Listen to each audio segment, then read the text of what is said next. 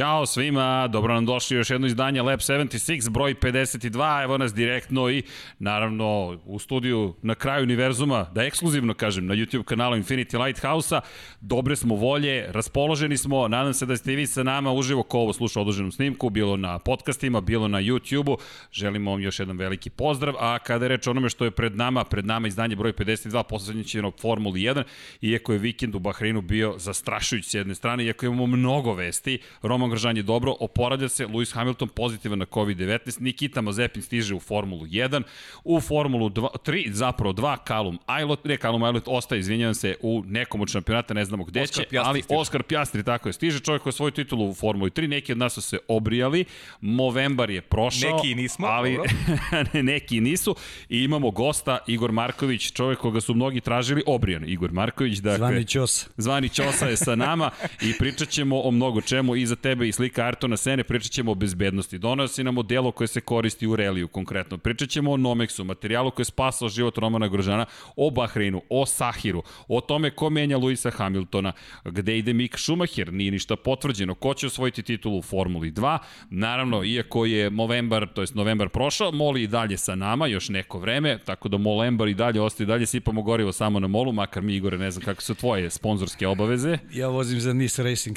A mi smo za Mol, tako da, tako da, ova polovina stola, to je ove dve trećine su na nekoj drugoj strani, no, želimo još jednu dobrodošlicu i da podsjetimo, vodite računa jedni drugima, danas je inače svetski dan SIDE, dakle, govorimo opet o jednom opakom virusu, jednoj opakoj bolesti, hvala Dom Pablo koji je poslao tu informaciju, dakle, i baš smo se pitali, decembar je 1. decembar, dakle, vodite računa kada govorimo o onome što je pred nama i istovremeno se radujemo što ovo poslednji mesec u 2020. ljudi na vrh glave mi je svega što se događa. Samo da prođe. Samo da, bukvalno da prođe. Samo da prođe jer ovo je neizdrživo. Otišao nam i Maradona. Otišao i Maradona, jeste. Najveći sportista za mene svih vremena. Sportista. A, u, a i nedostaje nešto na stolu, Vanja ne zameri, moram nešto da vratim na sto, samo sekund.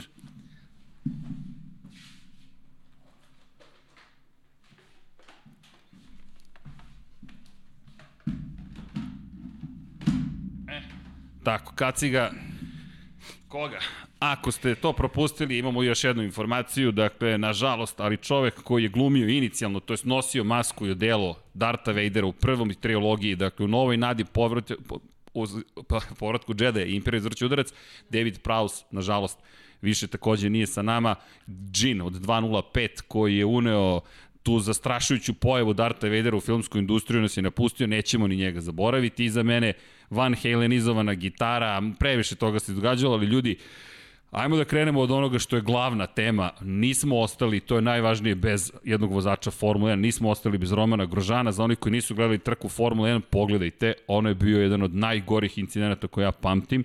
Eksplozija bolida u 2020. godini nešto što je neočekivano. Svi pričamo o tom požaru, uleteo je u, u, u odbojnu ogradu između dva reda praktično, dakle metalnih delova ograde, zakucao se, zadnji kraj se iščupao, eksplodiralo je, kasnije smo saznali baterija i nismo znali dosta dugo šta se dešava. 26 sekundi je bio u požaru, izašao je nekako, dočekala ga medicinsko osoblje, ali Grožan preživeo i jednog javlja se iz bolnice, hoće da vozi u Abu Dhabiju za 10 dana. Dobro, to nije čudno pristao si da se baviš takvim sportom, prihvataš sve rizike i opasnosti, a apropo toga mene malo iznervirala ona melodramska izjava Ricarda kao nije u redu da se prikazuju ovi snimci. Mislim, ti si deo jednog show biznisa, znači Formula 1 odavno nije sport, to je show biznis. Tako da to malo sporta što je ostalo u Formula 1, o tome mi pričamo. E sad, e, jednostavno e, ima tu mnogo pitanja koje, koja za sobom povlači taj udes. Ok, udarac, eksplozija, sve je to nešto ne mogu da kažem normalno, ako se ne varam nije se desilo beše od Imona od 89. Gerhard Berger. Gerhard Bergera, tako, tako je. Od tada nismo imali takav udes ovih prevrtanja, ovo što je Lance Stroll imao, to je bilo. To mislim nije, nije ništa ovaj, čudno, ali uh, ovaj udes Grožana je uh, najbolji dokaz koliko FIA radi dosta na bezbednosti vozača. E sad, ja sam sa, sa Pajom dogovarajući ovo gostovanje u jednom trenutku rekao to ove devojčice kad udare pa onda svi priskaču gase, mi na Renliju kad najbazujemo drvo, zapališ se gotovo. Tako I šumu da, ovaj, zapali, sve, sve se zapali. I šumu zapalimo i sve. O, ovce izginu, svi podave se, domaće životinje, svašta bude tu.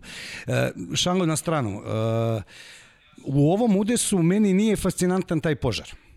Meni je fascinantan taj prolaz ćelije za preživljavanje monokoka, kako god nazovemo, kroz tu armko ogradu. Ja sam u priči sa uh, mojim velikim prijateljem Ivanom Jeftićem koji se dosta bavi uh, uh, pri našem savezu uh, pitanjem bezbednosti, sigurnosti, uh, u, u kontaktu je stalnom sa, sa tim organima u FI.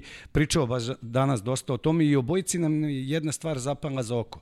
Ta toliko uh, pominjena armko ograda prosto je neverovatno da da je, da je taj monokok, e, bez obzira na upadni ugao, da je, da, je, da je ona popustila, da se razdvojila i da je uh, uh, monokok proleteo kroz tu ogradu. S druge strane, imamo priču o Halo sistemu, ko je bio jedan od najvećih protivnika srđanja Halo sistema? Pa između ostalog Roman Grožan. Grožan ali... na pitanje 2017. godine šta misli o Halo sistemu samo je rekao ovo više nije forma. Da, ali, ali, ali vidi, po, to je taj moment, dakle kako izgleda, šta mislimo o njemu. Roma Grožan je juče rekao i to je ono što je, šta je bitno napomenuti, evo slušam te, iz tvoje perspektive ti si čovek koji se bavi relijem, sediš kao suvozač, dakle u jednom si opasnom sportu, dakle doživio si nažalost mnoge i lične tragedije, doživio si teške trenutke i slušam te deluje kao, pa dobro, to se dešava, idemo dalje. To prihvatiš jednostavno, samim tim činom sedanja u auto i bavljenja tim sportom ti to prihvataš. E, a, ali to je baš, izvini sad, to je baš poenta i, i, i, i negde moje priče, dakle ti iskreno ne smeš da se pitaš. I uh, iz koje perspektive? Roman Grožan se nije pitao. Dakle, kada je Sid Watkins svojevremeno, posle pogibi Ayrtona Sen, insistirao na nekim novim stvarima, kada su insistirali Charlie Whiting takođe i generalno uh, ljudi, čovek koji sada vodi Ferrari je bio između ostalog delegat zadužen za uvođenje Oreola dok je Matija Binotto u Italiji i nije pitao vozače. Šta hoću da kažem? Kada bismo vas pitali, verovatno ne bismo imali većinu stvari koja vas štiti. Pa video si i Grožan, eto sama izjava, to više nije Formula 1, pusti to, neću to đubre. Daj, hoću da mi bude kokpit Malo normalan. Malo pre demonstrirao, izvini što te prekinuo. Šta je ovo? To je Han sistem. Po meni je to najrevolucionarniji sistem. E, I Halo i sve u redu, ali ovo je Hans sistem koji e, sprečava te povrede vrata Uh, head zašto? neck Head and, head and neck support. Support, prosti.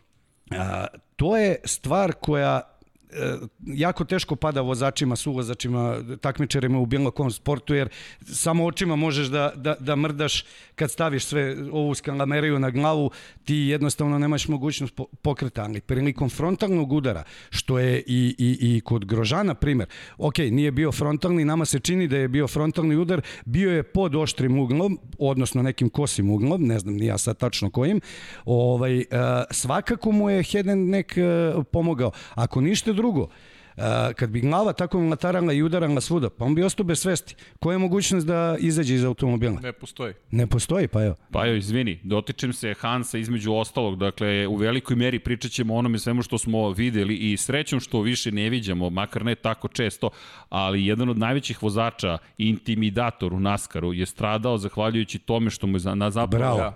zapravo me vrat slomljen. Jeste. Jeste. Dakle, kada govorimo o, o, o delu Erhartu, starijem, on je izgubio, da je imao Hans uređaj, Znaš kako? Bio bi živ. To su, Upravo pričali tako. smo, to su kao, kao avionske nesreće. Nakon avionskih nesreća radi se obilna istraga i e, svaki sledeće poletanje aviona je kudi kamo bezbednije za putnike jer se nešto, nešto nauči iz tih nesreća. Ono što je privilegije u ovoj nesreći Romana Grožana što, što nemamo ljudske žrtava.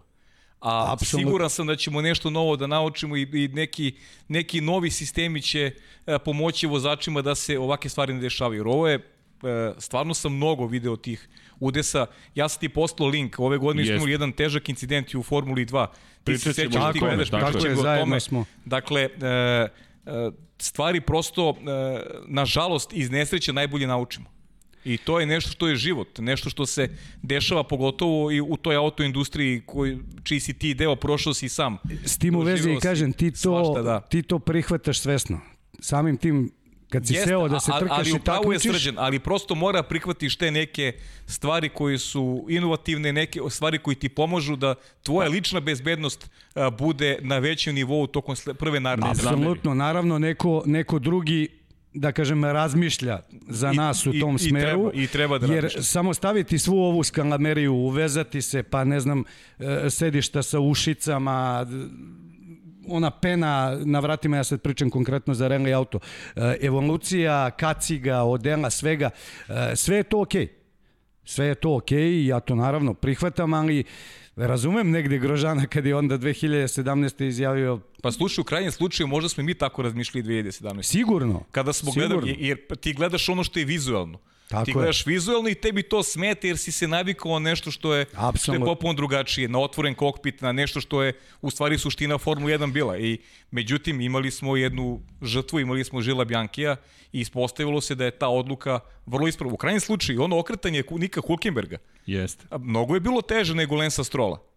Da nije bilo Hello sistema, pitanje je šta je bilo s Nikom Hulkenbergom u, u tom Ono, momentu. ono što je meni fascinantno, ja sam posle studirao te fotografije, uh, Halo sistem uh, uopšte nije bio toliko uh, oštećen prilikom tog udarca. On je napravljen od titanijumske Misliš na, na Nika Hulkenberga? Ne, ili ne, na, na Grožana. A, na Grožana Na sad, Grožana, aha. izvini, da, nisam rekao da Ok. mislim na Grožana. Uh, ok, izgoralo je sve, sve je to u redu. Ali e, nigde nije bilo pucanja strukture, ono što sam ja uspeo da vidim iz nekih Da, nije fotografija. stradala struktura. Jel Ne, tako? ne, ne, nije, nije. Nije stradala struktura, e, ona je e, projektovana da e, podnese udarac o, od 12 tona. Da. E, ulazna brzina prilikom udarca je bila 137 milja na sat, to je 221 km na čas. Na 53 Mhm. sila zemljine teže je bila sila. 53G, ljudi.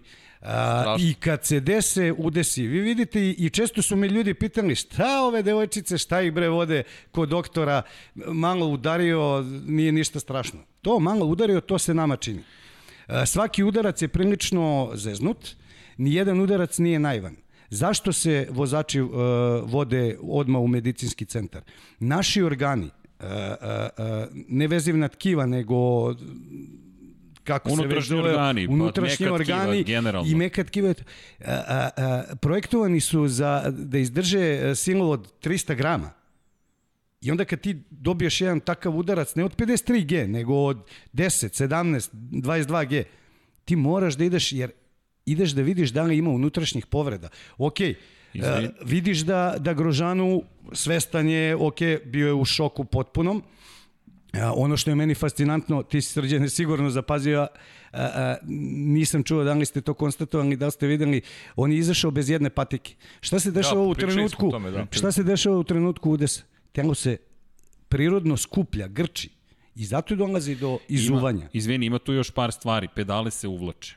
Dakle, pedale se takođe uvlače, to Apsolutno. smo zaboravili da spomenemo, ali konstrukcija bolida Formula 1 tako da zapravo pedale, kako ovako sedi pritiska pedale, one se povuku kako mu noge ne bi ostale zaglavljene između pedala. Kako smo to naučili, nažalost, opet na pogrešan način. Dešavalo se da se ljudi zaglave, da ne mogu da izvuku noge, zahvaljujući činjenici da su im zaglavljene zapravo noge u pedalama. Apsolutno. Tako da se i to desilo. Ne znamo od ka, kako je odletela patika, da li od ciline. I ono što si rekao, dakle, uh, fizička pripremljenost vozača je neverovatna. Njihovi mišići čuvaju zapravo unutrašnju strukturu. Upravo dakle, u tome je poenta fizičke pripreme. I to je to on čemu pričam. Pri čemu oni su i ovde izloženi silama preko 5 sila zemljine teže u nekim od krivina. Ljudi, 5 sila zemljine teže dok voziš bočnog ubrzanja. Tvoj vrat. Dakle, to mora da podnese za početak kamoli i ostali organi. Recimo, uh, sad si me podsjetio, uh, pričali smo Paja i ja o tome, ti i ja nismo, uh, na Sakiru, Sahiru, konkretno, ima, postoje tri kočenja, gde kad zgaziš na, na, na, na pedalu, uh, 4 desete ili pola sekunde na tebe deluje na kočenju sila od 4 do 5G. Pazi, Je. na kočenju. A ne pričamo o, o bočnom ubrzanju tipa u osmici u Turskoj ili u parabolici ili gde već. Da, i to su sile koje ti moraš, zato pričamo o vratu često, dakle, sticam okolnosti, znam, ja imam vežbe vrata zbog operacije, ali ti da bi se da nagnuo ovako i da ostaneš pri zdravoj pri svesti, uopšte svesti je nevjerojatno. Ja sam se frapirao kada sam vidio da svestan, iskreno, ali, ali, i, ali kada pogledaš njega i njegovu izjavu, on je rekao sledeće, dož, video sam kako smrt dolazi. Video sam kako smrt dolazi, I setio sam se, pazi, u tom trenutku Nikija Laude i pomislio na moju decu da moram da izađem iz bolida zbog njih. On mora da skine volan za početak. Ja se sad naježio, da skine volan, mora da se otkopča, mora da skine naslon za glavu, koji je takođe deo bezbednostnih mera, dakle kada govorimo o, udarcima, čak i o tome pričamo da sada imaju zapravo dodatke ovako da im drže glavu još, još čvršće, ali on to mora sve da skine. Pri čemu je rekao, odjednom naranđasta boja ispred mene, topi mi se vizir, topi mi se kaciga, ali on razmišlja o tome da zbog dece mora da izađe iz bolida. I on je rekao, oni su moj ponos, mo, moje, moja čast. Dakle, ne da li ću ja preživjeti ili ne, kaže, pomislim sam na moje prijatelje, šta ti sad instinkt za preživljavanje. Što kažem, letiti ceo život u, u, u sekundi pa sre... pred očima. Cela priča se svodi na to da je sreće da je ostao svestan i da je, da je on te sve radnje mogao da odredi.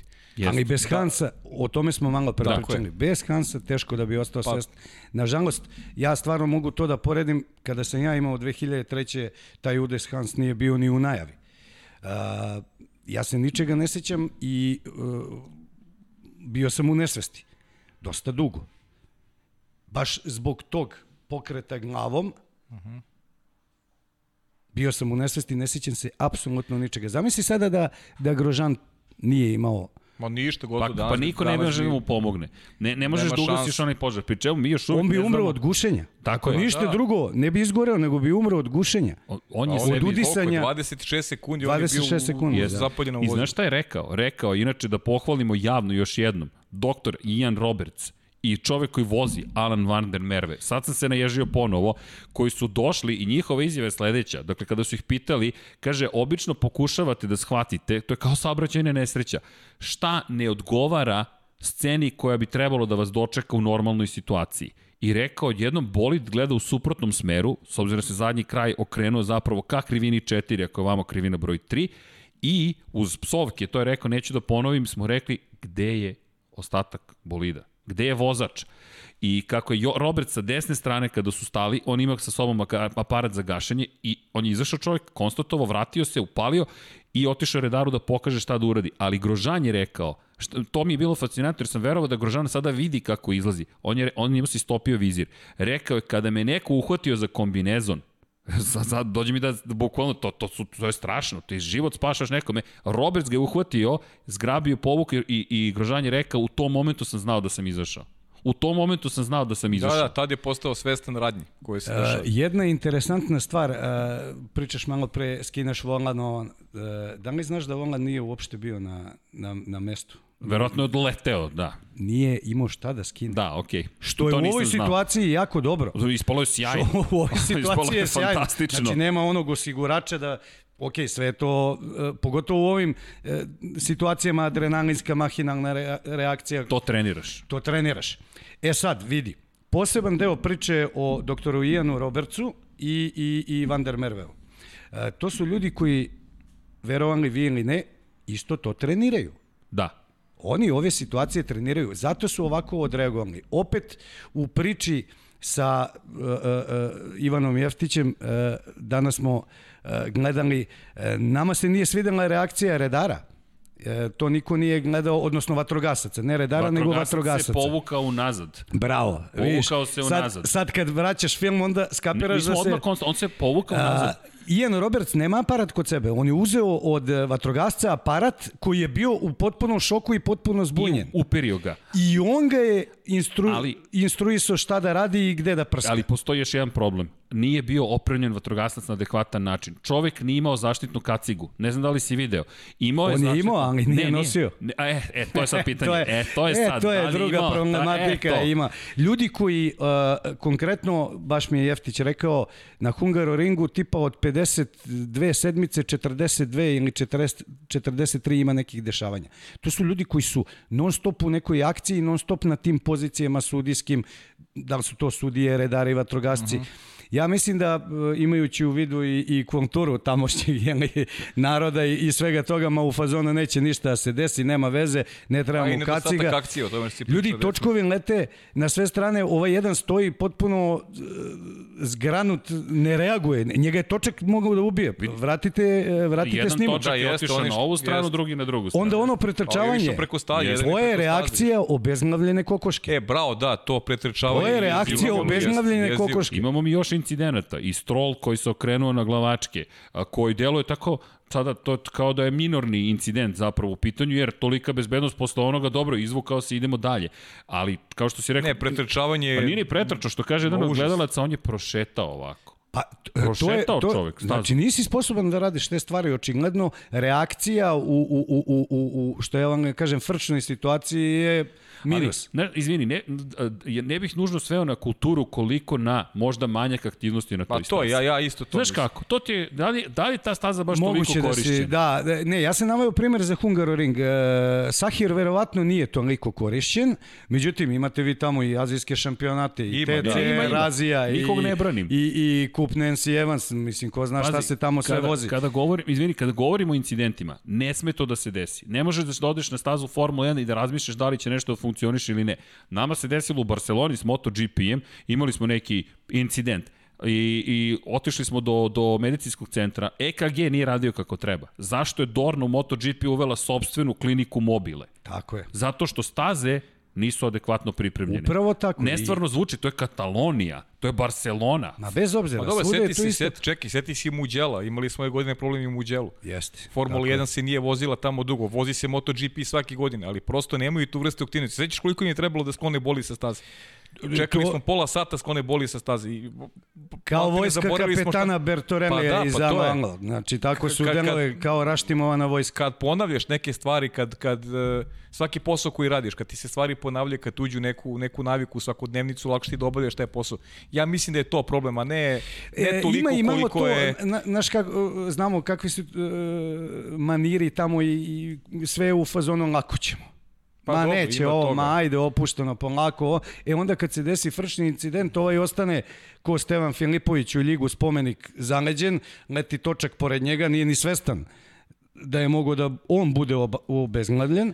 Ovaj drugi nešto Ali trči, ali, Igore, pokušava, on ne zna odakle. Pobedio ih je šok. Ali ljudi, ali Naravno. ko mora njih da proveri pre nego što kako možeš da dobiješ E, homologaciju staze o tome se radi. ukoliko O tome redari se nisu radi. spremni. Jer ja ne bih uporno da svedem na kulturu. Nevažno, mi ćemo svetsko prvenstvo, mi ćemo postavimo sve države, sve kulture. Ko E, je Izvini, taj ko moram da te prekinem. Na kulturu sam mislio to, ovaj, nema Slažem se, šlema, slažem- vatrogasnog. Ne, ne, ne, znam šta misliš, govoriš o trkačkoj. od, otima mu onaj aparat, Da budemo daj precizni. meni, ja ću da... Pričamo o trkačkoj kulturi. Tako je. O tome pričamo, Tako je, ne tako o je. nacionalnoj, nego Ma o ne, ne, ne, ne, kulturi. Time se ne bavimo mi, mi se bavimo trkanjem, ali to je meni problem. Ako se staza ne koristi, ko je zadužen onda? I to je zato Ross Brown je rekao, da je još uvek glavni čovjek u Formuli 1, da će istraga dugo trajati i da će biti, kao što si Pavle rekao, poput istrage posle avionske Pa nesreće. ne, sigurno će biti, pa uvek je tako. I, ne bi bilo kažem, logično da ne bude tako. Jeste, nažalost uvek zanima- učimo, uvek su, uvek imamo ljudske žrtve pa naučimo nešto iz I ka kažem, kao avionske nesreće, bukvalno je tako. Mene zanima- Srećom što ovde nema žrtava, to je sreća. Mene zanima šta će e, preduzeti, opet kažem, e, ta vatra, sve to surovo zvuči u redu, nije u redu, ali ok, e, sve su to neke stvari koje mogu da se dese, završeno je kako je završeno. Ta Anko barijera je ono što meni bode oči. Da. I Da, opet vidim sam da si sa ti mojim baš kolegom, na nju. strašno, jer ono ne sme da se desi. Ljudi, toliko je para uloženo u razvoj tih barijera. Uh, njihova def, definicija je da je to uh, elastična odbojna barijera. Niti Da. je odbojna, Da. niti je pokazala da je elastična, niti je... Pa bolje ja gume, ne znam, bolje gume da su stavili sa strane, bolje bi bilo nego a, drugo. falio je jedan red guma, definitivno. Sigurno je falio. Definitivno je falio jedan Sigurno je red guma. Da, Ja ali, sam to prvo pomislio, ali, definitivno. ali ljudi, tu imamo, uh, mi imamo Ok, pravac kao neće tu. Ma nema neće tu. E, osnovni postulat FIA u bezbednosti je uvek očekuj neočekivano. Da, ali, ali to su i, i, i, i, i, i Roberts i Van der Merve pričali. Dakle, mi, se, mi, radimo, ra- mi pripremamo različite scenarije. Pokušavamo da shvatimo šta bi moglo da nam se dogodi i onda u skladu sa time smo dovoljno dobro pripremljeni za neku situaciju. Zašto je idemo redom, dakle slažem se s tobom, barijera je krajnje problematično, o, ogromno Krajnje. pitanje kako može onako da završi bolid, jer evo dok, doktor, a mada može, doktor za Formula 1, e, gospodin Zoran Živko se takođe javio, naš kolega, koji podsjeća na još jednu si stvar. rekao, doktor za Doktor, Formulu jeste. 1. Dakle, John Love, se slažem. ima jedna fotografija, pokušat ćemo da je nađemo na društvenim mrežama, da pokušamo legalno da upotrebimo. John Love, koji je na velikoj nagradi Južnoafričke republike 1969. De, dakle, mi govorimo, ljudi, o, o, o 60 godina, periodu praktično 60 godina, preterujem, 51, 51, godina, da. ok, dodao sam nam malo godine, ali Pa ok. da, voliš to da radiš. Volim. Ali on je završio u ogradi između upravo dva reda ograda. I to je bilo pre 51 godine. Mi smo sad to ponovo prošli sa Romanom Grožanom. On inače Lav je tako ostao zaglavljen da je preživeo, izvukao se iz, iz, iz kabine. Ja ne znam da ste vi u Anderstorp, uh, Kianami, gde je sve bilo, pa one kao žičane ograde. Pa ono, kad bude udes, ne znam, i Arnu, i Tambe, i ne znam ko je sve izletao, pa ko šarani u mreži, onako uvodite se ono, i preživljavali su ljudi. Ali je bilo situacija da recimo, François Sever je nastradao 73. Ne, ne znam tačno koje godine. Uh, Jackie X, on je čovek imao udes, uh, ja sam danas video slike uh, apropo pedala. Da. Njemu su noge, imao je ob, obe polomljene noge, zglobove, uh, zato što su noge ostale zaglavljene između pedala. I to je dokaz koliko napreduje uh, i ne bi bilo normalno da ne napreduje uh, ta tehnologija sigurnosti u, u trkama. Tako da sama struktura monokoka, materijala od kojih se izrađuju i sve ostalo, mislim, uh, uh, to je sve normalno da, da ide ovim tokom, u toliko je neverovatnije da jedna obična ograda tebi zapravo napravi ceo problem sa Grožanom, a onda na restartu Turke uraduje betonski džerzi. Da, da, da. Pa, On kao ne može nikako, ne, ne, ne, mora Arko, ali onda uteraj trku sa džersijom. Ali Ja, imali ja, smo, izvini, Guan Yu Zhou imao strašan incident na trci Formule 2 u Sočiju. da, da. Dakle, ali tamo je opet sad treći tip ograde u pitanju. Dakle, koja je puna vode. nije, nije, nije Gwangu Zhou. Uh, imali su Luka Đoto i... Luka i- Đoto da, Giotto, u pravu si. i, i, I- i, i- i- i Jackie uh, Aitken. Aitken. Ali Zhou je pobedio na toj trci. Ža, izvini, Žo je pobedio, tako je. Dakle, a, a incident su imali njih dvojica. Znam da je Da, da, Žo Luka nešto i učinio, Aitken, tako da. je. Dakle, Đoto koji je uleteo ispod te ograde, Jeste. Tako je. provukao se ispod i ostao zapravo kao u lavirintu, ovako Jeste. kako je ograda, Đoto je između. Dakle, mi nemamo savršeno, reš, idealno rešenje. On je odjednom sad tu zaglavljen između. Šta da se njemu nešto ozbiljnije desi? Ali šta ti dođe to go, govori? Ne sme da bude prekida, nigde ne, ne znam, nađ, snađite se, kupite Ja mislim da je, da je baš ta trka u Sočiju, ta trka u Sočiju, Formula 2, da je bio pokazatelj da stvari neke treba da se promene. Naravno.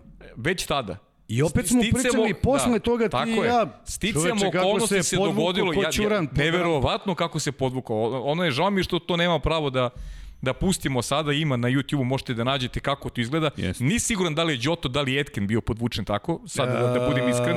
Ja čak mislim da je Etken bio tako Etken- podvučen, a Etken ne, jer ne je Đoto. Đoto udario u Etkina je. i lansirao ga. E, Etkin je taj koji se podvukao, on neverovatna scena. Zaista neverovatna scena. Zavuku ga ko pismo pod prag, isto pod je vrata. bilo, ako se, ako se sećamo, isto je bilo požara. Tako je, isto, Isto je bilo, je bilo požar. požara. S tim što, se, što je požar usledio nakon što je Etkin izašao iz bolida. Tako je. Etkin imao vremena da izađe iz bolida, nakon toga je počeo da gori, da gori bolid. Dobro, i Znači, struktura F2 Naravno bolide je drugačije. drugačija. Drugačije, potpuno. nije sporno, ali, ali je bio tu dobar trkaju. pokazatelj. Ali tu se Trkaju se. trkaju i, je Formula 2 i pok- Formula tako 3 je. i Formula I, W. for, I pokazatelj je da, da neke stvari treba se menjaju. Sećaš se Srki je ovaj, radio motore, ali se seća sigurno toga. Sećaš se u Silverstonu kako je prva trka je bila, pa smo ti i ja bili nešto na vezi, kad je onaj bolid preponovljen na pola. Ko je bio? Ne, Bravo, i to je tačno. E, tako je. E, neko od vozača koji je vozio... E, vozili su za... Neko ko je vozio u Dubaju, neko je vozio u Dubaju na, u toj seriji. Nebitno, aj sad, ne, ne Mislim mogu da, da se se- setim, neko je iz pozadine bio, ovaj, Jeste, na pola e, teg je crni bolid je, Jest, toga jest, se sećam. Sjećam se, sjećam se. Da li je Bakman ili ko je bio? Nije, ne, nije, nije, ne nije znam bak, ko je nije bio.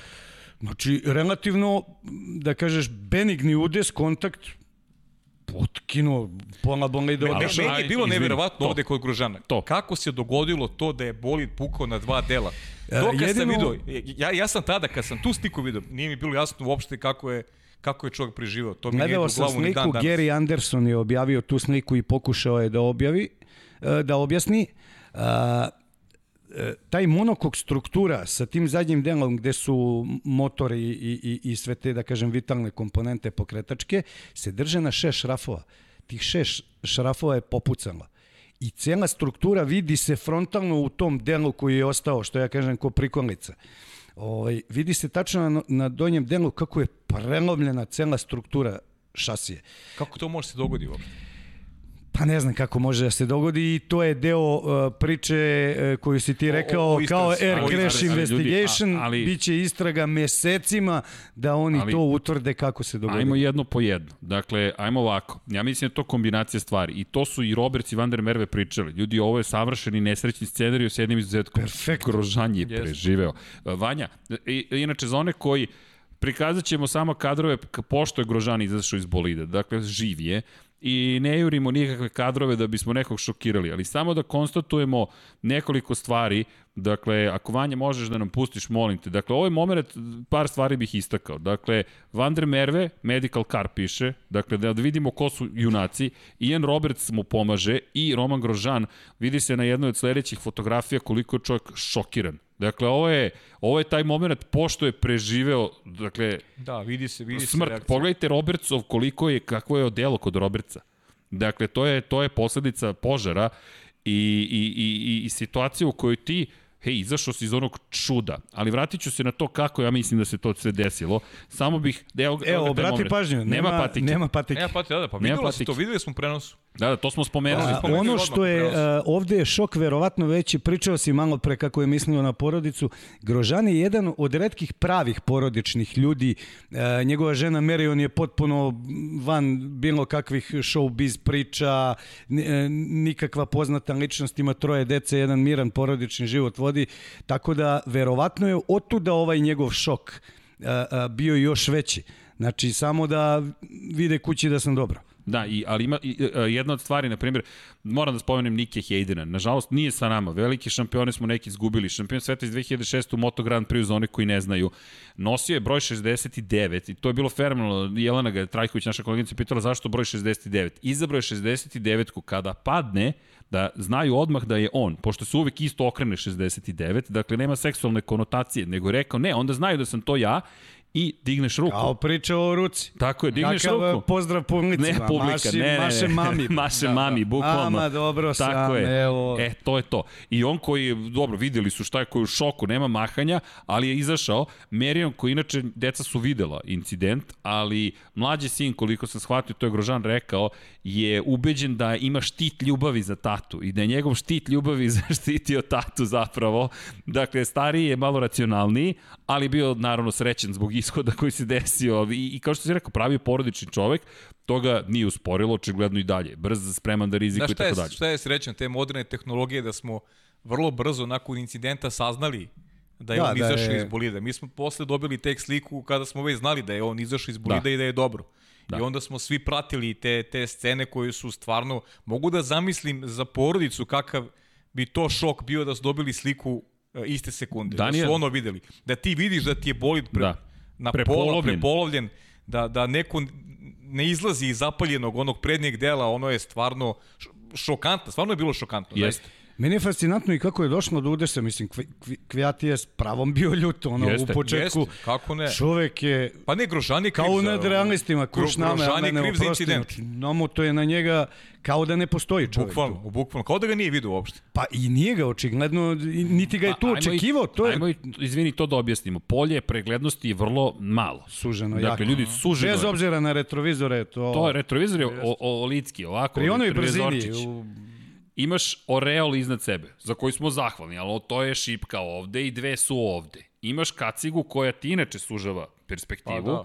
i imaš mali ovde retrovizor koji nema takav ugao da ti sad vidiš sve odjednom i da ti znaš tačno šta se dešava. Pričemu to su delići sekunde, sve se promenilo. Ispred njega se dešava incident, silaze sa staze, usporavaju, on vidi priliku kao trkač ide desno, ne kažem da, je, da nije greška, ali to je greška. Traži limit. To, to svi tražimo, dakle u trkanju smo. trkamo se Pa, ljudi, je. mi smo krenuli na pijac. Tako je. I on kreće desno, taj, taj kontakt i ono što si rekao, udarac, pa i pitanje ugla samog zaštitnog zida. Ali to je opet sad nemoguća misija. Kako da imaš mogućnost da skloniš bolid na bezbedno, na sigurnosni put, dakle servisni put, a da opet bude cijelom dužinom prav taj zaštitni zid, zaštitna ograda. Teško, ja sam to baveći se tom bezbednošću i to gledao po raznim stazama na kojima sam bio, Bogu hvala, na dosta njih sam bio i, i stvarno e, oni se trude da sve te uglove da zakrive bankine. Mislim, te e, e, armko barijere ili odbojne ograde i, i šta već. Kako god da ih zoveš, to zna se. E, ima tu mnogo zavisi od tih uglova udarca, od, od, od ne znam, bilo čega. Znamo kako je uh, uh, Kubica stradao na reliju. Uh, imali smo ovde primer kod nas, uh, jedan veliki čovek, sportista, motociklista, pa onda automobilista Miloš Spasojević je 2012. Uh, imao udes, uh, nije bilo, ako se ne varam, nije bila obo, oboren kraj zaštitne ograde i nije bilo one ušice, da tako uh mhm. -huh. kažem. Izvini, ovaj, samo jednu stvar da uradim da bi te bolje čuli. I ona je, e, i ona je ovaj, uh, uh, uletela u kokpit, presekla mu nogu koja nije mogla biti spašena. Ali sad Miloš je veliki, pre svega čovek, sportista, borac, on Nije se predao. Ide dalje. Evo ga čovjek pa vozi trke i dan danas. da. Možda bi vam bio interesantan gost jednom u podcastu. Zaista mnogo toga bi imao da vam ispriča. Prvo je vozio mototrke i to vrlo kvalitetno, sa vrlo velikim i poznatim imenima tada a ovaj onda je prešao u automobil, bavi se pripremom automobila, svašta taj nešto ima da ispriča. Vidi, gotovo, Super. gotovo sigurno će, će biti, već vidim, da, već vidim da si ga najavio, samo čovjek da pristane, da. naravno. Uh, on hoće, vero, u stvari, on je ovako galamđe i to, ali za ovo ne znam da će, ali hoće, hoće, mislim, jedan pa vrlo svestran da tip. Ako ti ne budeš mogao da ga ubediš, ne znam ko će. Vidi, pa, znaš ko je sve gostovo da. pod kapicom? Dakle, kod Pajeku pod kapicom. Dakle, znači, može i ovde, ako da. neko je ekspert da priča sa svim ljudima, bez obzira na senzibilitet i da li su stiljivi ili nisu, Evo ga, gospodin Živković sa desne. Inače, reklama, Naravno. otvorena reklama, paid promotion, dakle, podkapicom.com i onda će vas redirektovati na YouTube kanal pod kapicom, ko voli Waterpolo, nevjerovatni sam triju, izvinjam se za ovaj intermet, Kad smo sam. se dohvatili Waterpola, da, da mi pozdraviš puno Jugu Vasovića. Hoću, Kada ga budeš vidio. Hoću, hoću. Tako da, imat ćemo o čemu da razgovaramo, ali ovo što si rekao Reliju, i, i dotakao bih se nečeg da ne zaboravim. Dakle, vratit ćemo se i na Merion. Inače, Jean Todt, predsednik Međunarodne automobilske federacije FIE, je obezbedio da Merion dobije poziv iz medicinskog centra, čim su ga prebacili na me, u medicinski centar na stazi da pozove ženu, da pozove suprugu i da s njom odmah prvo komunicira. Da je kaže da neće moći u nabavku. neće da, moći, ali, ali će, Ništa od pijace ali, mora sama da Ali da i dalje planira da vozi u Abu Dhabiju. Ne, ajde, otišli smo malo digresija, ali ljudi... Ako on je, mu žena da, ali ne, sad se ne šali, malo se šali, malo ne, ali, ali pitanje vidi, je veliko. Pa, s obzirom na celu priču, evo, s obzirom na celu priču, ja sam odmah rekao da ne verujem da ćemo gledati. Ma da gledaj, a, ja, ja, razum, trka, ljudi, ja razumem, Magnusen je pričao... I tako dalje, jeste, treba da bude posljednja trka, ali... Znaš, zamisli ti poslednja bude požar ali za trkača je važno imaš, da se oprosti imaš, da na pravi kažem, način. Imaš, imaš dva tipa ljudi. Od formule, to je bitan detalj. Tako, od, od formule 1. Ne od auto, od, Nije Magnussen, Perez je avionom dok su leteli za Bahrein, e, bio je sa Grožanom i kaže, pričali smo i baš mi je pričao o planovima za Indi, IndyCar. Da, da, pa dobro. Tako da, ali... Imaš dva tipa ljudi, znaš, imaš oni koji kad dobiju upozorenje kažu, ok, ovo je bilo upozorenje i i to je to, znaš, a imaš one druge koji ne slušaju upozorenja i idu dalje, znaš, tako da... Dobro, pa, da, ve, ja ću to da pričutim. da, znam. Kako se zovu ovi prvi? Znam, da. Nadamo Dobro, se da niko okay. ne gleda ko ne treba da gleda. da. Ženo ćuti i radi. da, da, da. Ovo je posao, moraš. posao, biznis. da. da, ali, ali kada govoriš o tome, i generalno kada pričamo o, o, o tome, rekao je da, Grožan je rekao da će verovatno biti potrebna psihološka pomoć da će mu biti potrebna psihološka pomoć. Jer kaže, nije pitanje incidenta, pitanje što sam video smrt kako dolazi. I to je, on se vrlo otvoreno priznao. Znaš, to je sada pitanje Onda da li ćemo dati dozvolu. Tako je. Šta ćeš da pa, da sanjaš? Šta je moglo da bude? Šta meni pa, sve ovo pa, treba? Pa, to je tip, ali Igore, to je... I na kraju da kažeš neću više i onda naš... dođe jedan poziv i kažeš, ne, ne, ženo. Ne, ne bih ja nazvao... ne, mo, ne bi ja, ne, ne zbog mene. Ne bih ja nazvao te ljude tako kako si ti hteo, hteo da ih nazoveš tu prvu grupu. Uopšte. Nisam ja ništa rekao. Ne, znam ja šta si ti mislio, ali ja ih ne bi nazvao tako. Ništa nisi rekao, sve Imam svoje mišljenje s kojim se ne slažem. Znaš kako, kapiram, znaš, ja često u životu nisam racionalan, ali kapiram, kapiram ove ljude koji su, koji onako, raciju im je onako vrlo izraženi i, i vode se vode se njime kroz život, što ja negde podržavam, znaš, svako ima svoje izbore.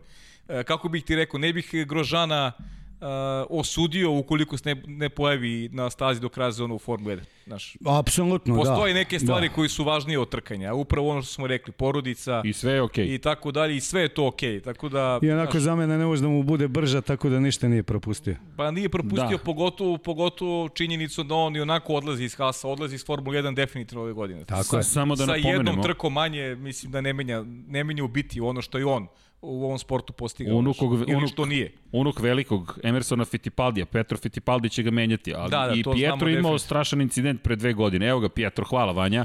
Dakle, momak Spa, koji da, da, dolazi se- iz, u Spa imao strašan incident i on je polomio, Polomio noge. nogu. Jeste. I, I Pietro je spreman, on je rezervni vozač zvanični, dakle teško da će moći tako lako da se prelagodi. M se muče svi korisnici Ferrarijevih motora, ovo je staza koja traži snagu, dakle M će tu imati problem, M dolaziš u Formulu 1, E, ja mislim da je e, Pietro veoma e, racionalno i pa i sad štedljivo izabran. Dolaze na stazu na taj takozvani spoljni krug koji nije oval, ljudi mešaju. da nije ovo, to smo rekli Sahir ima šest kon konfiguracija staze. Jeste. A, postoji i oval, ali ovo je takozvani spoljni krug koji nije oval. I ljudi znaju da ima oval, pa onda kao sad voze na oval. Ne. Tepsija je nešto drugo, to se vozi tamo neki lokalni šampionati, ovo je potpuno drugačiji krug. A, nepoznanice za sve, samim tim i za Pjetra Fittipaldija koji verovatno ni sam ne pamti kad je poslednji put seo u bolet Formula 1 i mislim da je veoma racionalno odabran a, kao najmanje štetno rešenje. Možda ružno zvuči, ali bit će u, o, upali tu ti prva, druga, teraj top, nemoj preko treće, čuvaj obrtaje i ništa. Ideš, Ali- odvezeš tu trku i onako ne može da budemo negde visoko, vozi to tako do cilja, Ali što skupi sad kilometre rizikovao? i to je sad to. nema Pa potrebe. dobro, da. Tim je doživa takav incident kakav jeste. Ne treba mu još drame. A i nema zašto Ovo da se rezervni- dokađuju, tako dokazuju u budućnosti, neće vozač. sigurno voziti. Tako je, ovo je rezervni Jeste. vozač zvanično. Još dovodiš i, i ima ljudi par stvari. Dakle, to je Brazilac, posle nekog vremena imamo Brazilca ponovo u Formuli 1. Mislim da to ovde nije bio presudni Ali faktor. ne, ne mislim da je presudan faktor, ali da uzmemo u obzir da će se to desiti. Prosto imaćeš Brazilca i drugo imaš Fittipaldija jednog. Ipak je on Fittipaldi, to nije malo prezime u, u, u, u svetu sporta. Pogotovo ne motosporta. Mada ljudi koji prate trke znaju da Pietro Fittipaldi Ok, nije on, nije on na Nastavite nivou sami Emersona dalje. Fittipaldija, ali vidi, dalje Mislim, Fittipaldi. ja to tako iskreno sve. Znači, Ne, vi pa, I nastavite okej, dalje. Tako i treba, sve okej. to- to je u redu. I to jeste poenta, pričamo iskreno. Ali će ga me, ali u svakom slučaju biće jedan Fittipaldi na stazi. Dakle, kakav god S da te je, strane je lepo. znaš, Fittipaldi je. Sa svake druge, Ima Pa drugih dobro, boljih nemaju, vozača. neki, neki sportski motiv ne postoji kod Hasa, tu su gde su, oni nemaju, nemaju šta da, ne mogu da napreduju, ne mogu ništa ove godine. i neće Pritom, biti ni sledeće godine neće ni ništa, jer je Steiner već nagovestio da u januaru kreću sa radom na bolidu za 2022. Tako je. Tako da dve- 2021. Pa, ne zašto, postoji. zato će imati tu mladu postu, ne da smo i je. najavili, Nikita Mazepin, Mik Schumacher, I to, to, je su to. odlično odradili. Jest, Ovi jest. će da U skupe najboljem trenutku su ih uveli. U najboljem, Najboljem. trenutku. Jer- jer mi Mene sada- samo žulja Ajlot i Švarcman. Pa negde dobro, da se... sada znamo da će to biti definitivno, mislim definitivno. Mik Schumacher je Gotovo sigurno, taj. pa da. Ma dobro, to je se čeka samo Os- da objavi. Oskar Pjastri je došao prema Racing, znači jedan Neko iz spreme, mora da ide jedan iz spreme Tako je. ide. Sigurno je neće. Švarcman, jer Tako je. Švarcman nije povučen u Formulu 1, Tako je. nije tester nigde, znači on ostaje u premi, Ostaje u sa premi sa, Pjastrijem. sa Pjastrijem, da. Schumacher je taj koji će voziti u Hasu i to je postava koja je negdje najavljena, Pa da. pa i ovdje u našem podcastu, Pa pa da. neke tri nedelje recimo. Evo ga i čovek koji će dobiti, dakle, koji je dobio već ugovor, već i u novim bojama prezentovan, dakle, izašao na zvaničnom sajtu, sve je obavljeno, Nikita, Nikita Mazepin. I samo da kažemo nešto, mislim, ok, Dmitri Mazepin, njegov otac je jako bogat čovjek, to, to nije sporno, ali Nikita Mazepin odličan vozač. I to ne može se spori. E, A, jedan od smo trku. retkih koji je, izvini, jedan od retkih koji je, e, e, ima bogatog tatu, a i bogato dobro vozi. E, bravo. To sam baš teo kažem. Jedan, baš jedan, Jedan od, retkih. od retkih. Gle- Gledao si trku u nedelju, sprint trku. Apsolutno. Fantastično.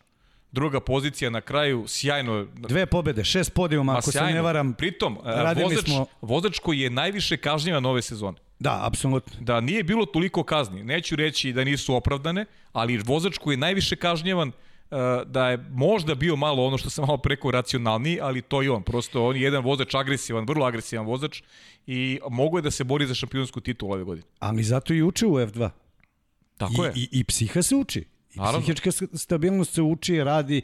Ti vidiš da ovaj Hamilton ima uh, onu svoju kako se zove, psihoterapeut, Jeste, e, on- on life coach, e, šta je već, direktor banke, ne znam šta mu Tako, je pa sve svi- više. svi- znači svi ona mu je sve i svja. Manje više, pa Pa da, prolazi ali, kroz, kroz te faze. Svi sportisti imaju trenutke krize, kad Tako ne ide, mislim, to jednostavno normalno je da, da na tom nivou imaju. Jeste. E tako i ima Zepin. Pa da, ali, izvini, Jedino se brinem da li može tata da priušti to da plati. A, da. A tata može da priušti, ali vidi, no sve više da sinova milijardera. Dimit- Dimitri Mazepin je milijarder. Dakle, ne govorimo o milioneru. Milijarder, da, da, milijarder. da, milijarder. Dakle, on je težak Kali milijarde. je Tako je. najjača ruska firma za crnu metalurgiju, Jest. hemijska industrija i šta već. I kao što, na primjer, Latifijev otac je suvlasnik u McLarenu, čovek je, Tako je. kralj u Kanadi, inače čovek koji ima najveći lanac zapravo mesara.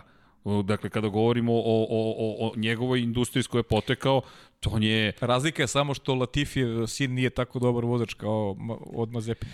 Pa upravo Jeste. u tome je stvar. Jedan od redkih koji, ja sad neću, mene su prošli put e, etiketirali kad sam rekao da je Lance Stroll trotinet, to ništa.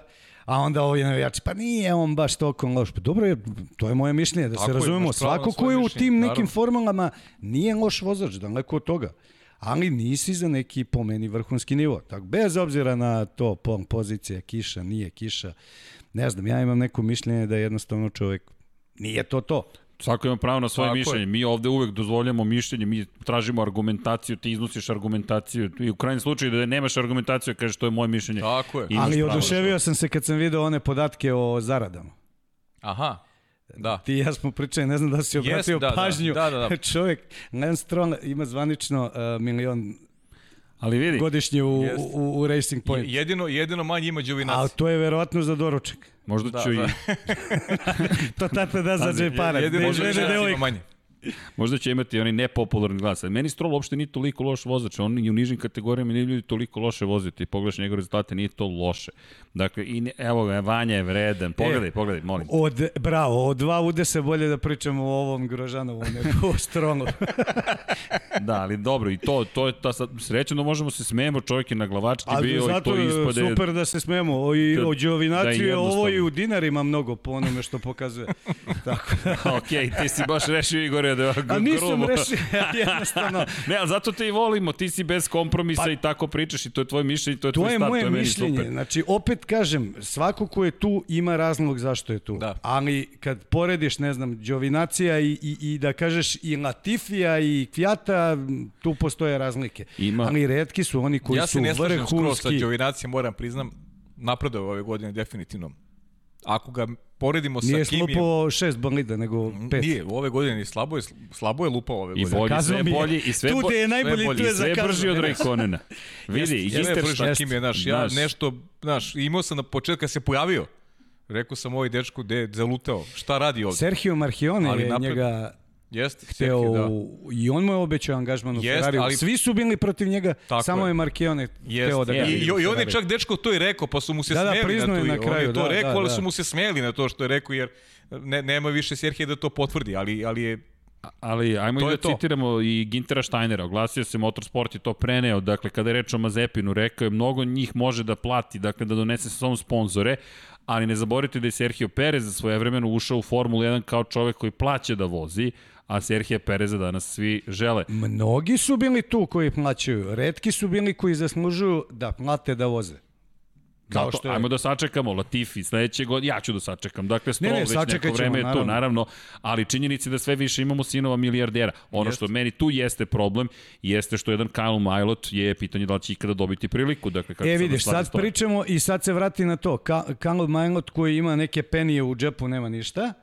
A, I Stroll. Hoćemo da bacimo neku...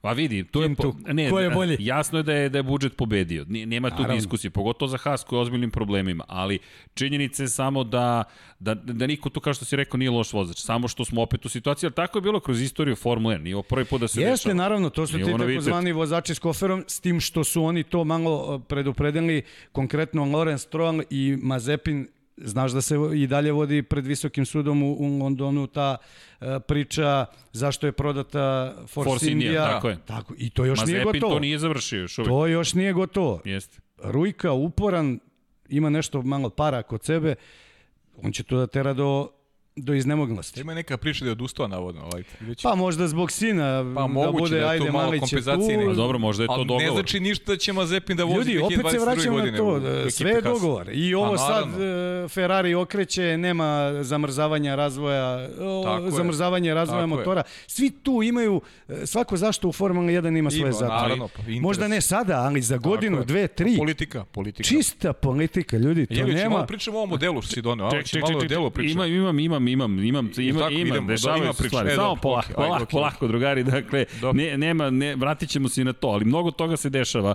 Dakle, ne samo što je Hamilton umeđu vremenu, dakle, potvrđeno je zažen covidom, ne samo što je Audi potvrdio da se vraća u svetski šampionat izdržljivosti, da napušta na Formulu Dakar. E na I na kraju, Dakar. i na Dakar, i da će porodica Sainz da vozi inače u ekstremnim automobilima, dakle, električnim automobilima, čerka i tata, to jest sestra iz perspektive Carlosa Sainz mlađe, već je Volkswagen, dok smo mi ovde pričali, upravo su nam tweetovali, pozdrav za Aleksandra, Pre pola sata je stiglo, dobio da, sam info. Volkswagen napušta sve forme auto-moto sportskih takmičenja. Tako Kao je, da. grupacija, dakle to ne, ne znači sve robne marke, ali grupacija povlači neke ozbiljne poteze, to su dramatične vesti i ne možemo da stignemo sve. Dakle, podcast kada smo se spremali, pričamo o Ali Bahreinu. oni se okreću opet tim prokletim baterijama, što ih ja ne volim. Pa vidi. trolejbusima Da, i tim to ti i čudima, ja smo- ali ti i ja smo isti, tu, Isti, tu se da, slažem. da, ne volimo trolebuse. Jeste, ali- Ja se čak i ne vozim trolebusom. Ali, Ja uopšte e, nisam siguran koliko je ekološki ispravna priča, jer uh, izraditi jednu litijum-jonsku bateriju, ne znam,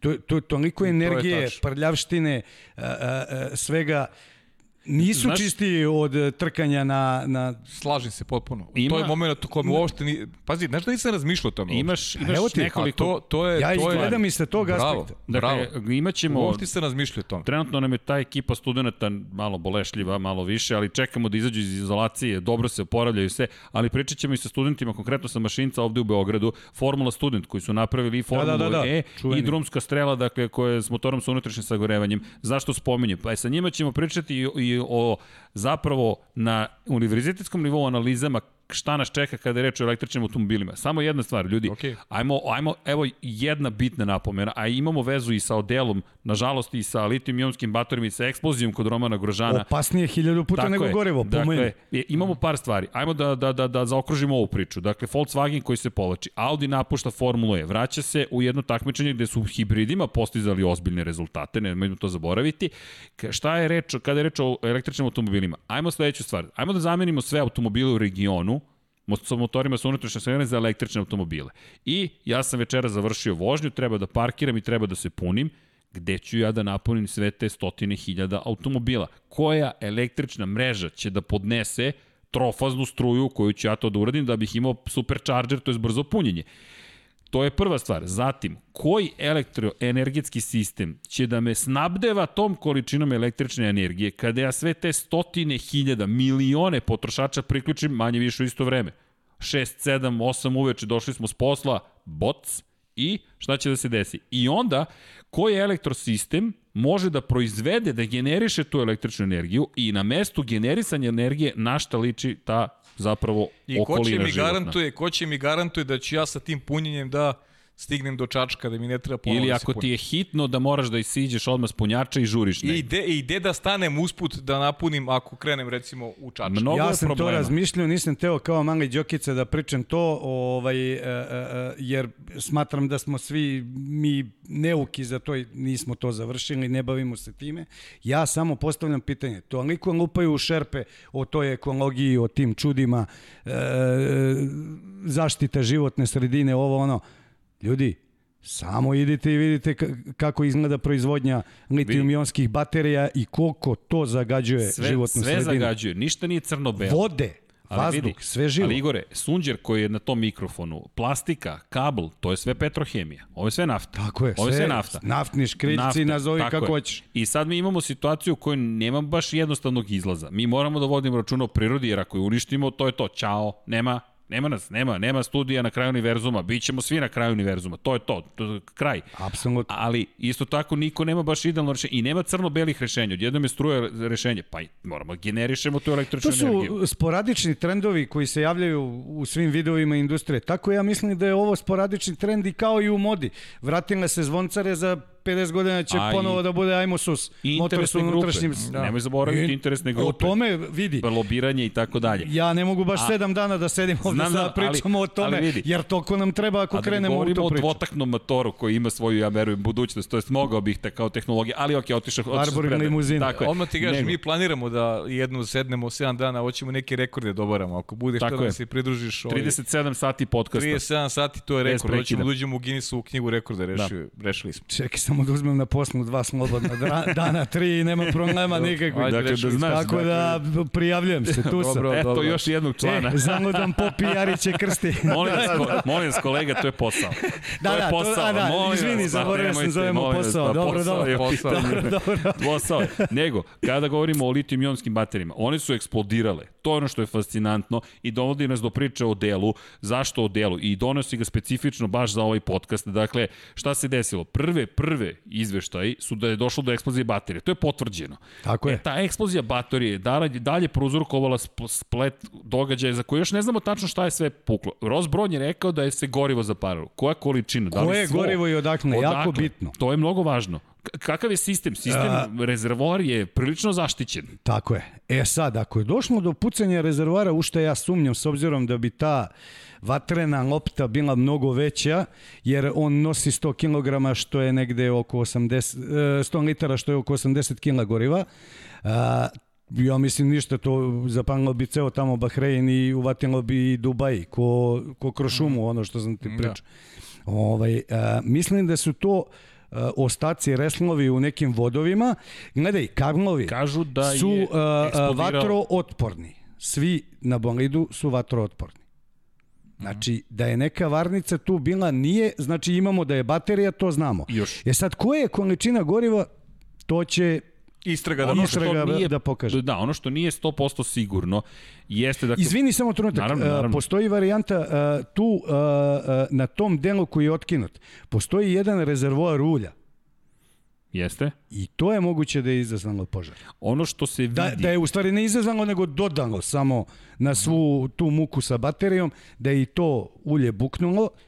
Tako da dok ta istraga se ne završi, dok se tačno ne vidi šta je, mi sad samo možemo da nagađamo. Da, da. A, Da se vratimo, znači počeli smo odatle pa smo otišli na sve moguće teme. Tri, koje stvari mislim da su se desile? Da vrat, upravo iz ove perspektive. Monokok koji je ostao zaglavljen u, u ogradi, zatim tih šest šrafova koji su iščupani, to jest koji su isečeni i onda zadnji kraj iščupan. Šta mislim da se sve izdešavalo u toj cijeloj priči? Monokok je uradio svoj deo posla. Dakle, ta ćelija za preživljavanje Apsolutno. uradila svoj posao Apsolutno. nije ni narušena struktura, integritet, dakle nije narušen jednog momenta. E, imamo knjigu ovde Nigela Mansella, ne zamerite što nemam više brkove Nigela Mansella, ali recimo da je dovoljan jedan glas u mom životu da brkovi izgube, nestanu odavde. U svakom slučaju, činjenica je da je Nigel Mansell doživeo šta? 1993. kada je otišao u Indikar, na 500 milja Indikara, njemu, on je leteo tako da su mnoge virile kroz ćeliju koja je dezintegrisana bila. To je 93. godina. On je već u to vreme šampion Formule 1 prethodne godine bio,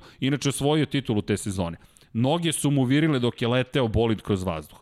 To se sada ništa slično tome nije dogodilo. Dakle, mi 20 i koliko 7 godina kasnije, mi imamo monokok koji je neoštećen. E sad, gde nastaje problem? Pošto je monokok neoštećen, i nije se dezintegrisao, sila negde mora da ode. Otišla je na šrafove, vrlo jednostavno. Neka sila smicanja je to isekla, iščupano je to.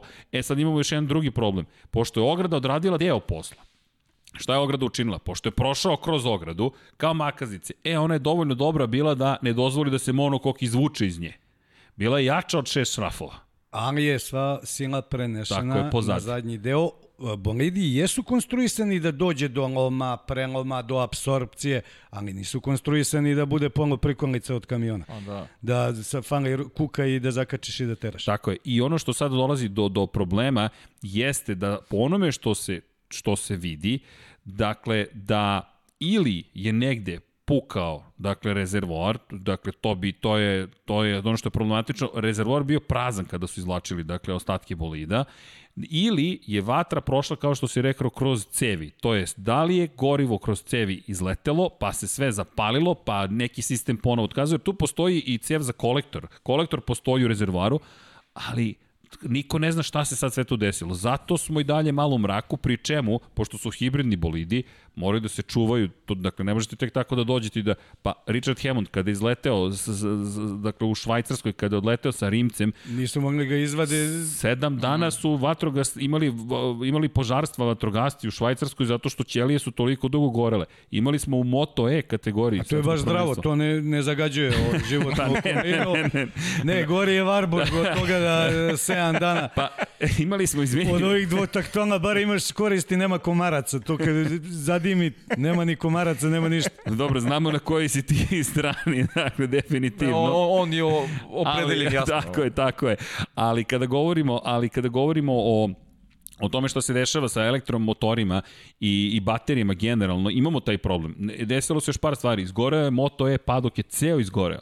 Ceo je izgoreo prošle godine na početku sezone. To li kakav je bio Ako požar? je zdravi dim. Da, ali da, da, da okej, okay, vidim da. Organski. Ali vidi, Organski, ali je to, iz, takav je bio požar, nisu mogli da ga ugase. Tako je. To je bilo zastrašujuće. Šalimo se sad malo šango na stranu, ali, ali je bilo zaista ozbiljno. I onda dolazi još jedan, jedan moment koji smo mi imali incident prošle godine na velikoj nagradi Nemačke u Moto E kategoriji. Desilo se da posle incidenta, posle izletanja sa staze, redari nisu smeli da priđu motoru. Nisu smeli da priđu motoru. Hoće pogine na struju. Bukvalno. I to je iznad na bolidima Formula 1 gore gde je kamera, imate svetla. Tačno. Žuto svetlo ne prilazi. Ne prilazi.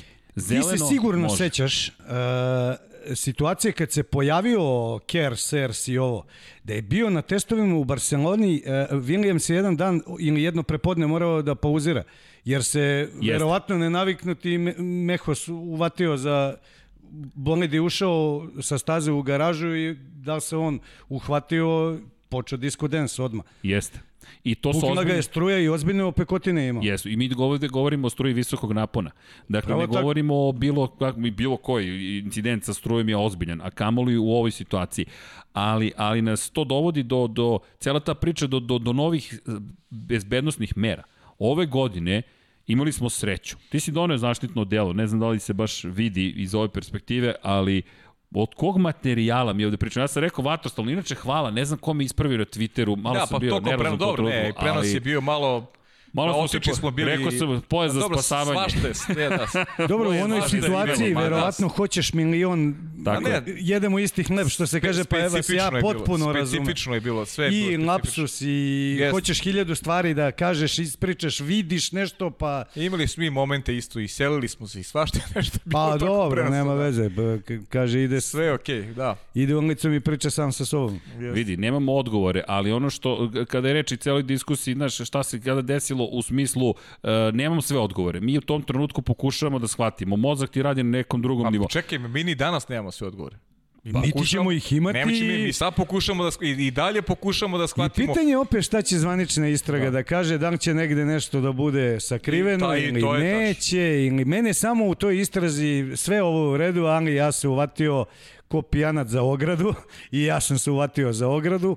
Ovaj, taj Armkom, sad bi ja postavio nekom pitanje, je li majketi, a sad Jersey, to je u redu, može da se da, vozi da, trka. Da, da. Ali inače je. ovako ne može. Ali vidi, i beton je isto tako, to je sad pitanje, beton, da li je to... Nije nagradno, pošto znam šta znaš, e, e, znam da znaš.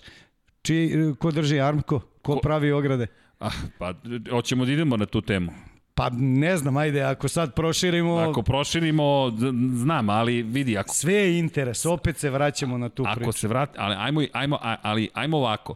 Uh, ono što je tu poenta jeste život ljudski ne sme, ne sme da ima cenu. Zašto je u Turskoj Fetel rekao ovo je greška koja ne sme da se napravi. Dakle, ne možete da puštite ljude na stazu dok su vam redari na stazi. Ne možete, takve stvari ne mogu da se dešavaju. Izvini, uh, jedini koji je postavio pitanje, rekao je uh, diplomatski uvio to u Orlande i u Kore pa u Rernu, uh, Fetel. Uh, ja sam zabrinut uh, kako se desilo ovo sa ogradom. Znači čovek koji je direktni akter svega toga kad je video ono rekao četvorostruki svetski šampion. Ljudi moji bre, gledaj da je ovo još prošao bre, ovo nije normalno bre, ovo ne sme da se dešava. Mm. Ne zaboravimo ovo delo da Ne, ne, da, ne, ne, da ne brini, vrat, vratić, ne brini, imam, da, imam, imam, je moje. Znam da je tvoje. Ne, ne, znam nije da ni moje, pozajmljeno. Ali vidi, znam da je tvoje, Nomex, pričamo o tome, jako je važno, da. Nomex je materijal od kog se pravi. A, Između ostalog. Nomex je materijal koji je razvijen, uh, pa ja zna, uh, Dipon, firma američka, uh -huh. sponsori Naskara milion godina. E, njihov inženjer, ne znam kako se zove, 60. godina je napravio e, taj Nomex materijal koji je po svojoj strukturi hemijskoj veoma sličan Kevlaru. To je jako interesantno. Uh -huh. Veoma sličan Kevlaru. Gde je razlika? Kevlar se pri temperaturi od 500 stepeni topi. Nomex izdržava visoke temperature. I onda su oni godinama to, kada je on patentirao to, e, krenuli da usavršavaju e, i sada dolazimo do situacije da tipa se testovi Nomexa vrše na temperaturama 600 do 800 stepeni. Sad, e, na tih 600 do 800 stepeni nominalno, ti si me Srki e, e, sada demantovao, bilo je da je 11 pa kasnije 12 sekundi mora da bude vatrootporan, vatrostalan, s tim što, ono što je poenta celne priče, da unutra, tokom tog vremena, temperatura ne sme da pređe koliko? 41 stepen Celzijusa. Uh mhm. -huh. Sva zaštitna ob, kombinezon je samo, da kažem, spoljni deo opreme koji se vidi. Ovde na stolu imamo ove potkape, uh -huh. balaklave, kako ih već zovu, one su atestirane da do 5 sekundi moraju da izdrže vatru. Ista je situacija sa rukavicama koje moraju do 10 sekundi. 10, je tako? U Formula 1 do 10. Patike 8. I to delovi oko zglobova do 8 sekundi moraju da izdrže. Onda imate pod majicu, imate, što ja kažem, dugačke gaće, imate čarape od Nomexa. I sve to onako kad ti kreneš da se, da, da, da, da se trontaš za trku, to izgleda dosadno, naporno i sve to obučeš i onda obučeš kombinezon. I onda kažu ljudi, što kupuješ ovaj kombinezon? Vidi bre ovo 808 glava, 1000 eura, koliko košta. Imaš ovaj za 300. E, tu je poenta. Uh, u tim slojevima Nomexa, imaš jednoslojni, dvoslojni, troslojni i e sad, tu smo ostali da. nedorečeni, da li je četvoroslojni obavezan za Formula 1 ili troslojni sa debljim tim uh, lejerom. Oni su, da izvini, ove godine se promenilo, čak se Lewis Hamilton podsjetio toga, pred početak sezone je stiglo naređenje, zapravo direktiva, da moraju odela da budu izdržljiva 20 sekundi požara. Dakle, da moraju da izdrže i to je uvedeno u 2020. godini. Neko je, čini mi se, razmišljao, jer jedan od komentara i gledalaca je bio tokom trke da bolidi su sve brži, teži, energije je sve više, a mi imamo istu zaštitu kao što smo imali prethodnih godina. Ne može tako. Mora I... da se prati razvoj Formule 1 iz te perspektive.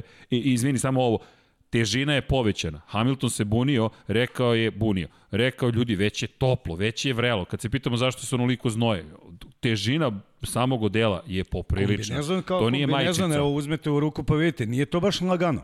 Uh -huh. Da. Nije to baš lagano, ima tu težine. I ove godine su to uveli do 20 sekundi. On je bio 26 sekundi u požaru. E, to, ću, to sam hteo da kažem.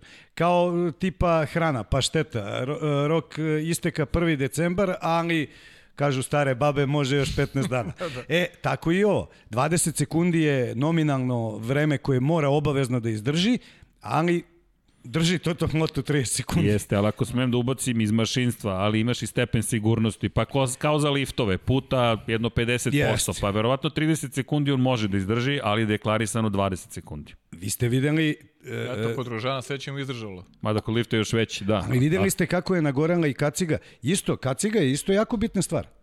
Vidi, mi imamo kult kaciga ovde. Evo nam je Vejderova, eno nam je Rosijeva, eno nam je Lorencova, stiže e sad, nam još kaciga. Znaš da, evo Igorova je. Znaš da, evo je. znaš da sa, uh, nam je Neda. sa ovom, sa ovom kacigom, sa moto kacigom, uh, niko normalan te ne bi pustio u auto. Da li znaš zašto? Da, pa dru, dobro, drugačiji kaciga. Pa dobro, nju ni ne možeš da nakačiš ni na Hans za početak. To je prva stvar pod preduslovom da moto kacigu možeš da nakačiš na, na Hans. Zašto ne može moto kaciga? Pa zato što ona nije vatrootporna. Ove jesu, a ova nije. Druga stvar, e, e, taj zadnji deo kacige je drugačiji Vrat. za motore, zbog vratne kičme, Jest. zbog atlasa, ne znam, ovih pršljena, a ovo je drugačiji. Ovo je pun ovde.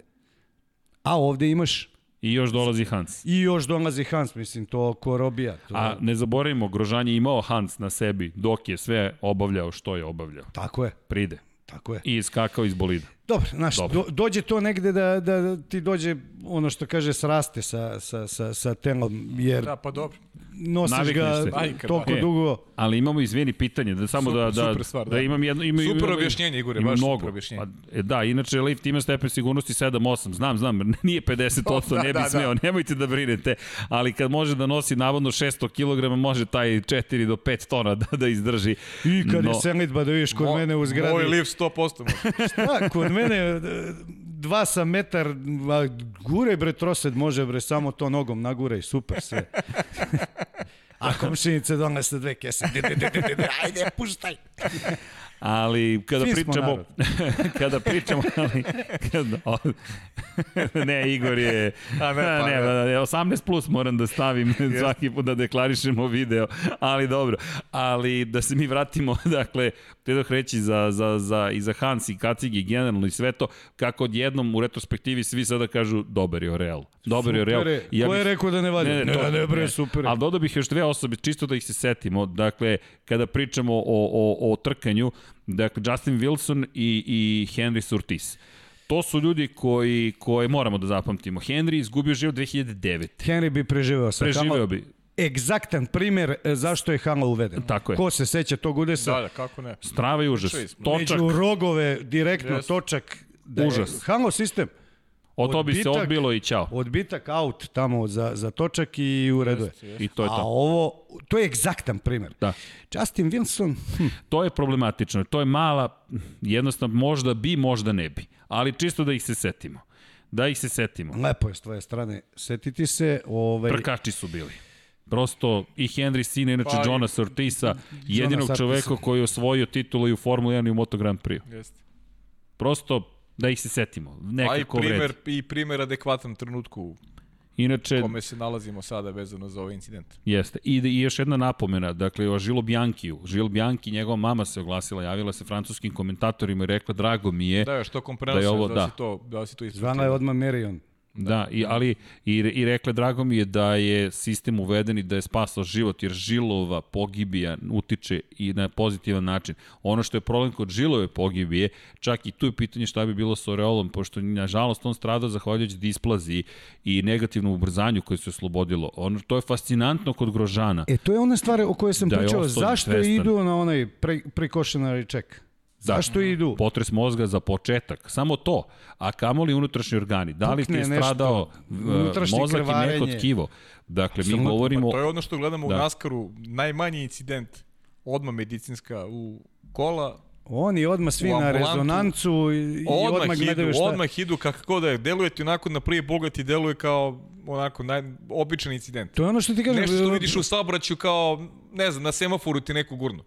Odmah ide u ambulantu, odmah snima. Bilo je situacija u saobraćaju gde je neki manji udeš, čovek izađe i samo se posle dva minuta Bilo je, sruči. bilo je, bilo je. Nažalost, Nažalost, nažalost i znam neke primere privatno znam. Ima- I ja, nažalost, pričam iz ličnog Mm. iskustva. I mi imamo primjer sa skijanja koji, koji je dramatičan. Dakle, Najpoznatiji svetski. Mihael Schumacher koji je stradao na skijanju, koji je nažalost zaživio povredu mozga. Dakle, kada deluje kao banalan incident, ne, ja, opet mi ovde uvek stalno pozivamo na tu svest, prosto odmah na proveru, odmah provera, jer takvi incidenti udario glavu, udario si glavu, odmah na kontrolu, odmah. Ja sam samo siguran, mislim siguran, lupam i ja, nisam siguran, ali smatram da je, da je kad smo se već dotakli teme, Mihael zapravo jedan kvadriplegičar da samo pomera Ne oči. Ne bi se toliko verovatno ni krilo to stanje i verovatno ni ne liči više na sebe. Tako da, Ali znaš kako, što kaže Grožan, ne, ne znam da li verujem u čuda, ali ali sam preživeo. Nekako ja želim da eto verujem da su čuda moguće, iako i ti ja smo svesni da racionalno gledano su šanse minimalne, ali nekako... neće ni Deda Mraz da dođe, znaš. Znam, Ja, toga smo, Znam, svi smo svesni ali- toga. Da. Nadam se da deca ovo ne gledaju. Znaš, pa mog, ne znam, ali nije, ali znaš kako, ja želim da verujem da mi kao ljudska vrsta možemo da budemo jedni drugima Deda Mraz. I dalje sam optimista. I dalje želim da verujem da možemo da budemo dovoljno pametni, da kažemo, ok, ajmo zajedno nešto da Pozitivne vibracije. Pa da, za početak to. A ljudi mi posle svih tih incidenata i svega što se desilo, to je posle tog stravičnog incidenta, još dve stvari, dakle, reprize kadrova su bile trajne, Daniel Ricardo se pobunio, rekao je da smatra da je to bilo vrlo hladnokrvno od strane Formula 1 menadžmenta, da toliko puta reprizira sve kadrove. Ja ne bih htio da komentarišem, rekao sam na početku tome, ja njega gotivim generalno, ali ta izjava onako... To sam htio da te pitam. A, sad si rekao nešto kao spektakularno, kao, znaš, to je Hollywood se pravi od toga. Pa šta ste vi? Pa vi jeste Hollywood. Vi ste, bre, cirkus. Ne, ne, znaš kako ja to gledam sad? Uh, I se u da se toj ne lažemo, tobom. to je sve na kraju prikazano integralno kad je Tačno, ustanovljeno tako da je on, do, kad je on dobar. dobar.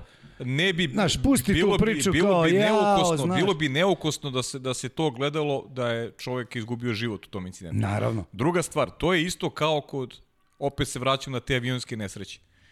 Uh, ti da bi shvatio uh, gde se gde nastaje problem, ti moraš da da se suočiš sa problemom. Pa Apsolutno. i nama isto tako kao gledaocima je uh, interesantno kad već nema ljudskih žrtava, nama koji pratimo Formulu 1, da vidimo prvo i koliko je sport ko sport opasan i da sagledamo iz svih uglova šta, šta će se promeniti umeđu vremena da svake stvari ne dogode. Ja I sam nama, prvi- Nama to Izvini. znači da vidimo. Znači svim akterima znači. I u tom pogledu zaista nemam nikakav problem. Ti si rekao u jednom momentu ne treba da nam puštaju. Ne, treba da nam puštaju. Baš treba da nam puštaju i treba da gledamo, da vidimo koliko je prvo sport opasan i da sagledamo iz svih uglova e, šta treba da se uradi da se takve stvari spreče u budućnosti. Jer iz takvih iskustava se uči. Formula 1 uči iz takvih iskustava. Organizatori trka, ono što smo naveli i, i na početku podcasta, apsolutno sam za to da ovakve stvari treba da se puštaju. To je to što sam hteo da ti kažem. Znači, e, e, to je sve deo tog sporta. To su stvari koje se dešavaju. Znači, niko to ne bi prikazao da je, ne daj Bože, bila gora situacija sa da Grožanom. siguran sam ne, u to. Ne, ne, apsolutno Siguran sam niko, da ne bi.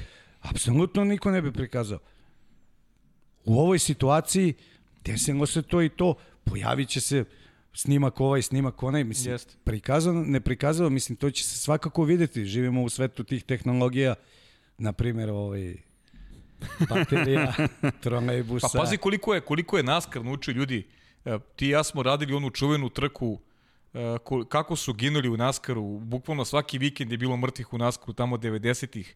Na onim ovalima gde voze po 300 i kusur na sat. E, Mi od, od Dela Earnhardta seniora, najveće legende, nije bilo trke sa mrtnim slučajem u NASCAR-u. A sjeti se incident Ostina Dillona. 90. godina, ono što, ono što se dogodilo u Daytoni, bilo bi mrtvih u prvih 20 redova publike, bi bilo mrtvih, Jeste. a poginuo bi i vozač. Kako ga je zaštitna ograda, kako ga je odbila, vratila na stazu, on dečko izlazi iz, iz igračke. Nije to više bio automobil, to je igračka. Da, da, da, on izla, to se raspadne izlazi, kod tetrapaka On izlazi i maše publici nasmejan, kao da se ništa nije dogodilo. Pa, 90-ih, ja garantujem da bi bilo mrtvih u prvih 20 redova publike, Sigurno. sigurno. Sigurno, bi bilo mrtvih. Mislim, stvarno su te mere podignute na neki nivo, e, ne samo na stazi, nego i oko staze. I oko I što se publike tiče Jest. svega. E, vi znate, kada startuje neka trka negde, prvi krug, znači start sam, nema nikog na pit wallu. Svi su povučeni u garaže. Apsolutno nema nikog. Ideš, ideš uh, uh, u zonu uh, garaža, startuje sve. Zašto? Sudaramo se, lete delovi, ograde su zaista to su velike balistički i projektili. to su balistički projektili. Ljudi, Izvini. od balističkog projektila je poginuo Sena. Pa, jest, jest. da, od udara oslanjanja, to je prednjeg vešanja, pra, oslanjanje. Komponenta, znači push se- road ili pull road, Da, šta je ali- već, gornji, taj upper bone, ga je pogodio, probušio kacigu i od toga je poginuo Ali Sena. to je najveć kod njega... S tim u vezi Halo njemu ne verujem da bi pomogao, ali Da, da, da. to, to je. Ali ne opet je- Možda. Znaš, opet je to Ali neka science nikad fiction. neće- ali da, vidi, da. 95. su zato sezonu kasnije uveli naslone, to jest podigli su bočne ivice bolida, da je za 95. jer do 94. su oni bili potpuno otvoreni. Njima je odavde ovako sve bilo otvoreno. Ima su se ramena Cijel- cijel vidjela. vrat. Ramena si mogu da vidiš. Ramena da. si mogao da vidiš. Da. Posle su ih uvukli u bolid praktično. Nisu to džabe zvali e, mrtvački sanduci na točkovima. To je limo kod tebe, najosnovniji materijal, nema šta. I to je to. I ti kad se onda- snupaš, tako je scene- X, a što je polomio noge? Nego on je, to je bilo krvi po, po komponentama koliko nećeš. Pa imaš- Zašto je to, iseklo mu je no, kožu. Da, da. Pa vidi, jedan od najvećih incidenata sa odvojnom ogradom u poslednje vreme, mnogi su pisali o tome, jeste Robert Kubica u, u reliju kad seti se njegova karijera je 2011. de facto u Formuli 1 potpuno promenjena, očigledno nije bila okončana, pojavio se prošle godine i vozio, on je čovjek završio u ogradi, ograda je prošla ovako kroz ceo automobil. Samo ću ti reći jednu stvar. Pomenuti Miško Trovač Spasojević, znači ljudi su padali u nesvest koliko je tu krvi bilo kad je, kad je prošla ta bankina. Ne, jasno, vidi, to, to, je, To je- to to- su to su stravični incidenti.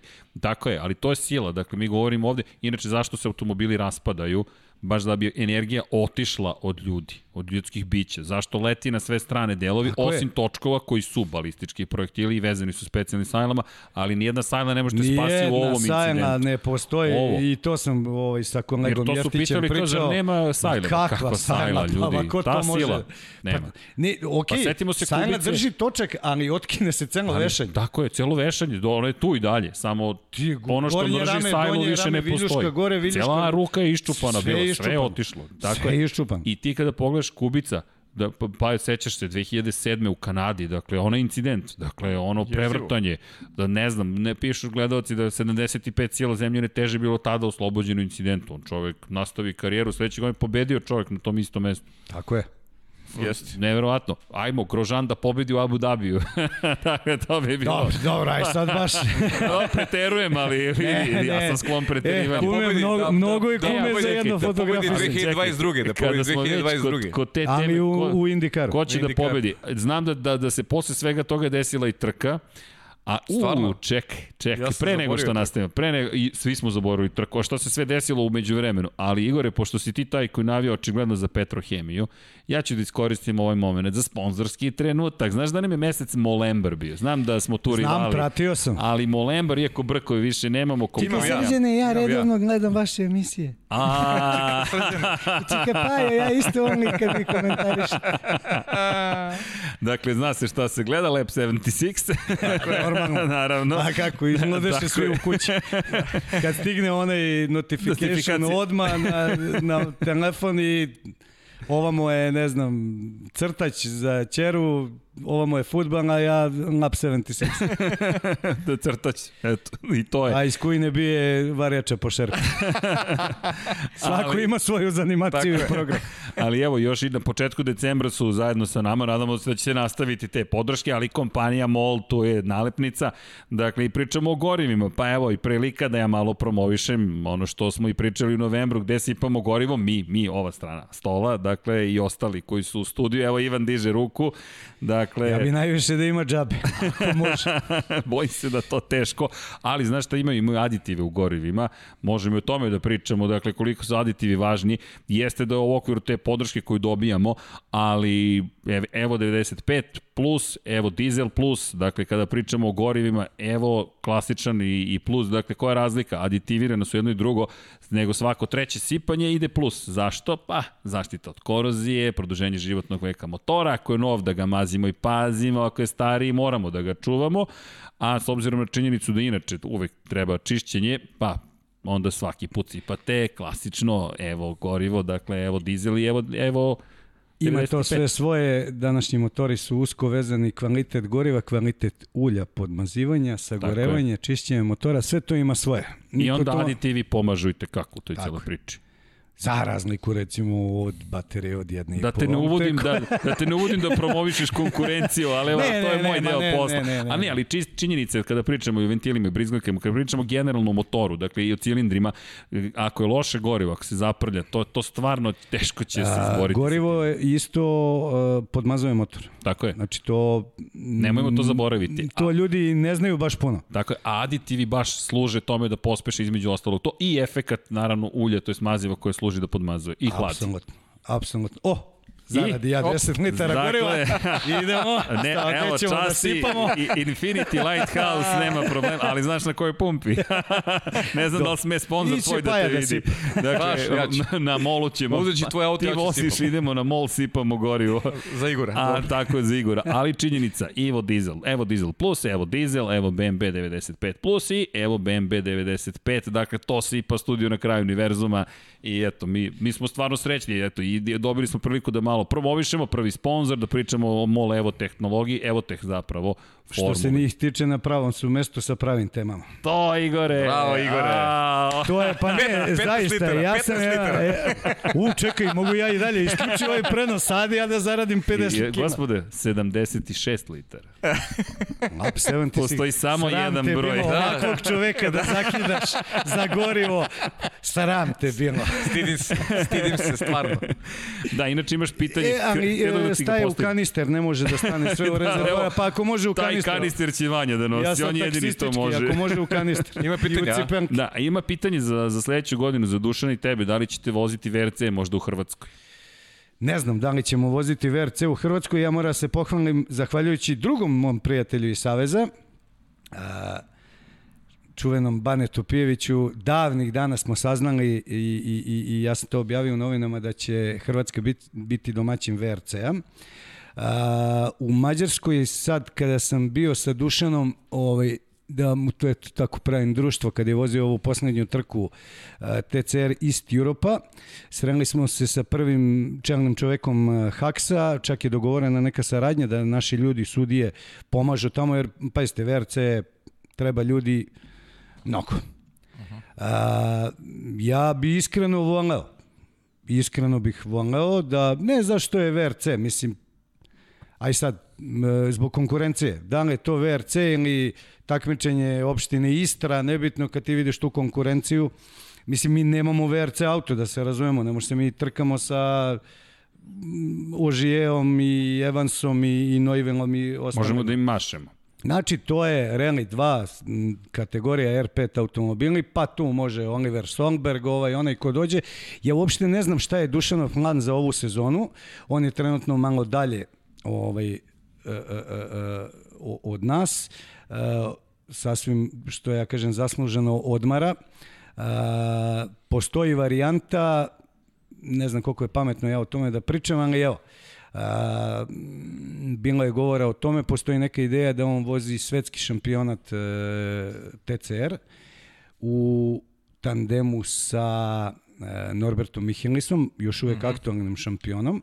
Hyundai ove godine ne ide nikako, opet je sve to politika, sad da ne ulazimo u tu priču, opet je to uh, balance of performance, težina, snaga motora i tako dalje i tako dalje.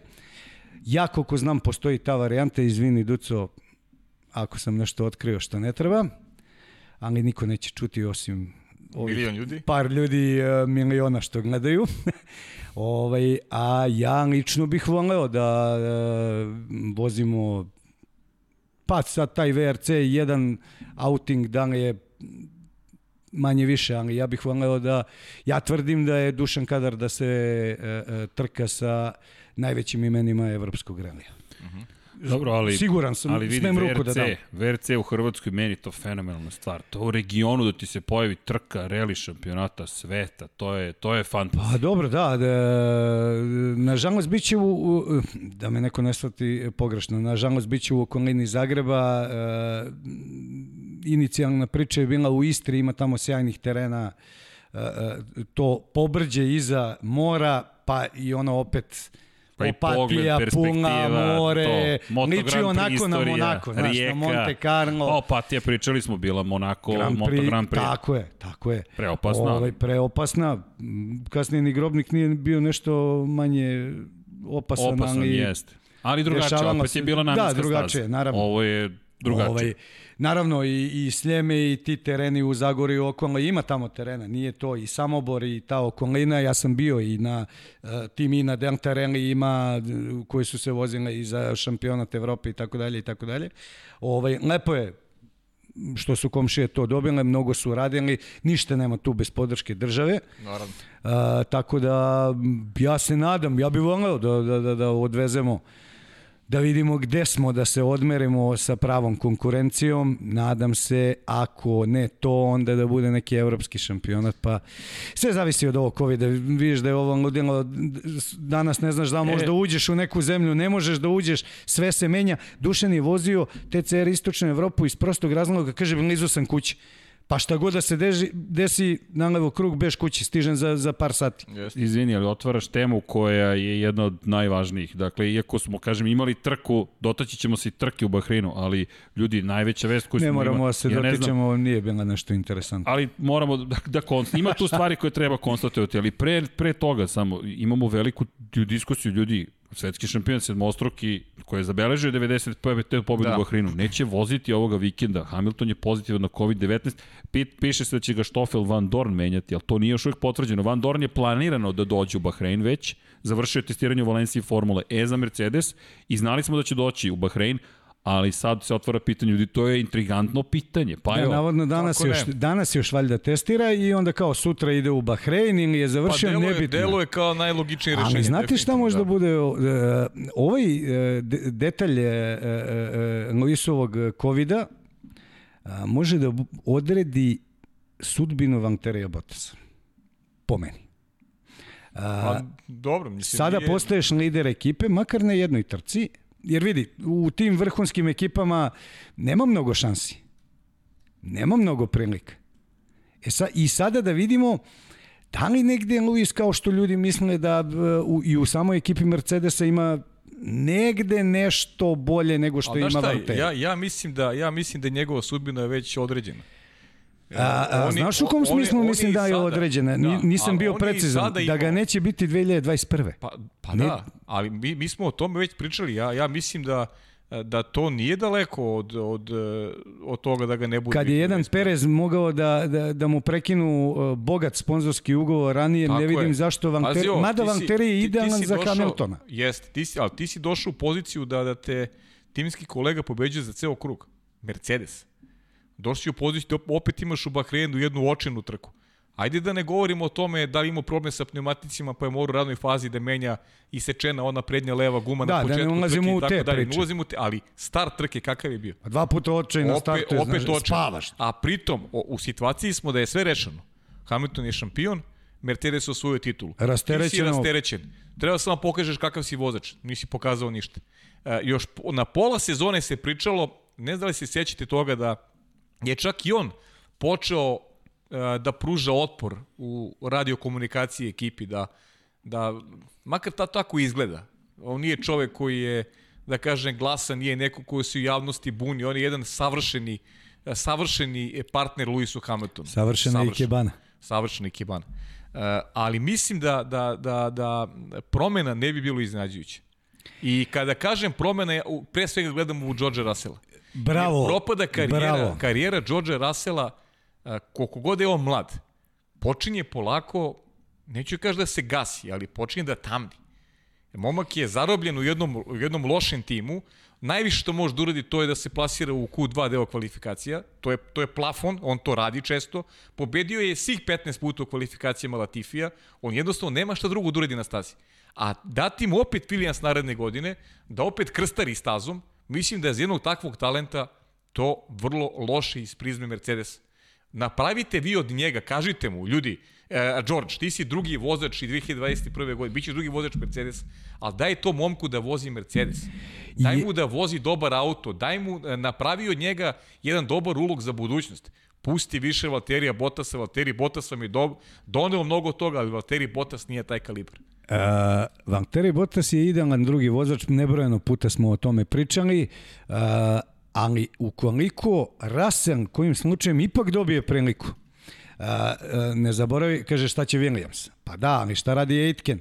I onako ne radi, ne Aitken, Pa da, Aitken. Aitken. Aitken i Williamsu, jeste, A, jeste, Williamsu. šta on i onako nema ništa, Dams će, će ga pustiti sigurno da vozi ovamo. Ako Russell ode sada za ovu trku u, William, u Mercedes, ja potpisujem da Bottas nema mesto 2021. Ja se slažem s tobom. Apsolutno. Inače, mislim- jedna ja zanimljivost, da bi ga a Srki voli te zanimljivosti i pikanterije. Da li znate da je uh, uh, George uh, Russell definitivno uh, rekorder već sada po jednoj stvari? Po broju trka uzastopnih uh, gde ga nije pobedio timski kolega na kvalifikacijama. Pa Od da, starta karijere nikoga nikad nije pobedio. Doduše i timske kolege su bile tri tačke. Pa evo, ove godine Tri Latifi je tačke. dobio svih 15 Nemoj tako na. Latifija, čućete da je srđan. Dobro, ali čekajte, ali, ali, s kim Srđan je, mu daje šansu. ali s kim je vozio prošle godine? Sa Kubicom. Sa Kubicom, pa ali dobro. povređeni Kubica, ali okej. Da. Kubica i dalje ima, ja, ja imam veliko poštovanje prema Imam-. Ja Pa imam imamo enormno naravno, poštovanje. ja, sve. to je bio to je bio čovek koje, kojeg je negde Ferrari projektovao za, za, za, za svog nekog narodnog šampiona da se nije desila ta proknata nesreća. E, e, veliki potencijal, ali naravno posle svega toga ni sasvim normalno ni 70% onoga što su ljudi očekivali. Da, inače, i da iskoristim priliku kada pričaš o ajde, zanimljivostima i neke od statistika. I pozdrav za Johnny-a, F1. Ne znam ko je čovek, Dobro. ali tweetuje često. Pozdrav za dakle, Johnny-a. Pozdrav, Pozdrav za Johnny-a, naravno. Dakle, od svoje prve trke Zdravo, u zdravo, karijeri, Johnny. velike nagrade Australije 2007. Hamilton nije propustio ni jednu, Jednu trku, da, i to je... I tačno. rekorder je po broju uzastopno odveženih trka. Jeste, 265. Niko nikada u Formuli 1 nije da. toli, taj, Bravo to, za to spojio. I ima još jedna zanimljiva stvar. Dakle, ima još jedan rekord, broj uzastopno završenih trka u bodovima. Od velike nagrade Austrije 2018. svaku trku 48 ukupno je završio među osvajačima poena, što je rekord u- ubedljiv. To je ljudi skoro 50 trka Formula 1, ti si osvajao poene. Tako je. Dakle, samo da, da, da podsjetimo, ovo drugo je Mada dobro, meni to nisu meritorni podaci, E, s ali- obzirom da je ali- nekad bilo šestorica u Znam, znam. bodovima i Ali- ostalo, ali- tako ali, da... ali, ali ček, Ajde. izvini, samo ovaj prvi podatak ipak Ajde. impresivan. Impresivan. Da, Ne, prvi je, prvi je, 2007.. vidi, prvi ali je ajde, ajde da, fascinantan. da, ali da postavimo stvari iz jednog drugog ugla sad. Trka u Bahreinu sada koja nam dolazi za vikend. Želimo Luisu Hamiltonu što, što brži oporavak i da bude na stazi Abu Dhabiju. Ali ljudi, nas čeka jedna sjajna trka u nedelju. Pazi, Luis, Potencijalno da. Luis Hamilton u Mercedesu i jednoj potpuno drugoj dimenziji. I njemu možda para samo Max Verstappen. Evo ga, Realno. 95. pobednički Koli, trofej. koliko, toliko možda mu parira. Sada bez Luisa na stazi. Ovo će, uh, na spojnoj stazi u Bahreinu, u no, ja mislim da će bude popuno ludilo. Da ćemo dobiti jednu, ja tako očekujem, nezaboravnu trku. Sada da ti kažem, uh, mene brinu tu incidenti, znaš, jer je ludački brzo, krug je negde dužine kao Monaka, a prosečna brzina će biti prosečna brzina 240 će biti oko 237, 238. Mi pričamo o brzinama 50 Monce. 55 sekundi e, je projektovan. 87 krugova se vozi. Najviše se vozi, podsjeti me Srki, os- 16, 18 manje se vozi u, u, u Evo Red Bull ga, ringu. Evo ti Da. ga iza mene. Evo ti Ne, ga. ne, ne, ne, Monako, Red Bull ring. Ne, Red Bull Ring, da, da. takođe. Da, da, tako je. da, nisam vidio, izvini. Ovaj, 87 Red krugova. Bull, eno ga tamo, Pa izvini, da- Red Bull Ring. To da ponudiš, dok se boje ne rastope u krug. Da, da, a, a, a, A prebrzo. a Pazi, dve jednostavno. od tri... delo je jednostavno. jednostavno. Kao malo imaš krivine i Gas, tako dalje. čoškara, gas, Aha. čoškara, gas, čoškara. Kao Monca što deluje jednostavno. Aha, Onda shvatiš, važi. pa i nije ovo tako jednostavno. Dođi juče. Tako je. Da, da. A mi pričamo o brzinama Monce. Jeste. Prosječna Tako da, i ne daj Bože tu nekog incidenta vidi. Tu mm, ja razmišljam malo na konto svih ovih dešavanja. Dve od tri DRS zone na spoljnem krugu se koriste iz prošlonedelj, prošlonedeljne trke. Dakle, to su sve one pravčuge, oni autoputevi. Znači, nakon kojih ide kočenje gde ništa, ispadaju oči od I Gesine. to posle ovakve trke i ovakvog incidenta i svega što se dešavalo. Sve se nešto nadovezuje jedno na drugo. Vanja, Vanja je već ubacio. Inače, vratit ćemo se na ovo. Ovo je, ali hvala, pokaži, pokaži Vanja, slobodno. Zašto? Hoću da pozdravim Šejlu Čebirić. Dama iz Sarajeva nam se javila i poslala je neverovatnu analizu krugova. Dakle, Hvala, Leji, super. Dakle, Šejla nam je napisala analizu. Pazi sad ovo. Dakle, ali ovo ćemo, ajde da iskoristimo, volim zajednicu. Vrati, Vanja, vrati. Nema veze, skočili smo, ali nije bitno. E, gledate, crvenom bojem su obeležene meke gume, žutom srednje tvrde, belom tvrde gume. I šta je devojka napisala? Dakle, označila je nekoliko delova. Undercut Ricarda nad Carlosom Saincom nakon prvog izlaska na stazu između 17. i 22. kruga. Dakle, u sredini su Ricardovi rozi, custom bojem su označeni ti krugovi, gde je ranije promenio gume u odnosu na Sainca. Naranđasta crta je, nije baš srednja vrednost, ali više da imate utisak, to je 97,5 sekundi, dakle minut 37,5 I zatim, kako je period kada je Sainz brži od Ricarda i preteče ga između 23. i 26. kruga, dakle uspeo je da se vrati na svoju poziciju i onda predugački prema njenom analizi i mišljenju ostanak Ricarda na drugom stintu sa tvrdim gumama, kada je značajno sporiji od Sainca i od Gaslija i na kraju taj ključni moment. Čisto sam hteo da iskoristim, pogledajte Gaslijevu vožnju kada je promenio gume, dakle konstantnost koju je imao, ali ono što je mene obradovalo je analize poteka, Momčilo prošli put, Šejla se sada javila i, i Mina isto, tako da smo mi odlučili da formiramo jedan tim analitičara, tako da ko zna šta nam se sprema. Nismo se bavili previše trkom, ali ovo sam morao da iskoristim, hvala Šejli koja se bavi inače podacima, tako da Neverovatno, ali Sve više gume igraju, gume da. igraju strašno veliku ulogu. Nepoznanice kao e, Pirelli je najavio dva pit stopa, možda čak i jedan, ono opšte ludilo sa gumama, ovaj stavlja jednu čopavu i ne menja je O, ok, imao je pucanje gume Botas, pa je morala da ostane ta guma. Je. Ta jer, inače, izvini, mnogi su pitali da li je to popravilno. E, jeste, bravo, da, da. Jeste, moraš su, da imaš no, samo istu da. komponentu na sve četiri, istu tvrdoću na, na, na e, sva četiri točka.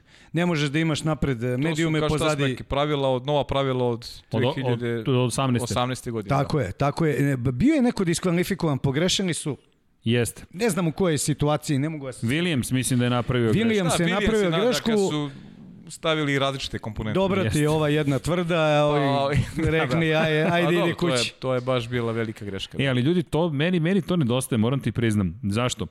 U Moto Grand Prix to gledamo tvrda napred, meka pozadi. To smo imali u Formuli 1 nekad davno. Nekad smo imali, imao da si nekad i... I sa strane pa desne da imaš meni, drugu. I, i meni nedostaje, i, e, to mi nedostaje, da timovi mogu da biraju Hamilton je o tome pričao, da odmah da ga je poklopio Toto Wong u fazonu, aj čuti tamo, da, da. to nije tvoje da pričaš. Kakva tu konkurencija nema, to je jedan proizvođač, mora da se uh, zastupaju interesi aktualnog dobavljača po kojem svi da bukvalno tako kažem povraćaju vozači sa ovom C3 komponentom testnom. Mm, znači to je bila katastrofa. To je kao Bambi na ledu. Kad Verstappen kaže gledam ovog uh, Hamiltona kontra, rekontra, ne može se čovjek uvati sa Van Lanom. A to je zanimljivo. To su pričali i Vettel i Hamilton su glasni. Svi, svi, ali Vettel je tu, uh, Hamilton je tu bio ovaj, najglasniji u toj priči. Pa da, kad dođe, kad dođe kritike, kad dođe u svetski šampiona, onda su dobili Da budemo iskreni, i Pirelli nije ostavljeno mnogo vremena da on e, prilagodi te gume toj prelaznoj 2021. To ti je niti smrdi, niti miriše, niti je levo, niti desno. Pa da, ali, ali već sada se priča... Tri kila je teži set, što to možda delo je onako, tri kila tamo. Ne, to je mnogo. To je u Formuli 1... dinamiku mm. vožnje. Menjati dinamiku Menja vozila. aerodinamiku. Menjati sve. Obstrujavanje oko prednjih, pa, zadnjih točkova. Znači, katastrofa. Menjati balans bolide. Dakle, ima bilo jedno pitanje i o međuosovinskom rastojanju. E, nema pravilnik o međuosovinskom rastojanju ili dužini bolida. Širina i visina su definisane pravilnikom. Dužina nije. Međuosovinsko rastojanje zavisi od konstrukcije bolida. Vi imate neke elemente koji utiču, mnogi elementi utiču na vas. Imate motor sa unutrašnjim sagorevanjem, rezervoar, monokok i onda Kada govorimo o konstrukciji sad, da li ćete da stavite turbinu, to jest da li ćete da stavite turbinu na, napred, a kompresor pozadi ili zajedno menjamo gde vam stoji masa. Zašto je masa važna? Do 46,5 ako se ne varam, ne znam na pamet, odsto mase maksimalno sme da nosi prednji kraj. Zadnji maksimalno 56,5. I vi se sad igrate masom u, odnosom mase bolida i u odnosu na to pravite konstrukciju sa dužim osnovim međuosnovinskim rastojanjem ili kraćim, ali nema pravilnika, prosto uslovljeni ste i radijatorima, to je hladnjacima, pa onda dođete do toga da morate prosto ostaviti neki sebi prostor, pa je sad veći bolid, više aerodinamičkih površina, ali zato rotacija mu je slabija, to je ono što je Hamilton pričao, rešili smo pitanje rotacije, jer duži bolid ima osobinu da podupravlja po, po prirodi svojih stvari, teže mu je da skrene, uslovno rečeno, morate više da skrećete i tako u krug. Samo da kažemo koliko je to kompleksno. Sad dodaš 3 kg, a vozači se trude da izgube svaki kilogram. A nije samo, e, bravo, da nije samo to. Na tih 746 kg sad ti negde skini 3 kg zbog ove Tako 3 kg guma, mislim. To I, je pak, a čak... taman si našao 50-50 odnos, pa kad da, dan je re, uh, rek bolida uh, napred, pozadi, sve si uradio i onda dođe ovaj i kaže, evo ti, ti 3 kg teže. He, bravo, a može bez kostiju. Dakle, kada govorimo o, o, o onome što nas čeka sa Pirelijem, ajmo da se držimo za trenutak ove trke. Mi nemamo pojma kako će gume se ponašati. Ljudi, ovo je jedan od najbrzivnijih asfalta koji imamo u šampionatu. zato sam ja, izvini, započeo ovu temu. Pa, Asfalt će A- spaliti Asfalt gume. je kao šmirgla, očigledno. I sad, gde strada? Strada na dodavanju gasa pre svega, na kočenju i na, Na polastima kočenju kroz krivine. u Kočenje ubijaju gume, a mi imaćemo snažnih kočenja. a samo jednom zaključaš, drvena noga, jednom zaključaš na kočenju, Spaljen pneumatik. Ćao, ajmo Ali boks odmah. se na ono što smo rekli. Čekamo, čeka nas zaista super zabava. Iz te percepcije ja bih voleo da vidim Hamiltona tu u toj priči. Isto. Ja bih voleo da je Hamilton ostao, Samo, bilo bi e, super. e, e, idi lepa razbonli se za, za Abu Dhabi, pa sad Da se vrati. A šta misliš da bi se- voleo da ga vidiš ili da ga ne Ne, vidiš? da ga vidim. Ako Ja bih- može sad da se vidi, odloži to malo, angažiraj tamo to, neki test, da, ja vozi sad pa da kaži da, da. za Abu Dhabi to je onako... Bilo bi, ali bilo bi nam fenomen. Mada, A ne- mada. Pa jo, Niko nikad nije želimo- ovo vozio. Da, Ali da, intrigantno želimo Zato bih je da ga vidim. ali, ali kažem ti iz otvara šansu i nekim drugim momcima, znaš, otvara šansu i, i zato će biti Kad interesantno. on već nije tu, ja bih voleo Rasela u, u Mercedesu, pa ne košta šta Ja košta. se slažem s tobom, A Niko da bi to Hulkenberg? bilo idealno. Pa, I to je moguće opcija, ali i to je opcija. Verujem da, Ali verujem mislim da je će biti- Stoffel. Ja mislim da je Štofel isto. Mislim Pa- da je najrealnija opcija. najbezbednija Čak možda opcija. verovatno imaju oni negde i obavezu po, po ugovoru da To ne znamo, potpisano. to ne znamo, ali... Pa ali verovatno. najrealnije. A što se same trke sad, da se vratimo konačno, ovaj, e, meni je najznačajniji detalj izjava Maxa Verstappena posle trke. Za, da bi izbacio čoveka iz svojeg tima da neće da vozi. Jel Ne, to ne, nešto nego drugo? za Albona. Šta mislite o podijumu? Ne mislim ništa. Kao super, bravo, Ang, ti zaost- zaostaješ 34 sekundi za timskim kolegom. Da, Ćao. opet s druge strane, Kraj. bio je... Znači, poništio ga. Bio je, kon, bio je korektan nakon trke, on pohvalio ga je za treće mesto, sad ovo dolazi Pa jeste, ali onda je, izjavi, ali onda je izjavio da ne mislim ti ništa. misliš, ti misliš da, da, da Maxu Verstappenu smeta Albon u Red Bullu? A, ne znam da li mu smeta Albon, čak ne mislim da mu smeta, više smeta ekipi. A, mislim da a, Perez neće doći Perez neće doći u, u Red Bull zato što Perez smeta Albonu, odnosno tat, Tata Josu. Ja to isto mislim, zato mislim da Niko Hulkenberg najbolja opcija za, za porodicu Verstappen, to, to nema greške. Tako ali, je, dobro si rekao ali- za porodicu. za- Za, da, jer kao je- svojevremeno i Hamiltonov uh, uh, otac i ovaj je potpuno izgubio Kako? kontrolu. Da, da, Jos, Jos je taj koji je koji Diktira oblači, sve, da, da, da. da. Ali, ali e, potpuno se za Pereza se slažem. Ja mislim da njemu nema mesta u Red Bullu. Imao je konferenciju štampu od koje smo očekivali juče. Ne, ne, e, ja mislim da je danas, pomerena je za danas. Za danas, e, ali- Srki, ali mislim da- pogledaj negde u 6 i 10 je bila konferencija. A, juče već on imao... Imao je juče. imao Za imao je meksičke juče. medije, za meksičke medije, pa su A, pomerili. Da. Ne, ne, juče je imao. Juče je pričao, ali ništa, konk ništa, Ništa se nije nigde ništa pojavilo, konkretno nema. Ima, ima, Ispratio se. Ima dve bitne stvari koje je rekao. Rekao je da je spreman, dakle da Da je... pauzira. Tako je. I sigurno će pauzirati ako ja ne mislim bude... da će pauzirati. Nude mu ulogu testera, ali rezervni vozač navodno za Ferrari za narednu godinu i opcija da vozi već u 2022. Da. za Ferrari. Ne znamo Ne, za ne, ne. koga. Ne zna se za koga. da. Ne zna se za koga. Ne, tu, tu ne znamo za Kažem koga. ti, bilo je, pričao ali nije rekao ništa konkretno, bl- bliži je tome, bliži je tome da će pauzirati. To znamo sve, Sudeći ali po večeras u 6 i 10 čini mi se da je u Bahreinu organizovao konferenciju. Prvo je trebala da bude e, juče, pa popodne, pa poverena na, na 6 i 10. Čini mi se, Srke, ako si u Nema- mogućnosti proveri, Nema novih evo znači informacija nema, trenutno. doduše i vremenska je razlika, mislim da je po tamošnjem vremenu bilo 6 i 10. Nema, nema još uvek informacija, ali pratim, pratimo epopeju Serhija Pereza, ali vidi koliko toga, to, toga se izdogađalo. Dakle, vratit ću se samo na kratko na trku iza nas, čisto da ispoštujemo i rezultate. Ljudi u šampionatu konstruktora mi imamo ozbiljne Popara, popara, ozbiljno. konsekvence Da. odustajanja Serhija Pereza. Dakle, toliko je utorak bio uzbudljiv, toliko je ponedeljak bio uzbudljiv, da odjednom spremaš podcast i kao, pričat ćemo o trci. Kada? Prvo Kad? Grožan, pa kada u trci uopšte da pričamo, a dolazi nam neverovatna trka. Niko od nas, ja ne pamtim krug kraći od minut. Ljudi, ja to ne pamtim. Ja ne znam za to, Dakle, osim na ušću. Kroz... ali, ali kada I pričamo o istoriji super Formule turizma. 1, vidi, Paja Komnenović, Goran Asanović i ostali, Mikica Vesnić i ekipa. Ali vidi, kada pričamo o istoriji Formule 1, uvek smo imali dugačke krugove, nikad nismo imali kratke ovako krugove, znaš, da traje ispod jednog minuta. Ja moram da prođem kroz, kroz istorijet, moram priznati da, da, da ne, ne, ne znam taj podatak, dakle, nismo Negde se stigli vozi to da samo, spremimo. kako beše, Red Bull je 1.07, 0.4. Tako je, ali, tako ali nismo išli Jeste, da. ispod. Ne, to, Ali i dalje nije blizu da se spusti ispod. nije to, to je gotovo A nemoguće ovo će. Biti, oni o, o, o, negde računaju prema simulatoru između 55 i 56 sekundi da će biti krug. Kvalifikaciju. I Ljudi- iz te perspektive, da, nedostajeće mi Hamilton. Da vidim šta može Da da, vidim uradi u šta će ovom da se de- Mercedesu, jer njihov spoj je neverovatan. Čak i ova pol pozicija sada, ljudi, on je bio neverovatan. Recimo, a, a, značajna stvar, evo upamtite, za to će biti taj, zanemarili smo to i oni su prestali da pričaju taj DAS sistem. Da, to niko više ne Na spominje. ovakvim stazama, Kada ga povučeš i ispraviš točkove, a ideš naplatna rampa, prvo skretanje je kod Albuquerque.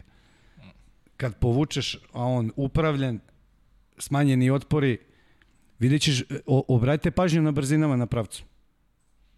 Ja jedva čekam. A pazi, to je meni i Honda sada zanimljivo. Kako, koliko, jer pogledaj, Honda ide kao nevreme sad, ali to Ferrari nije sporno. je nazadovao, Honda je napredovala i Renault je takođe napredovao. Jer ono što smo pričali, mislim da je John ili neko drugi isto tweetovao da nikada nije bilo na pobjedničkom postoju hibridnoj eri niko iz Red Bulla nije stajao do sada u Bahreinu. Tako je. Sada dva Tako je, vozača. dva vozača. Sa Hondom i to smo rekli duše, spekulisali. uz pa- dosta sreće, mislim, koliko taj Perez nema dečko sreće, to je čudo jedna. Koji? Treći put odustaje nadomak podijuma. Pa ovo je... Hoćemo, hoćemo da igramo sad. Odmah sad.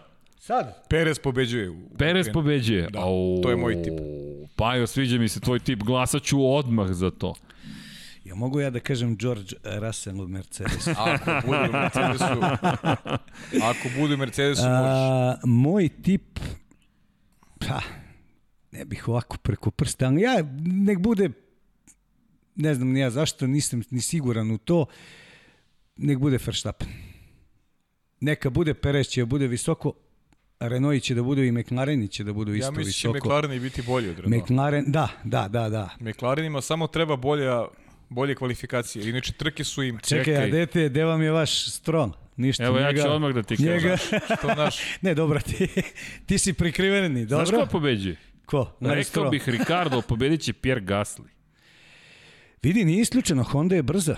Honda. Jeste. Da je Honda u je nekom jako drugom, brza. ja bi išao na A što Ricardo. niko Kv- Kvijata ne pominje? Pa mislim da, da nije Znači, to... Hamilton, Gasly, Bottas... Pa evo, ja sad spominjem. Hamilton, uh, Gasly, Bottas, Kvijat.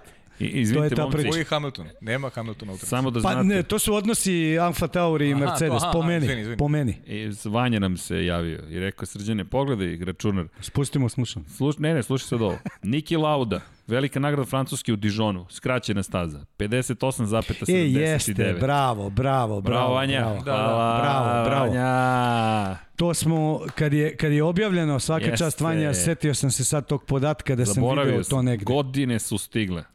Godine su prošle pune muka.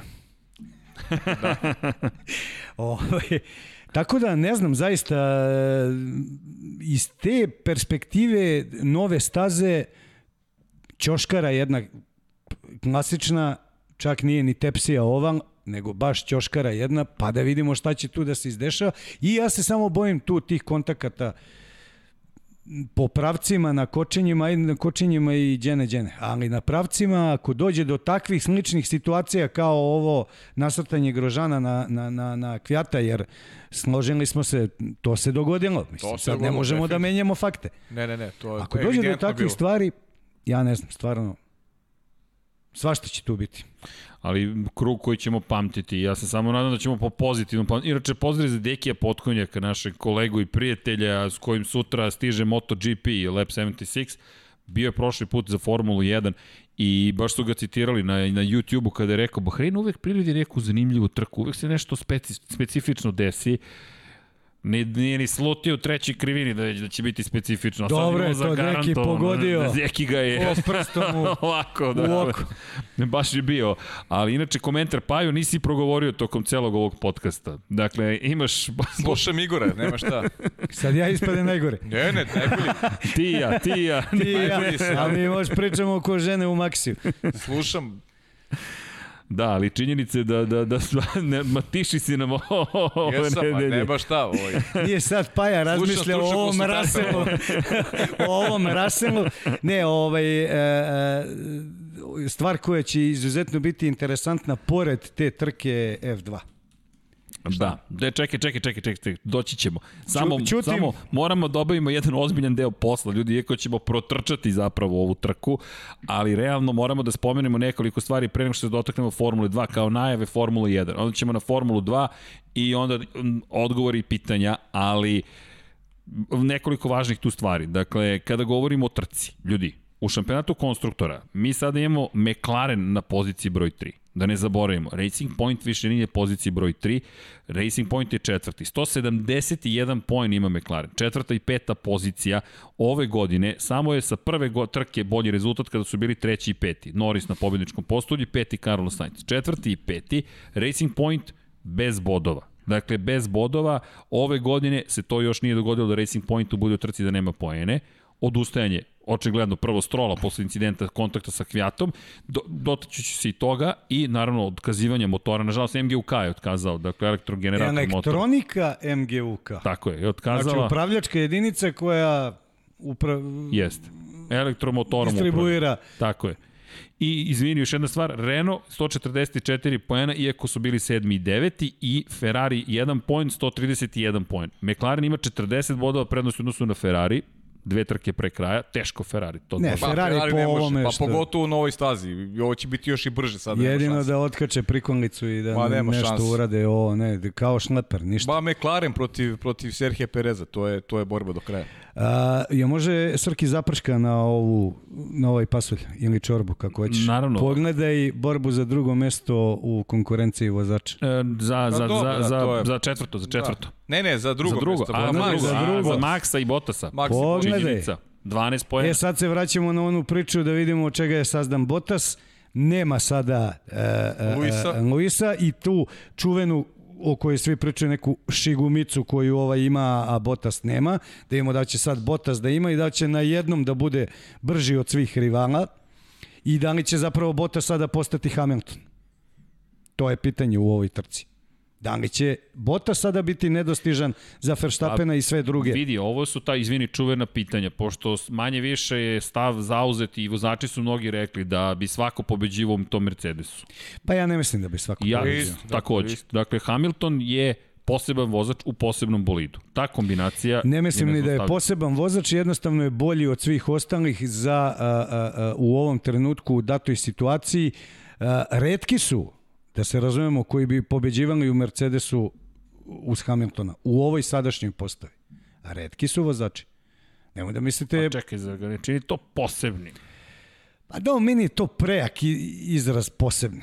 Dobro, da ostavimo to za Redki su posebni, posle tako, slažemo se, Ali redki čekaj, su posebni. titula, 95 pobeda. Znam da je to rezultat u velikoj meri izbora bolida i situacija, ali opet svako vreme svoje vreme. Opet se vraćamo u, u, u, u tu priču, stavi ga sa Žilom Vilnevom, stavi ga sa tom ekipom. Ali dobro, to je drugo Pa, vreme. Ne može opet kažem, ne može da se... Po, pričamo o babe i žabe. Ja nisam zaista ni mrzitelj, ni ljubitelj Hamiltona, niti sam navio za Schumachera, ja sam uvijek imao neku svoju viziju, ja sam navio za Žana Alezija. Znači, stalno sam navio. Zanimljivo, i Deki je za Žana Alezija bio. Ja sam za Žana Alezija, ja mislim da sam se ja više radovao onoj njegovoj jednoj mučenoj pobedi u Kanadi nego on sam. I to na njegov No, rođendan. ovde generalno je Igor tip koji navija za slabiji uvek. Pa da, zato što sam ja mnogo jak i onda... Tako je. I u, fu, u, Ne, futbolu, ne, i u futbolu navija za E, slabiji. jedna, jedna stvar, što šta fali ovaj Aston Villa. Ovo je prozivka, ja, ovo, E, kakva je ovo pokušaj- prozivka pokušaj je pala. ovaj- Igore, Pokušali su čuvari parkinga Ljutice Bogdana. da, da, Ovo čekajte, čekajte, time out, ja ovde, ja, ja, Šalim se, naravno. Ne vidiš da je iza njega Liverpoolova zastava, ne znam o čemu pričaš. Liverpool, bre, ja sam stavio. ima ovaj Dejan Dmitrović ima tu interesantnu priču, tako da nećemo sad o tome. Ovaj, Formula 1, Formula A, 1. ono što je jedino dobro što ovaj nećemo slušati ovaj vikend, e, što odsustuje Hamilton, je to što e, nećemo se baviti e, raznoraznim e, pričama o e, šumama u okolini Rija, o pravima mačaka, koliko ide fosfora u kućeću hranu i ostalo. To je jedino dobro u celoj priči, jer je čovjek počeo definitivno da se bavi mnogo, s, s mnogo više stvari koje nemaju veze s trkanjem. Vidi, ali s jedne strane meni to, moram ti priznati da, da razumem da, da ok, fokus na trkanju, ali on čovjek je rešio ove godine da bude ambasador za mnoge stvari. I, Ako to ide kad ponudiš uh, s mnogo para. ne, ali Sta, e, sad, ali, sad hoću čekaj. ja da budem, što kaže jedan naš prijatelj, e, pita ga žena, pa što si sad ti udario tu na ovog, na onog? Pa sad ću ja da budem pošten. Pa kaže, ti si tako to zaradio. E, sad ja hoću malo da budem pošten. E, tako da sad ja hoću da budem ambasador. E, ali vidi, ali ako ništa drugo, skreće pažnju. Skreće pažnju neke stvari. Znam da to nije popularno, Na ali... koje? Pa vidi, mi o tome pričamo trenutno. Ja ne pričam. A, ti si pričao sad o A tome. misliš o procentu fosfora u je, hrani? to hoću ti kažem. Jest. Vidi, on koristi sebe Niko kao... te nije pitao to, pazi, ti si, Ti si ga. ti si, ti si taj koji je danas zvezda. Zato što mene da to, pričaš, zašto mene to Tako, ekstremno ali nervira. Ti si krenuo da Pusti pričaš Kera, o fosforu sada. bre, one koske Mi, i... ja nemam spisak Nijednom- fosfora. Isto, ja, uopšte mene A zanima, ne, ja lupio ne pratim tu motku, znam priču. da li je to tako. Ja ne pratim tu priču. Ne, znam da grli ono drveće po Riju, ne, ne, da se ne vozi u uh, Ali trka mene- u Brazilu, da priča se ne dotiče seče drveće. Isekli dotaklo. onoke Amazon, sad će on da promeni. A mene ta priča ne dotiče, A tebe dobro, dotakla. ali neko mora da priča. Znaš, neko mora da priča. Mislim, Što bi rekli seljaci lupak i otvoren prozor. Ali mislim da nije, Znači, nije. On je ozbiljan, čekaj, on je globalna zvezda. Njegov glas se mnogo jače čuje. Dakle, neko će da ga čuje negde. Nešto će tu da... e, Ja, ja te razumem. A, malo je možda Prenaglašeno je sve to. Ali možda on ne zna Pogledaj drugačije. Kimija, car, bre, njega ništa A ne dobro, to tebi, tvom sentimentu više Da, da, jeste, odgovara. jeste. Da, Znaš, to je Ma ne zabada nos u tuđe stvari, bre. Pa, ali, F, feminizam, a, a, a, crnci, ovo ono. ali on je čovek... Pa Pa što čekaj, više to ali- potencira, sve će ljudi više u kontri da, Ali da ne rade mora neke da stvari. znači, vidi, on je skrenuo Pa- pažnju na neke stvari. Negde će imati tu reakciju, negde će Ne, imati drugu reakciju. Pazi, ono, što, ono čime se slažemo i... Preteruje, ti samo kažem, preteruje, to sam me- hteo da Meni je kažem. iskreno, globalista mi je više dovde. Tako je. Ali realno, stvarno. Tako Znači, je. globalisti, ono, više, ne, nemam reakciju na to više. Si, šta ti meni pričaš, ja ženu u životu ne bi ono, udario. ono što to, nam, ono samo što nam nameću, može da ono što nam nameću glo, globalisti. Mislim, Tako to, su, je. to je gomila budalaština. To je Pa, definitivno. Znaš, uh, nema više onoga što čovjek objektivno osjeća, već nisi, ti si u krivu ako ne uradiš ono što radi većina. E bre, gledam sebe kao glupost. ludaka za neke stvari koje su normalne. To- to se a, slažem, ali- a, Da li je moguće nekome čekaj, da se ali to dozvoli je to, usvajanje ali, ali, dece ali, ili ne? pazi, vidi, ali ali to je to je to to je individualno, to društvene je teme. tako je, to Znaš, je stav pojedinca to je- naš. Ja reagujem tako, ti reaguješ tako, poštem oni koji re, Bravo, reaguju stav drugačije. pojedinca. Sad on To je to. pokušava, Ali zašto što mu ne Srki dozvoli- kaže, on je čovek koji može da utiče na nekoga, na mene Može, sigurno Igore, ne može. Da, ali, ali, ali to ne može da ti izbaci iz nekog tvog nekog tvog razmišljanja, nekog tvog životnog stava. Znaš, nije potrebno komentarisati. Ja, ja, ja to tako gledam, znaš. Ni- Nije, nije vredno nekog posebnog tretmana. Kod mene lično uh, uh, uh, obezvređuje sportske uspehe i podvige tim Da, a nekim vidi, radnjama Meni koje- ne, meni ne. Ali vidi, E, zato što svako gleda vrhunskog sportistu, svakog vrhunskog sportistu. Znaš, imaš... E, p- posto, prosto mislim da treba ga gledati isključivo kao sportistu. I mislim da to što radi ništa do kraja nije iskreno. E, to je sada već druga stvar, to ti ja ne možemo da Jedino znamo. iskreno je sve radio Maradona. To ne možemo da koji znamo. ne može da bude Čekaj, uzor. čekaj, To ne deci. možemo da znamo, to ne možemo da znamo. čekaj, čekaj, dakle, ali polako. To ne možemo da dakle, znamo. Da vidim Vanja mi maše. Ne, ne Vanja, ljudi ovde pričamo, nema ovde secanja tema. ne, ne, da, Ako da, se ne je- slažemo, mi pričamo. Svako da iznosi svoj stav, treba da ga argumentuje. Dakle, i teške teme od njih ne treba bežati. Naprotiv, Hamilton je taj koji ih pokreće. I meni je to okej. Okay. Šta hoću da kažem? On je veliki šampion. On je izabrao da, da on bude neko ko priča jednu priču. I ako se zalažemo da svi imaju pravo da iznesu svoju priču, treba i on da ima pravo da iznese priču. Kao što ti imaš pravo da izneseš svoju priču. Da li on to radi? Ko- sam ja da mu zabranim da to radi? Ja sam hvatio da gledam trku Formula 1. Mene ne interesuje zaista da, da li je uh, Kimi, Kvjat i, i Roman da li su kleknuli ili nisu. Ja u životu nikad ne bih to kleknuo se jer slažem. je to, To se ja rekao, ne- znak ne bih- ne bih ni ja, ne bih ni ja Ali to uradio. to što ja osjećam Tako i je, to je moje- poštujem te ljude, E, ne pokazujem time što ću da kleknem. Ali vidi, je, vidi, to je ali, tačno. ali to otvara To dijalog. slažem. Dakle, vidi, ja ne kažem da treba ili ne treba, samo hoću ti kažem, on je otvorio dijalog. To je krenulo od- još od kolina Kapernika. Ali gledaj, poenta je u tome što si ti platio da gledaš Formulu 1. A kako možeš da, odvojiš I nemoj da mi provlačiš tu kao što sam ja sad zloupotrebio po Ne, ne, ne. znacima navoda, nemoj da mi Da, kako ja priču gledam? o, Znaš kako ja gledam? Ja potpuno... Ja o potpuno, hrani za mačke i pse. Ne, ja potpuno podržavam, ima pravo to da radi. Ali nemoj da oni koji ne rade, da budu obeleženi od strane globalista. Tako je, diskriminisani, To je, to je poenta cele priče. To je poenta cele priče. Kim je hoće da razapnu? Jer ja isto ne bih kleknuo Da, ali vidi. i imam ali, svoj osjećaj i vodim se svojim Tako je osjećajem. bre, moj I senzibilitet. to je moj senzibilitet. Ne može niko ali- da utiče na moj senzibilitet. čekajte, čekajte, to je poenta cele priče. Čekajte, ali isto tako vama ne odgovara. Neko možda kaže, ok, to je način Tako na je. koji ću se boriti. I to je njegovo pravo da on klekne ako hoće da Ne, ne, slažem se. Samo to. Slažem se. Tako ako je. želi čovjek... Ali nemoj ta- posle da, da upireš prstom u, u, u paju uh, Srke Što nije to Igora, radio. što To je- nismo tako je, to je Pa tačno. S imam osteoporozu, druže, ne Vidi, mogu da... Ne, ne, ne, Tako je, vidi, ali, tako je, ali vidi, to ali- je- Ne, ja mogu i ja tako ali da objasnim vidi- bez veze ko što i on ali objašnjava. to jeste tačno. Imam Ali- osteoporozu, knecoviks, ne mogu da Ne, ne, to je tačno, to je tačno. Ali, ajmo ovako, da, ajmo, budemo ele, forum vodimo, dakle, ja, ja neću da, da vičem, pa znam, nego hoću da vam kažem samo jednostavno. O, on je čovjek nešto rekao, pri čemu on je nekom zamerio. Taj neko kome je zamerio mu je takođe odgovorio. To je dijalog. Dakle, Kvijat između ostalog odgovorio, Kimi Raikkonen mu je odgovorio, Sebastian Vettel mu se pridružio. Ali vidi, i oni su i odgovorili. On na kraju nije njih naterao, ili jeste naterao. Hoću da kažem da je pojenta, ok, ti želiš da pričaš na taj način, Kimi želi da priča na neki drugi način, Kvijat želi na neki treći način, ok? Kim Dok se ne vređamo na najjaču izjavu uh, po tom pitanju kad Ali- je ovaj prozvao, šta je Kim je rekao? Ej, Ali Ne, ne, za ne. tebe. Ali isto tako, vidi, vidi. Ne, ne, ali, tako ne, ja, ja, jeste. Svako, ja, ja da, da ti kažem, sva, svačije mišljenje apsolutno prihvatam i uh, svako ima pravo na svoj ne stav. prihvatam, mogu da Ne. saslušam, ali ne, znači pri- da ću da ga kom sva- U prihvatim. kom smislu prihvatam? Prihvatam pravo Da čujem, da čujem. Da čujem, ali ne volim samo kad se nešto nameće. Upravo Nemoj tako. da upireš u prstom ako neko ne radi ono što, što ti misliš da treba da se radi. Znači, to je poenta cele priče. A apsolutno je veliki šampion i ima pravo to da radi. Da li se neka slažemo, ne slažemo, to je opet druga, druga neka Ja se izvinjavam zbog Srkija, potpuno je skrenuo temu. Mi Ne, nismo ne, ne, nije, pa vidi, ali to, pa ne možeš, ali vidi, ali nije, nije, nije, to je tema koju Hamilton jeste uveo.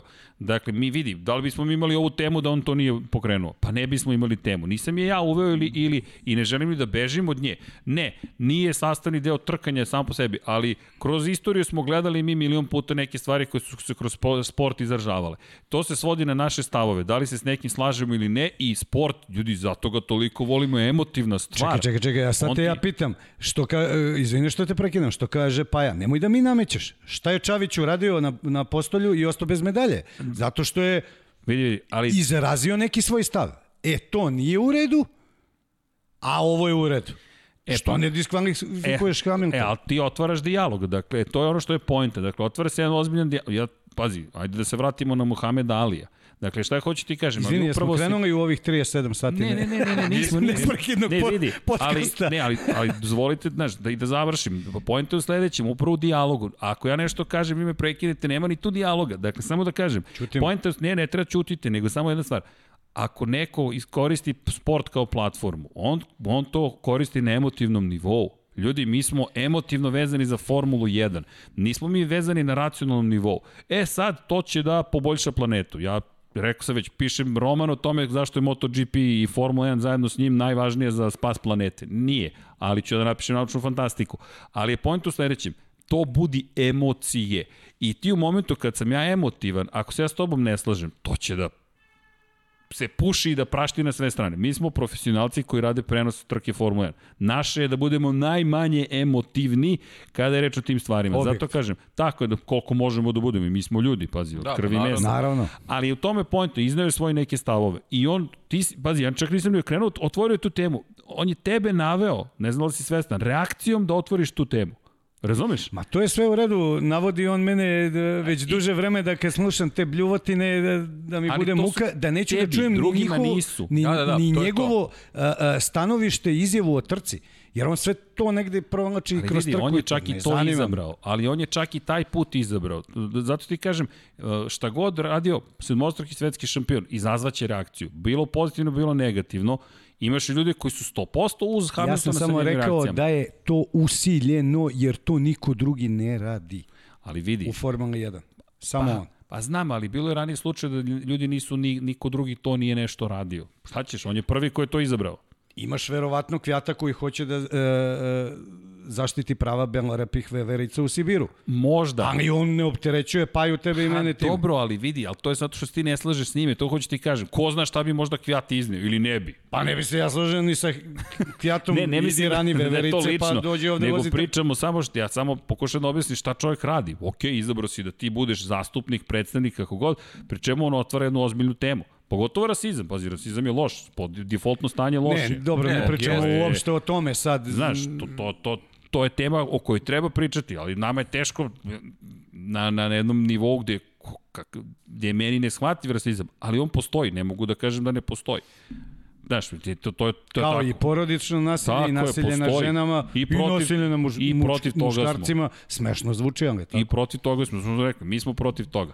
Ali da ne odemo na 37. sat priče o ovome, da se vratimo I tome... jedan pametan da nas prekine. da, dakle, a nije, nije, pazi, naj, najlakše je Ne, bre, isteći daj, temu ne, i ma izbeći, jok, ali ne, ne, ne. nema potrebe da bežimo od teme. Pričamo, Ra- dakle, nije ovo, nije, niko, nikom ništa ne zamera, razmenjujemo mišljenja i to je poenta cele priče, ali kada govorimo o Hamiltonovom odsustvu ili vožnji, pa čak, pazi, ti si malo pre rekao, volio bi da ga vidiš upravo kako vozi Ja taj sam ti krug. tom rečenicom sve objasnio. si- Na sve si stazi objasnio. samo ćuti prijatelju i vozi. Nemoj to je da mi tvoj stav. pričaš o e, šarenolikim Ali ček, ček, ček, da ne otvorimo sad ponovo tu temu, stani, i- stani, da se vratimo na stazu, idemo na stazu. Dakle, meni, ja, meni će nedostajati u ovom krugu, ali isto tako me fascinira sada, kogod uđe u taj bolid. Ok, jesu svi rekli, ja bih u Hamiltonovom bolidu bio šampion. Pa meni, pa meni, Evo meni, ti. je, meni je baš zbog toga i drago što Evo ga nema. ti bolid. Ajde vidimo Meni je sad. baš drago što ga nema. Znaš, da vidimo sad ko je... Prvo, Pa i na prvo, observacije interesantne. da, Evo, meni je drago što ga nema iz više aspekata. Prvo, trka će biti siguran sam interesantna. To je kao što Marka Markeza nema u šampionatu uh, u Moto Grand Prix-u. E, Izvini, news, news, news je izašlo. Dobro. Izgleda da Van Dorn vozi.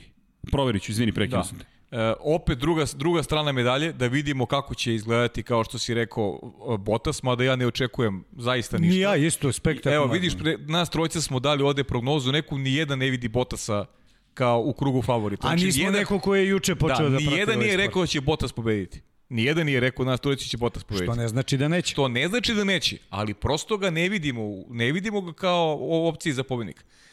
Da je George Russell u Mercedesu, veruj mi da bih ja razmišljao o tome da Ja Russell bih može pobediti potpisao. trku. Ja bih Neko potpisao. ko ima iskustva, već ima iskustva, vozi taj Williams. Nije on više ni toliko mlad. Nije mlad, naravno da nije mlad. Pa gde je mlad, već koliko traje samo u Treća Formuli 1. sezona, znači nije to, to... to su već ozbiljne godine, vozi u kontinuitetu.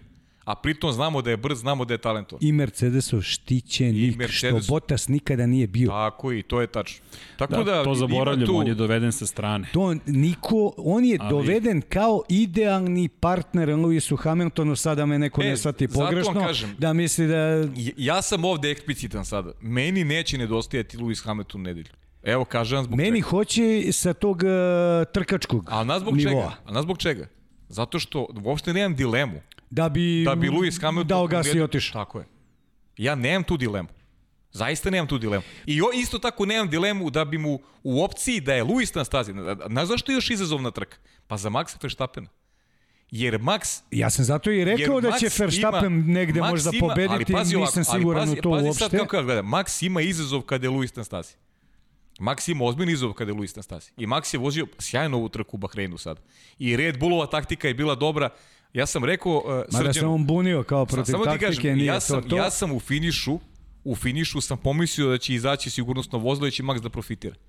Da se to desilo koji krug ranije, možda bi profitirao. I Max je vozio sa, zaista sjajnu trku. Ali nema on sada tog izazova, nema Luisa na stazi. On je neko koji u svojoj glavi, ja sam sigurno to sada favorit. I sa tim se treba nositi, E, znaš. to sam teo ti kažem. I da vidimo Breme, kako, što kako kažu, će breme Max, favorita. Pa čekaj, ne može svako se, da nosi. Pa ne može. Seti se trku koju je imao, gde smo ono bili u Istanbulu gde je imao sjajne kvalifikacije po Tako kišnoj je, trci, da. bio drugi, bio razočaran, sedeo tamo, nisu mogli da ga smire što je na kraju bio drugi. Došla trka, loš start, napravio par grešaka, sam sebi je nametnuo pritisak. I Sam odradio sebi- loš posao. Sada će opet biti pod istim tim pritiskom jer sam ubeđen da sebe vidi kao favorite za pobedu sada kad nema Luisa Hamiltona. A kontra dobar primjer je mir. Boriš se za titulu onako mirno. Samo ja verujem da on nije progovorio sam sa sobom. taj dan. Ali meni to ljudi samo govori da će pobediti Pierre Gasly. Kao što sam vam rekao. Ima, ima, ovaj, Čuli ste to ima, ovde. ima, Okej, ima dobro. potpore, Ali, ima inače, potpore. Jer ima, vidi, on je da ima. potpuno rasterećen, on zna da ne može u Red Bull, on ti je ko, on, on ti je ko tipa, sad ću lupim, ko Brighton. Na sredini ne može gore, ne može dole, tu je negde, znači, niti se bori za ligu šampiona, ni, ni će da ispadne, vozi to što vozi potpuno rasterećeno, može da iznenadi Pa, da. Ali angažman treba, za sledeću godinu siguran. Mnogo mu sreći treba, ja mislim. Ali dobro, Jel, hoće tvoj brat Cunoda da... su noda, moj brat. tvoj brat Čekaj, Cunoda... Formula 2 ima pitanje za Cunodu. Cunoda je odvezao vrlo interesantno u prethodu trku, ali, Da, da. ali pre, nego što, pre nego što dođemo do tog dela. Samo ima, ima par stvari. Dakle, George Russell, inače, lažna je bila vest za sada, makar niko nije potvrdio da će Van Dorn voziti. Inače, Matt Gallagher je upravo tweetovao da se šapuće sve više da će George Russell možda dobiti priliku. Čak i Felipe Massa, evo Svetomir je retweetovao, tweetovao fotografiju Georgea Russella kao podršku Georgeu Russellu. Dakle, svi se javljaju sa željom da Svi George Russell da, da dobije priliku. Dobro si rekao. A, tweetovao kao podrška, možda to smešno izgleda, ali u Formuli 1 u tom biznisu svi sve opipalaju. Tako je. Što misliš da oni to ne vide koga narod hoće? Naravno da vide. Koga briga? Stoffel Van Dorne je došao kao veliki Zna- talent u Formuli 1. znaš kad je bilo- Nije svoju šansu iskoristio, iako je bio u katastrofalnom McLarenu, ali nije pokazao ništa. Go Russell trenduje. I znaš kad je objavljeno pre tri nedelje? A Russella objavljeno svi hoće da vide u, Da će u Mazepin i, i Schumacher voziti za, za Haas. Pa da. Pre tri nedelje. Evo, dobili smo zvaničnu potvrdu. Sećaš se kada smo pričali o tome? Ti si pričao i govorio si ljudi stojim iza toga da će biti Ljudi, Mazepin i koliki je to biznis, bre, e, e, e, e, ljudi su teli Honka, bre, u Red Bullu, bre, znači, da ga vide. Da.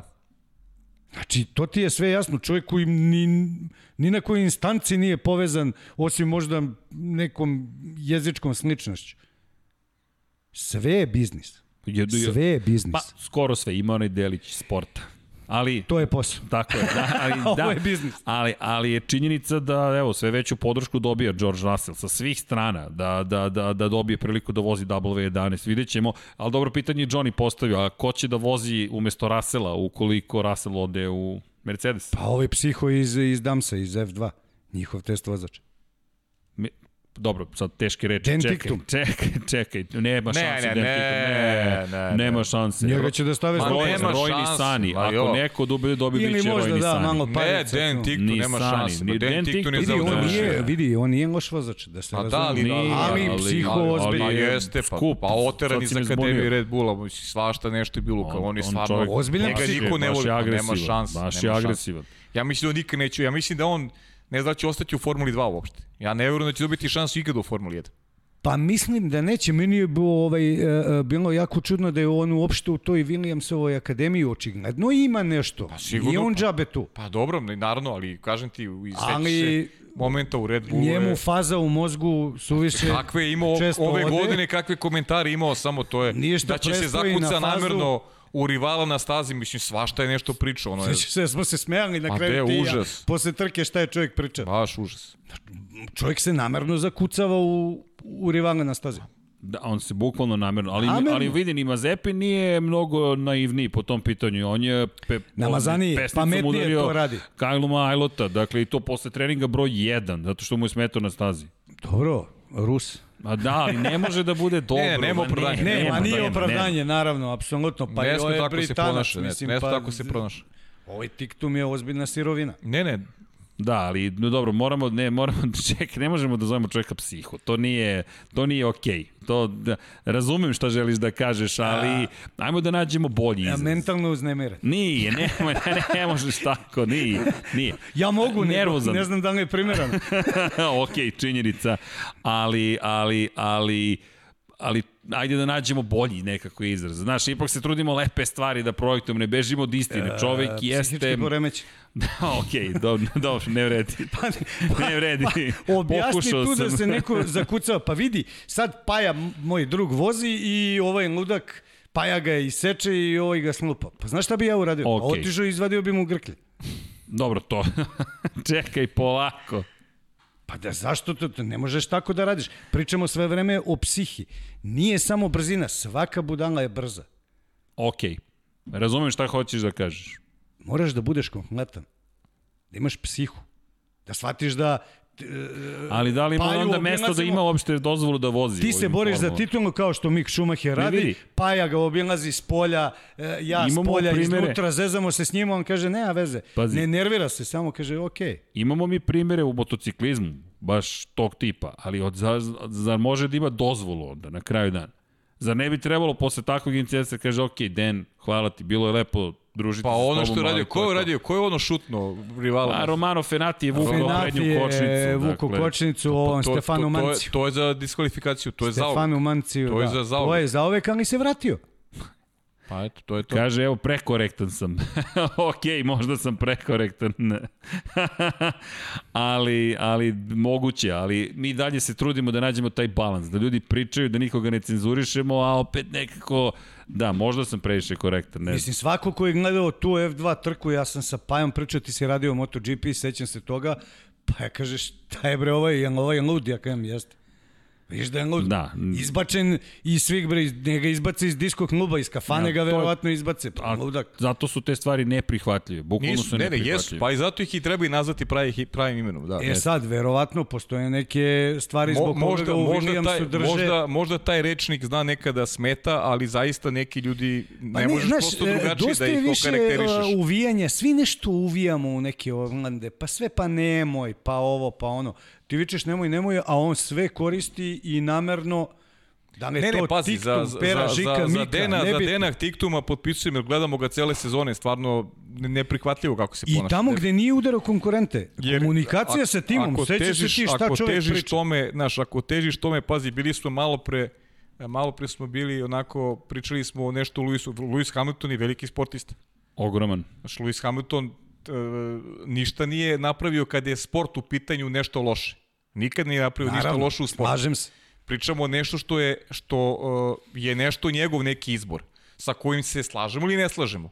Ja se s nekim stvarima ne Sa slažem. sportskog ali je aspekta- veliki sportista i to je ono što sam, što sam rekao u jednom delu emisije. Uh, ja, ja razdvajam to. Razdvajam sportsku karijeru od one koje nema veze sa terenom. Apsolutno. Ja to razdvajam. Lewis Hamilton je veliki sportista. Dan Tiktum, ja ne mogu da ga svrstavam među sportiste kad napraviš par vezanih gluposti koji su neprihvatljive. To su gluposti.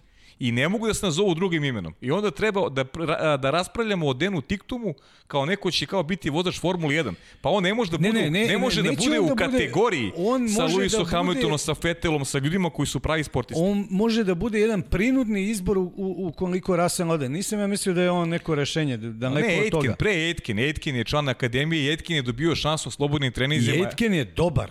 U onom je- učenom kampusu je Jest, da, znači, ali- vrlo pravio korektan, vrlo korektan. Vrlo korektne rezultate. Jeste. Da, ali, ok, samo da se vratimo. Pritom je Britanac, isto. Da. Vidi, što se tiče izjava, razum, na, znaš kako, da li sam korektan ili nisam korektan. U krajnjem slučaju, znaš kako ja to Ti si gledam. uvek jako korektan. Pa da, ali to je deo i naše obaveze i negde i posla, znaš, koliko god, možda mi nismo, možda ajde, podcast nije televizija, nije, nije, ali dalje je to sredstvo javnog informisanja i dalje imam, imam, ja smatram da imam obavezu da kažem, ne, čekaj, nemoj, ajde da ne pričamo tako, zašto? Zato što verujem da mi možemo da drugačije oblikujemo svet. Slažem se s tom kada pogledaš to što je uradio je neprihvatljivo. Ajde, To je probaj. E, Nisi uspeo da nađeš e, mekani izraz. Pa znaš kako, me, e, mekan izraz je, nema čak ni potrebe da ga opišem.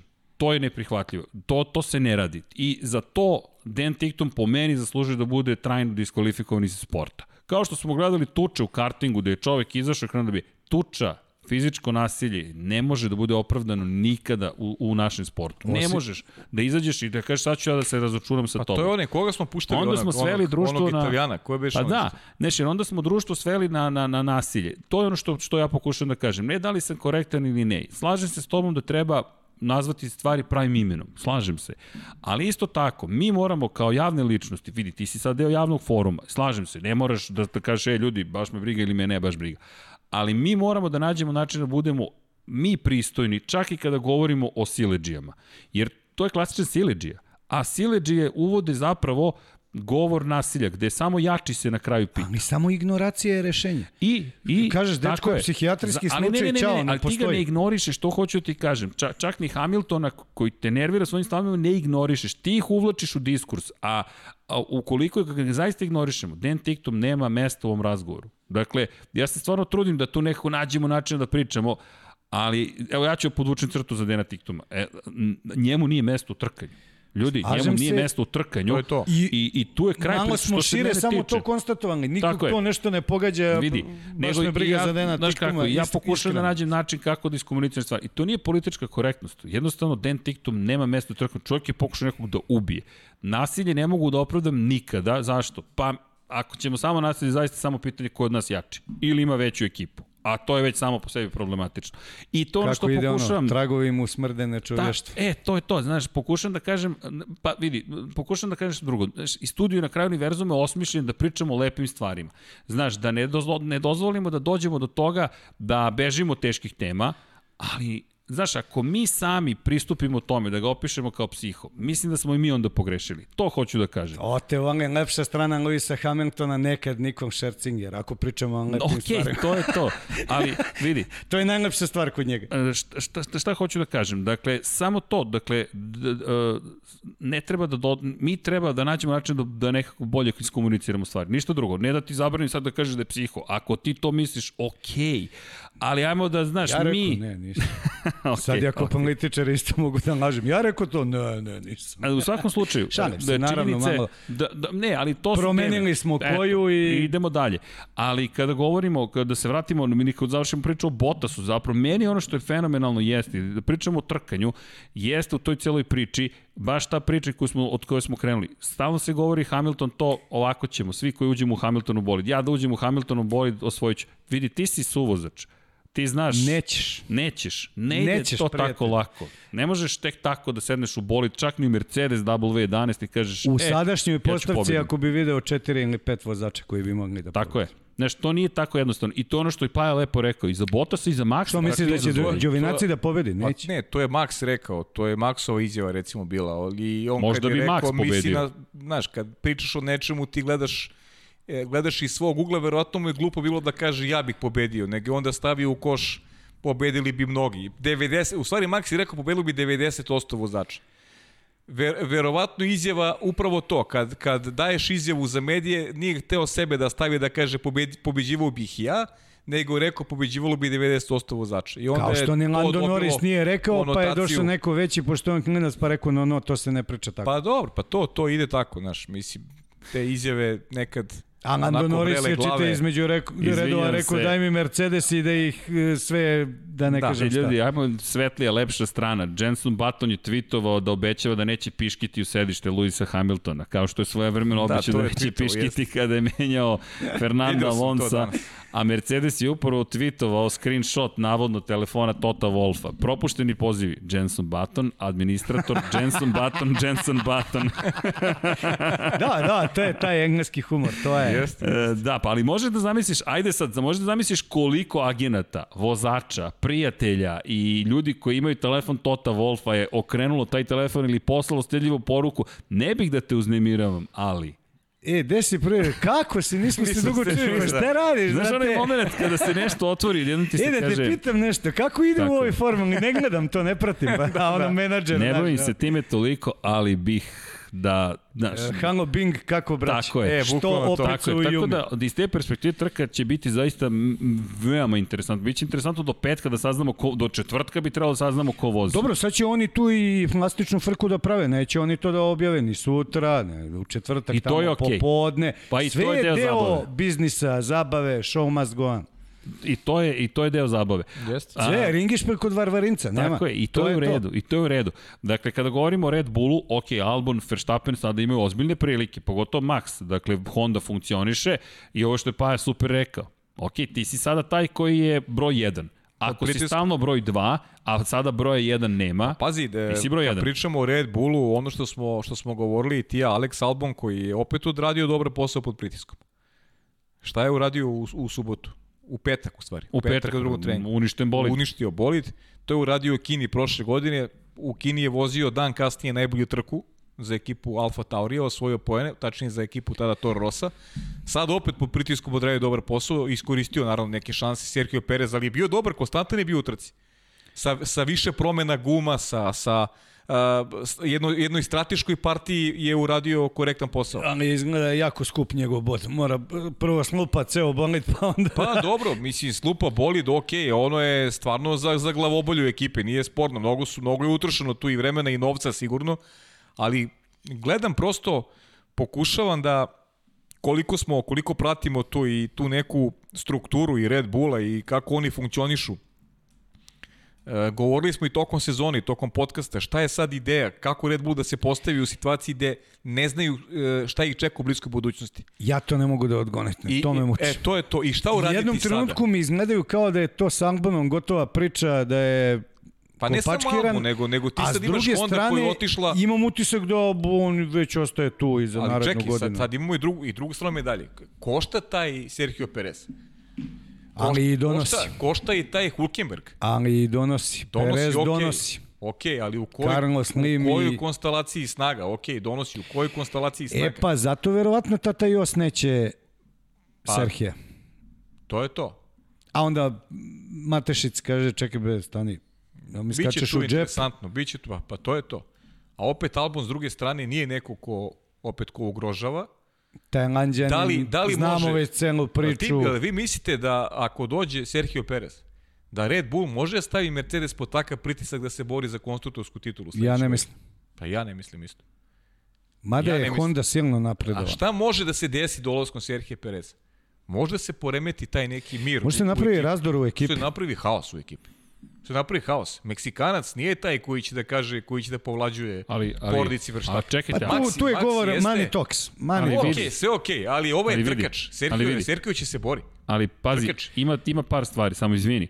Dakle, Sergio, da, ali hajde da kažemo ovako, ti dobijaš sada spas, životni, karijerni, i nek ti kaže, ok, odradi ovu sezonu, ovo nam treba u sezoni, da možda ne može da poremeti tako stvari, ali Sergio deluje da bi mogao biti bolji od svih ostalih posle Daniela Ricarda u Red Bullu. Šta to može Tako da je. znači u okviru taktika u, u samoj trci? Možda ne može da pobedi Hamiltona, ali može da pobedi Bottasa i da spreči Bottasa da utiče na trku to je tačno. između Verstappena i Hamiltona. Dakle, treba ti još, jer generalno Toto Wolff je briljantno pripremio ekipu za, za bitku. Kako? Kada je Vettel ih ugrozio 2018. Ferrari nije znao kako to da iskoristi. Šta su uradili? Kao tim su pobedili zapravo Vettela i Ferrari. Kao tim. Bottas je usporavao tačno u pravim momentima kada je trebalo i radi ono što se očekuje od vozača broj 2. može. To Perez može. može da bude najbrži bodyguard na svetu. Najbrže. Može, Znači može. može, to nije uopšte sporno. Ali ovaj pitanje je da li to Pričamo samo- slovo ugovora E, pričamo kaže samo, ili ne kaže. Pričamo o karakteru čoveka.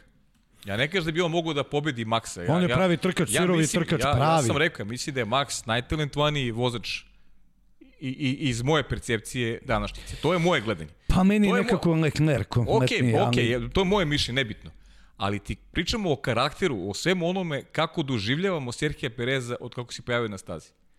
Ja ga Da li vam doživljavam je- kao vrlo ozbiljnog vozača. Ja mislim- isto. Ali, ali ljudi... Ja isto. Od Da li, da li on da Ali čekaj, li je Pajo, čovek ko može da ali- se kaže ti si, da li bi on pristao negde da bude Ali zar to nije već uradio? Vidi, njega su ovi ljudi otpustili.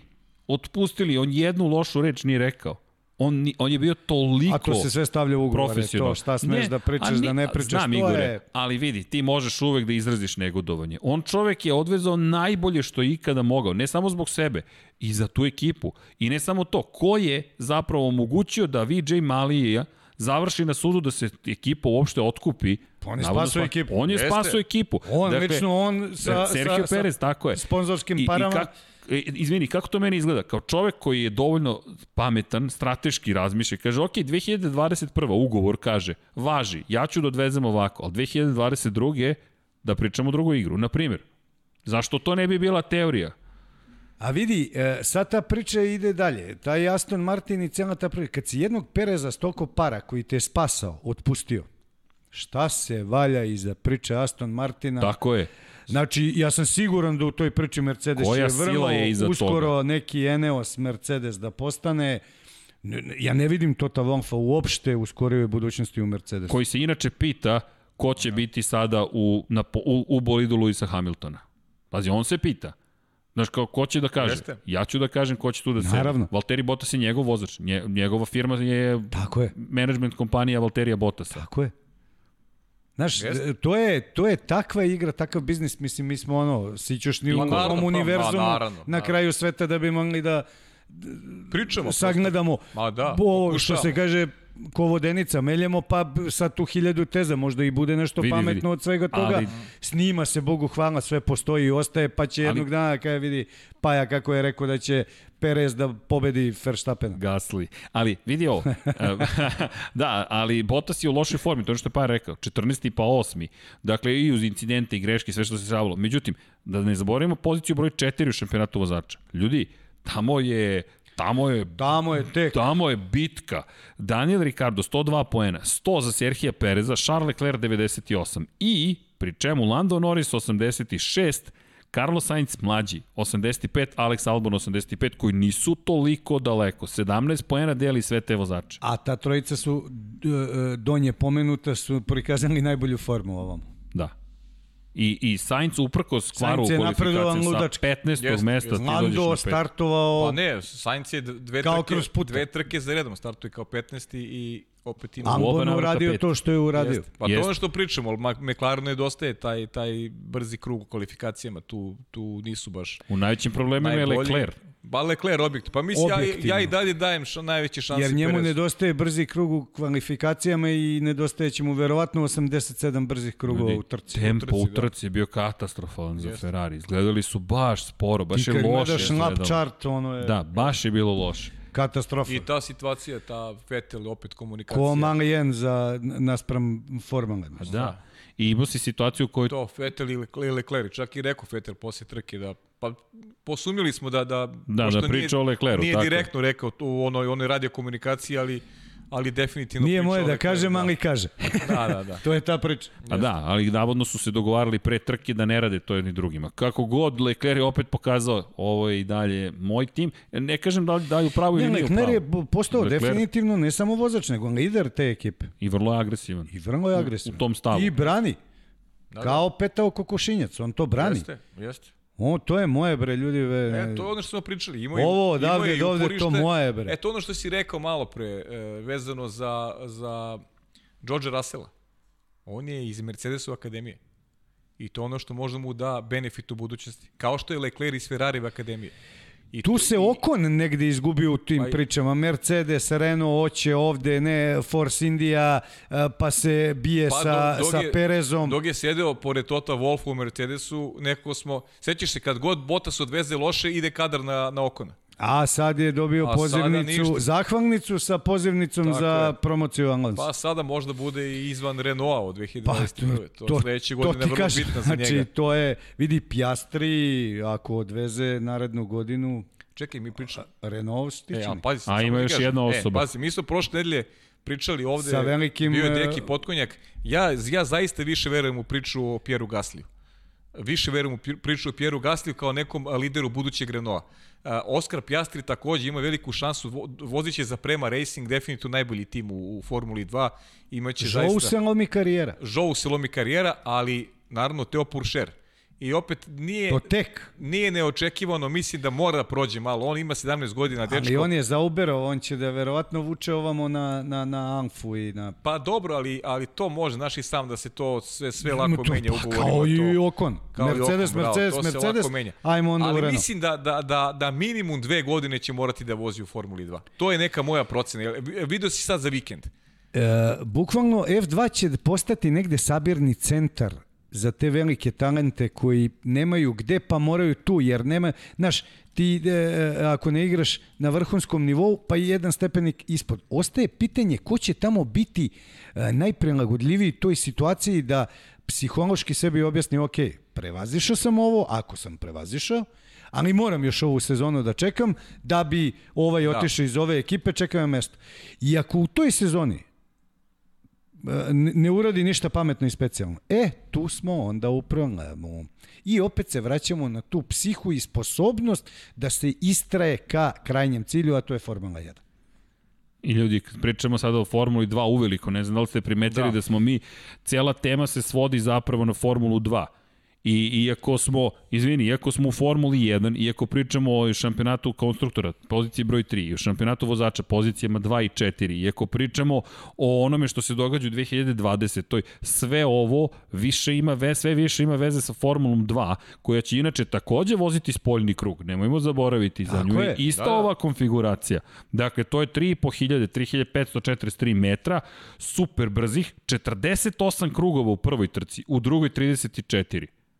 To Da. će tek biti I velika ljudi. borba Mika Šumahira i Pritom ne zaboravi 18 cona točak, drugačija priča u odnosu Tako na je. formulu, u odnosu na Amortizacija, podešavanja, sve je drugačije. drugačije. Mada stižu niskoprofilne gume još malo i u Formulu 1 od 2022. Ali samo da podsjetimo, Mick Schumacher 205 poena, 14 više od Caluma Ailota, na tre poziciji 3 Nikita Mazepin, teoretski postoji još uvek šansa. Teoretski ima ali, i, i valjda i Cunoda Pa koji da, je peti, ali ono, anglo, to je- valjda- valjda bod realno jedan je ima. A teško je, svedeno po, na teško je pobediti u Schumacher pobediti Ja mislim da je Schumacher Ailot to je ta borba. evidentna borba. Ailot ali- je veliku grešku napravio u ovoj sprint trci. Da, da, u sprintu je Imao je pogrešio. veliku šansu da smanji e, drastično izgoreo. razliku. To je ono što kažu izgoreo. E, bravo, to sam ja rekao On se prenosu.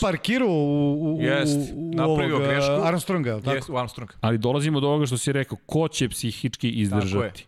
Ko će psihički izdržati i ima još jedna bitna stvar.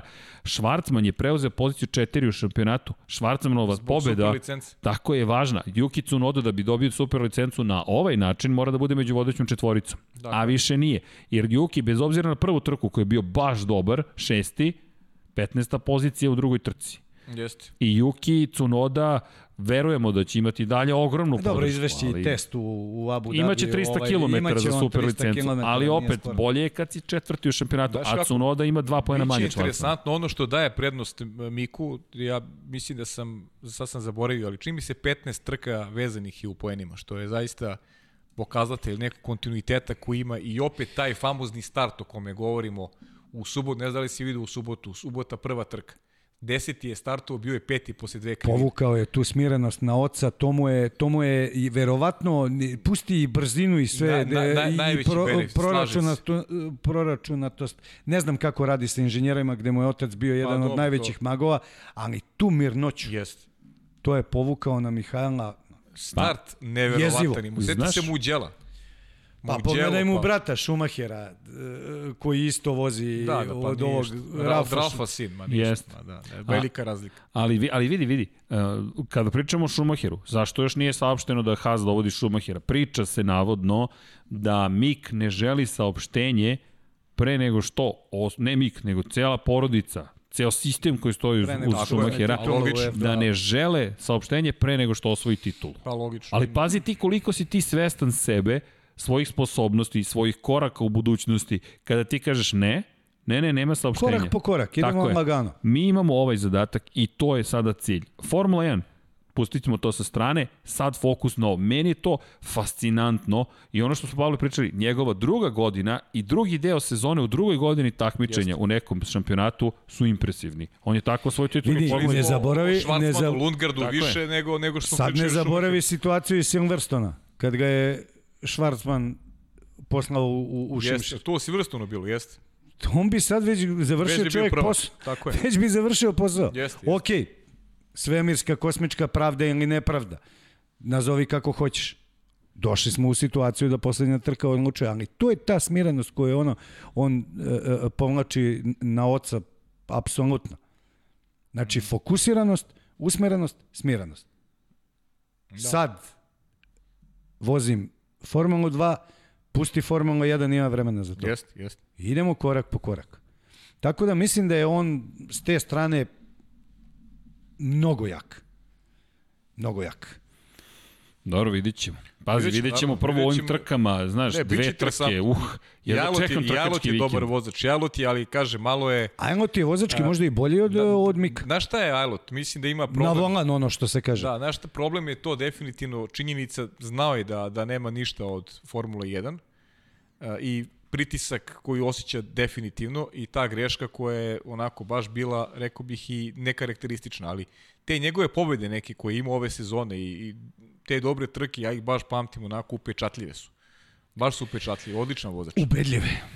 Baš, baš je upečatljivo. Vozački jako ubedljiv. Ja i pobeda. recimo, pazi, na mene koš ostaje utisak, pored Lundgarda koji je zaista sjajan vozač, Luis de la Traz je za mene takođe jedno veliko otkrovenje. Luis Deltraz je već godinama tu, ja mislim da je on jedan a- od najiskusnijih u, Ali u pazi, ja, F2. ja iskreno, ja nisam baš pratio uh, Luisa de la Traza ranije.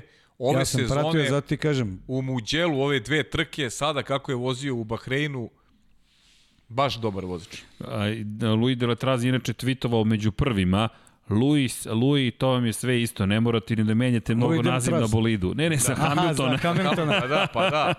Pa je rekao, eto, ne morate mnogo da se Prejako, mučite. ovo je najjači neko je prokomentarisao hrabar mali. To je I jeste, to. zamisli, To je tweet, to. i tweetuješ direktno Ali Mercedesu. šmekerski, Šme- Ali šmekerski. vidi, ali to je deo te priče. Evo, ja se Šmekerski. namećem. Ja spreman sam. Nije okej. moje, nego ja samo da kažem. Samo ta... Nije moje, ali sam rekao. Tako da, klinci, klinci, ljudi, oni postaju... Šta mene fascinira u ovoj generaciji Formule 2? Što njihovi dueli međusobni u, takvom, u takvoj grupi talenata, izla... to je Max rekao i to je, to je, to je, da, direktno udario i po Albonu, ali je takođe i istakao koliko znači dobar klubski kolega. Šta je rekao? Rekao je da mu nedostaje Daniel Ricardo. Zašto? To je još ranije izjavio. Nedostaje mu to da izlače maksimum jedan iz drugoga. Albon ne izlači maksimum iz Verstappena. Isto važi za Gaslija. Ricardo je njega terao da izlači maksimum iz sebe. Sede u istom bolidu. Nema tu sada ko ima bolji bolid. Ne, ne, ne, ne, imamo iste bolide. I tera ga na više. E sad zamislite u ovoj Formuli 2. Ajlot, Tsunoda, Schumacher, Deletraz, Schwarzman, Mazepin, dolazi Teo Puršer, Dolaze ljudi, Pa Zhou, Piastri, imate tu. Zhou. Pazi, Piastri, Australiju Pazi nasleđuje. Armstrong koji je bio vice šampion 2017. godine, koji je odličan vozač, nema, nema sezonu dobru. Pa Markelev takođe, Pa, i on je odličan vozač. Duanov Sve dobri sin, vozači. Markelov je možda i Lu- Luka najegzaktniji... Luka Đoto koji godinama Luka. Đoto koji još tu malo da vozi, on čak može se oprosti. Znači, Drago Formula jest, 1 neće jest, videti. neće sigurno, Felipe da. Drugović isto Da. ludački Tri dobar pobjede ove vozač. godine. Pazi, tri pobjede. I, I sad je pobedio u Bahreinu. Jeste, i, i to subotnjoj trci.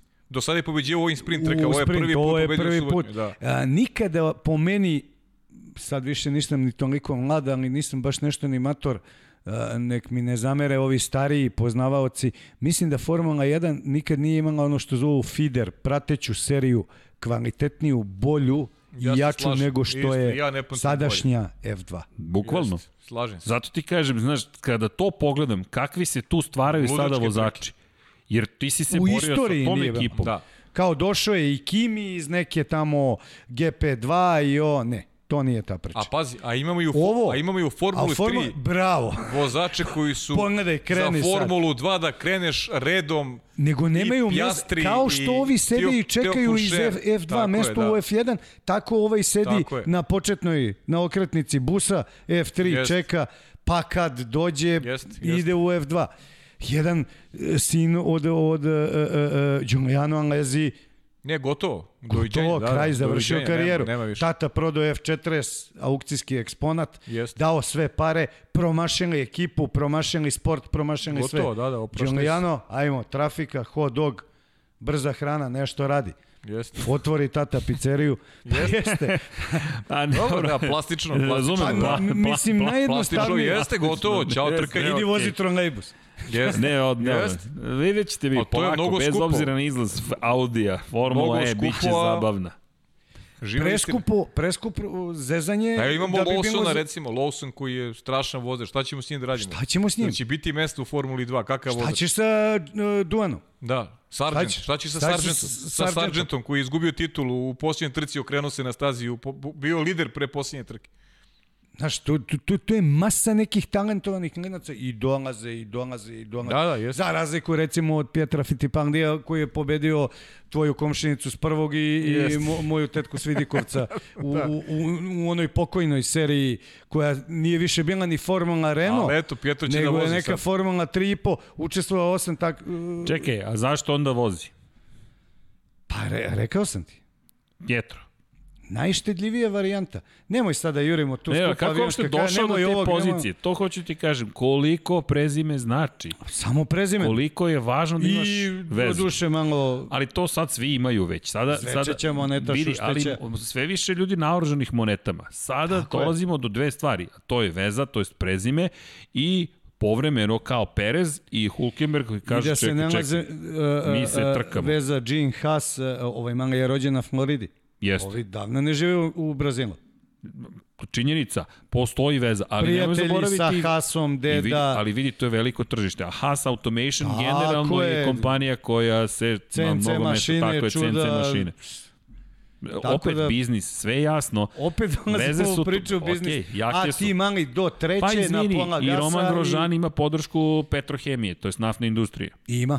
Ima. Ima. Na taj način je i došao u Formulu 1 najpre, ne samo kao šampion, već i imao je podršku ozbiljnu, finansijsku. Ne, n- najgore bi mi bilo za tog Grožana da ovaj koji je de facto kvalitetan vozač ti umesto da pamtiš onih deset onih podijuma sa Lotusom ovo ono ti sad ode ga upamtiš ko do ovog sakatog bez patike Pa, pa i, pa i pamtiš, jedva preživa. pa čekaj, pamtiš ga i po spa. Pa, ja to su ta generalno ne, ne gledam trke zbog toga. Ja, ja se užasavam. Ja ne volim da gledam trke. Ja kad mi kaže ja je bila dobra trka, smlupo se onaj, ja bi mu smlupo Da, dobro. šamarčinu odmah. Da, da, ne, jasno. jer gledaš trke da bi se neko smlupo. Ja ne je. gledam trke zbog toga. Mene to ne naravno, interesuje. Pa, pa naravno, pa to i de, de Bož da ih nema nikad. A, ali na, na šta najgore? Što ti kad, kad, kada budeš analizirao, kada budeš, budeš analizirao uh, karijeru Romana Šta Grožana, je obeleženo? setit ćeš se, setit ćeš se spa, pogotovo će navijači Ferrari. Ja da se, neću. a, ali ti kažem, šta će da radi većina? Setit će se spa i setit će se ovoga.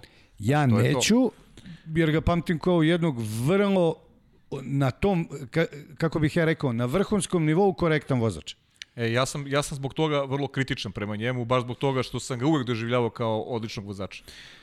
Da iskoristimo priliku i za pitanja, dakle, imamo Nije naša, no, naša. mnogo, da, ok, treba Nije se moje majke, mi, pohvatati. ne znamo da. dakle ovo ovde. I da, inače, evo, Ju- Verlajna, da, pa Verlajna, Pascal, ne, pa, zaboravlja. nažalost, nema on više. On je bio na spisku... On je u DTM-u to Da. malo što je odvezao, odužili se, dali mu, dali mu omaž. vozio. E, Pa i Pietro Fittipaldi ti je bio u DTM-u. Da, da. E, e, Bio je, ja mislim, od 15 trka bio je šest puta u nekim bodovima, 15 i završio. Pascal Verlaine Pa baš je loše vozio u DTM. Pa, ali vidi, Verlaine je bio i šampion tog DTM-a. Ali recimo, uh, Verlaine je bio godine uh, uh, onako, baš je projektovan bio od strane Mercedesa, ali neki Jeste, bug se bio. tu desio. Ali vidi, propuštena prilika. Po meni to je psihološki pad. Ti si došao u jednu Marusiju i pokušao si, dao si sve od sebe. Ti si na spisku uz Georgea Russella, George Russell je već u to vreme bio na Da, spisku da, je rezervnih bio vozača. na... Tako je, vrlo visoko. On, Stoffel Van Dorn i Verlaine su tri Tako je. vozača koje su Tako je. zvanično bila na spisku Mercedesa za rezervne vozače.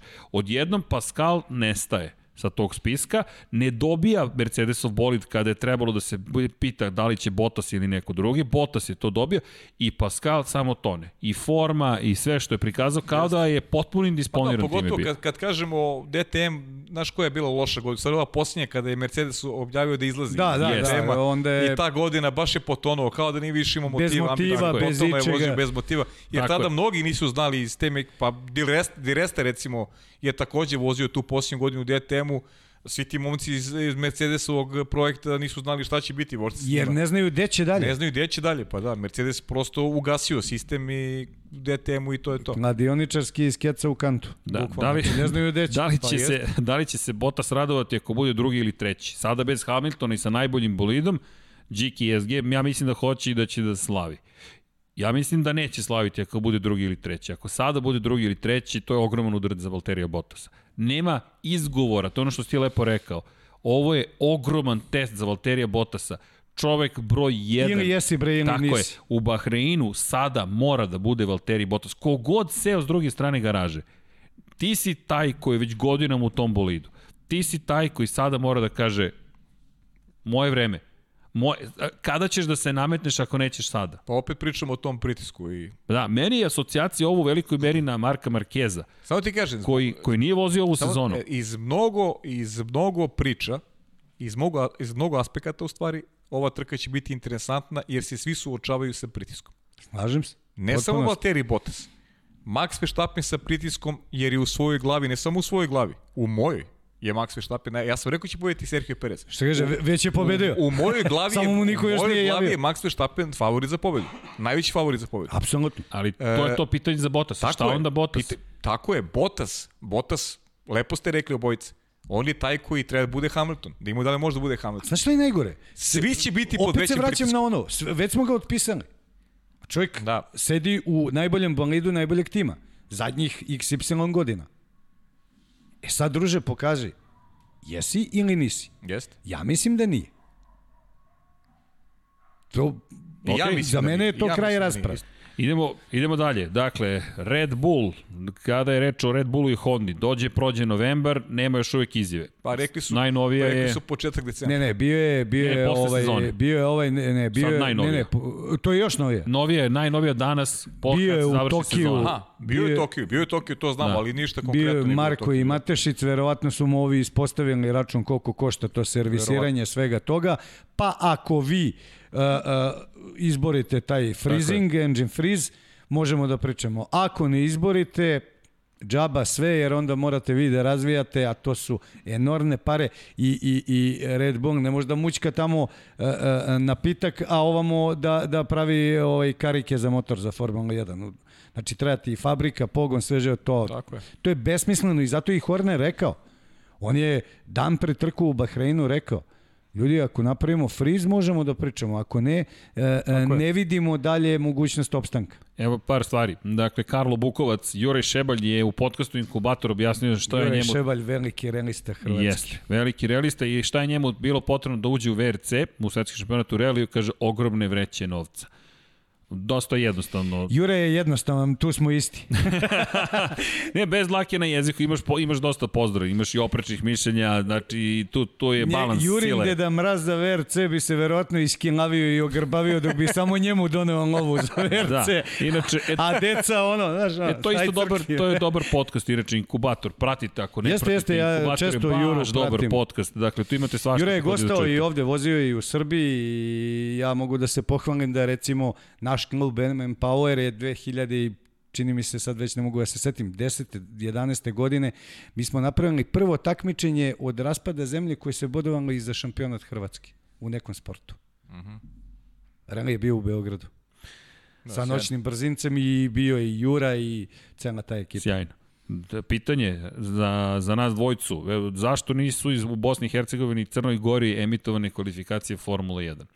Nemamo ovaj pravo objašnjenje. Ne, možemo da vam damo e-mail. a da čuš. Možemo da, da, možemo da vam damo e-mail, ali za, ne, zvuči kao pranje ruku, ali ajmo ovako vrlo jednostavno. Pa je ja da se pitamo. I naš dragi kolega Aleksandar Đankić. Kada li biste konferenciju u četvrtak, konferenciju u nedelju, konferenciju u ponedeljak, testiranja, sve što može. Ljudi, postoji samo jedna, jedna, jedna e, stvar. Mi e, nismo ti koji znamo ugovori, kako su definisani, šta se radi, to... Vi ste bili ljudi komentatori, novinari koji vole ovaj sport i to je to. Tako je, znaju više pa, instance da. od nas, a mi stvarno žalimo zbog toga što ljudi u Bosni nisu imali priliku da gledaju I Crnoj Gori. i Crnoj Gori da gledaju kvalifikacije. Urednici u svom sportu, mislim koliko ja znam, ne radim u vašoj kući, urednici u svom sportu, dobijete plan, to radimo i... Tako je. Pa da. Pa mislim, žel, želimo... Mislim da je, Znaš e, kako? Znaš kako? Želimo, Ja isto radim u- e, u pazi mediju, ovo, u televiziji. Želimo da utičemo, želimo da pomognemo, znaš. Nije sad ono kao slepo samo sediš, nego hoćeš da komuniciraš, prosto to Tako je, je. znaš, ono, to je... Ali ljudi, stvarno da nije pomeriš. pitanje za vas, koliko ja Ne, ne, kapiram. okej, ali ipak e, tu smo, mi smo deo, deo smo sistema, pa prosto, znaš, Sačekajte na vezi. tako je, pa pokušamo, ovog, pokušamo kod da nešto promenimo, znaš. Vidi, ono što mi radimo, što Paja kaže, mi, to se zove lobiranje. Mi smo naporni. Dakle, mi, ako neko zna, mi, to su SMS-ovi, Viber poruke, telefonski pozivi, onima koji biraju kako će izgledati program da se nešto desi. Dahtanje ali naša, slušalicu. tako je, ali naša, ali naša nije, ali naša Kao Alonso, a bite bungo. Tako je. Dakle, šalj, da, ali bukvalno smo tako ne, dosadni. jeste, jeste. Ne, Ne ne, vidi, mi znamo šta se desi. Na primjer, nama se desilo, dakle, da, da, dakle, kada smo to saznali, odjednom, ne znam, ili pa ili mene nema u prenosu zašto. Mi jurimo okolo da saznamo šta se zbiva. Dakle, po, po nekom stanju stvari mi bi trebalo da kažemo, sorry, ovo je naš prenos, sada nema napuštanja prenosa, ali mi smo to saznali, kvalifikacija šta se zbiva, da nismo mi, jer mi Pokušaš smo da- tim. pokušaš da promeniš Sport klub malo, je znaš. tim. Dakle, pokušaš da A saznaš da je sve pritom okej. vredno je što zaista ovu automotu zajednicu, ja Kako nekako smo se, kako bih ti rekao, srodili se. Koja je to vrlo brojna u- to je povratni. u- tu i su, u tu su- Srbiji i u zemljama pazi, to su ljudi vole trke, Pro, propustiš nešto pa ti neko sugeriše, pošalje ti poruku. Naravno. Pa znaš, to je Nema sujete, nema ničega, Ne, hvala ti. Kakva sujeta, Hvala nema ti, daleko. Ko je crna sujeta, nisam popio svu pamet ovog sveta. Tako je, bre, niko Ima ništa stvari ne koje zna ne najbolje znam. na svetu. Da, bre, normalno. ali to to je, dakle, to je jedno od pitanja. Jednostavno, Možda osim jedan. verujte, bilo bi Da, super da možemo. Inače, Russell u Mercedesu, Van Dornu, Williamsu za vikend, Stefan Stevanović. Stefane, voleli bismo, mada bih ja voleo da vidim i Van Dorna takođe, ajde da vidimo šta može, čovjek je ozbiljno vozio u Veliki Formuli prosperitet e, bio. U nižim kategorijama osvojio sve Nije džabe ga Mercedes uzeo, protežirao, gurao, finansirao, sve radio što treba da se radi. Tam je ta nesrećna e, era McLarena njemu I, i znaš, nije lako biti e, e, e, timski kolega tajming je- Alonso. Tajming je mnogo Znaš, bitna stvar životu. je... Mnogo bitna Čudesan je. I Čudesan mislim da je on imao loš tajming. E sad vidi, ako on bude tu, ni njega ne isključujem za neki dobar re- rezultat. naravno, znači, opasan je Belgijanac, je opasan vozač. E, Miroslav ima pitanje za mene. Zašto nisam ovako reagovao kada je Jelena napala Mihaela Šumahera, a prešla je na Mika Šumahera prilikom rođendanske emisije? A, dve stvari, pošto je pitanje direktno meni upućeno. Pa. Jedna, jedna stvar jeste, trudimo se da dozvolimo svako da iznese svoje mišljenje. Dakle, da, da, da ga iznese, pokušamo da nađemo taj balans između toga iznesemo mišljenja, opet negde ne preteramo u nekom vidu načinu komunikacije. Druga stvar jeste što moram priznati da i ja učim. Dakle, ja učim, Jelena će, će biti ponovo gošća, pa ćemo pričati baš i na tu temu.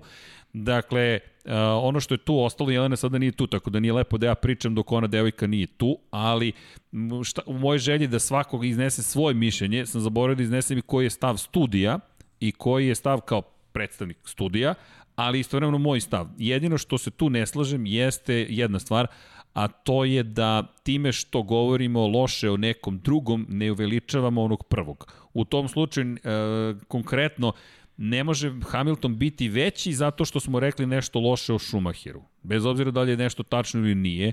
I to je nešto što ja, meni, meni je bilo žao što nisam shvatio odmah da moram drugačije da reagujem, a to je to učenje. Dakle, ja ne pokušam da sprečim Igora da nešto kaže, nego samo pokušam da kažem A zašto pogledaj- ja komuniciram neki drugi način i šta ja pokušam da uradim u emisiji. Videli ste, jeste videli izjavu Ronija O'Sullivana? Videli smo.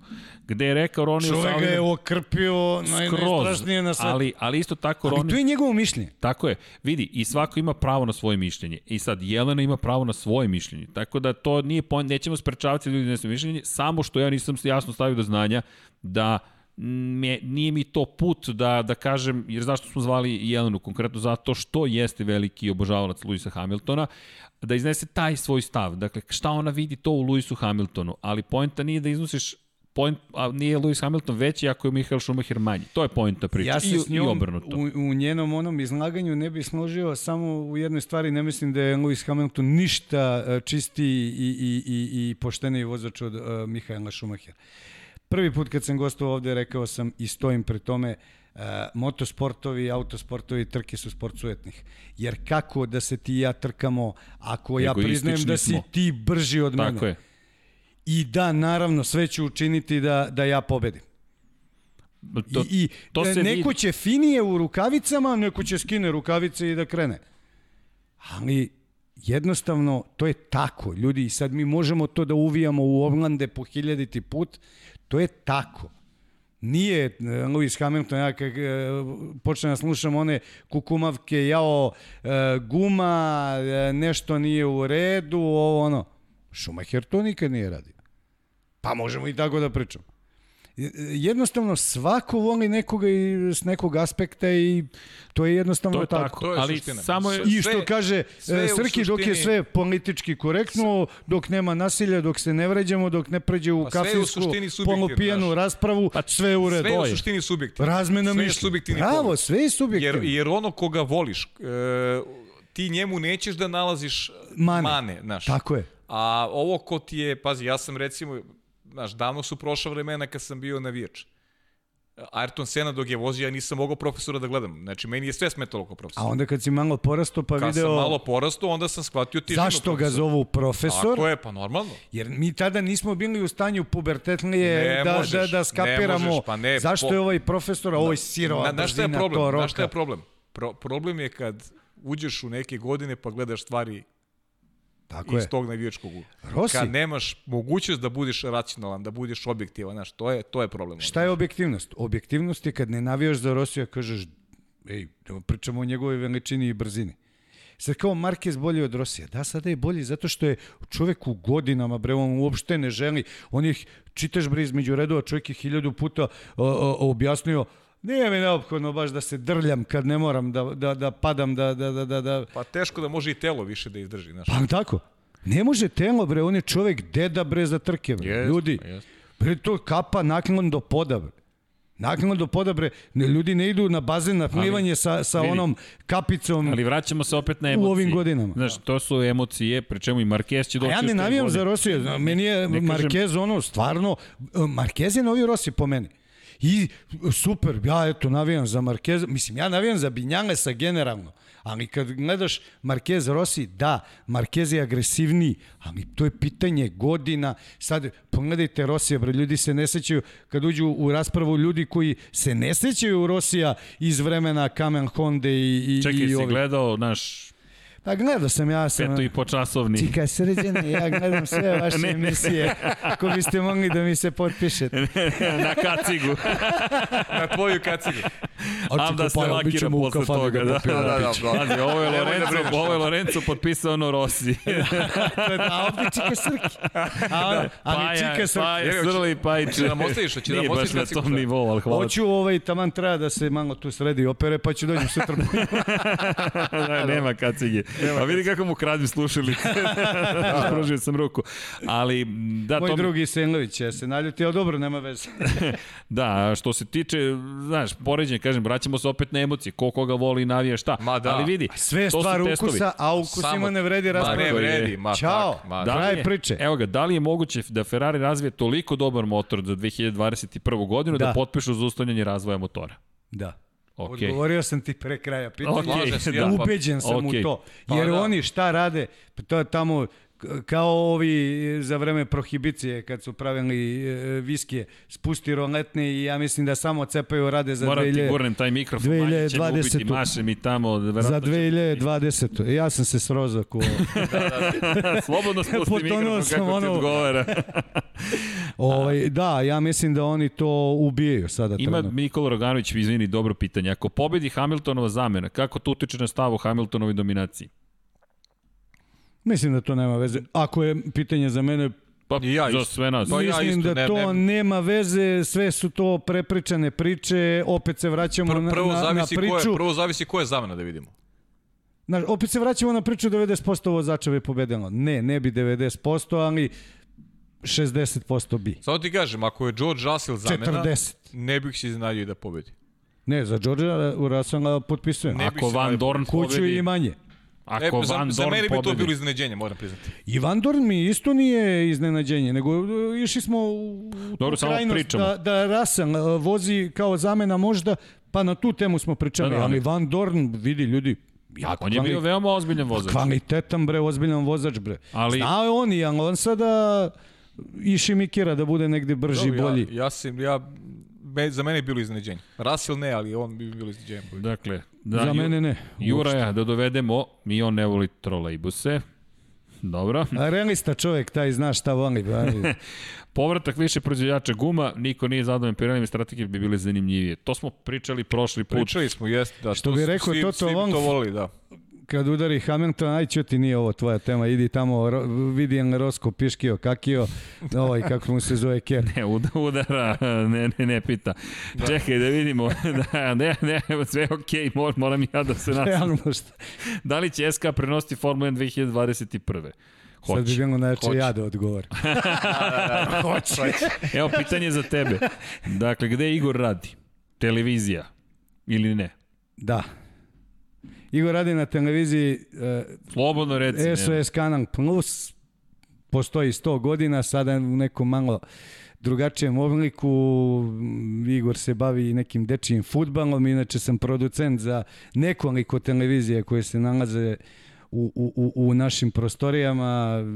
Imamo studio, pa radimo za tako neke televizije, neke stvari.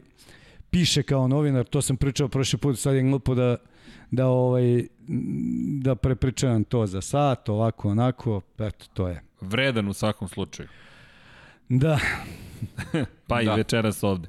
da. Na čemu služi ona fluorescentna boja na bolidima na trenzima? Flow Viz boje, tako je zovemo. Flow Viz, vizualizacija flowa, to jest protoka. O, obstrojavanje. Tako je, obstrojavanje vazduha i onda, to jest fluida, u ovom slučaju vazduha konkretno, u, na trci u Turskoj ste mogli da vidite fenomenalne kadrove. Zašto? Kiša i blatnjava staza od bitumena i onda se stvori ne samo vizualno kako voda teče kroz to, to, po, po, kako obstrujeva bolid, već imate i prljavu vodu, pa dobijete i boje na kraju trke na bolidima kada se Sve imaš, sve vidiš. Sve se vidi i verujte, tu trku svi timovi Formula 1 vrte u krug i vrte u krug i gledaju kao je, šta su ostali radili jer su dobili besplatni vazdušni tunel i da vide šta konkurenti kako rade. Tako da A ona priča o kao zabranjeno fotografisanje. To je u tri dimenzije. Baš, on je u, i sa fotografija uh, crta preko, ma, mislim, gluposti. Dakle, e, šta još imamo? Treba malo više detalja da se obrati na Audi, ljudi napustio Formulu E, zbog Formula E izašao iz DTM-a, sve to da bi ušao u legendarni Limani Dakar, najveća vest u motorsportu u 2020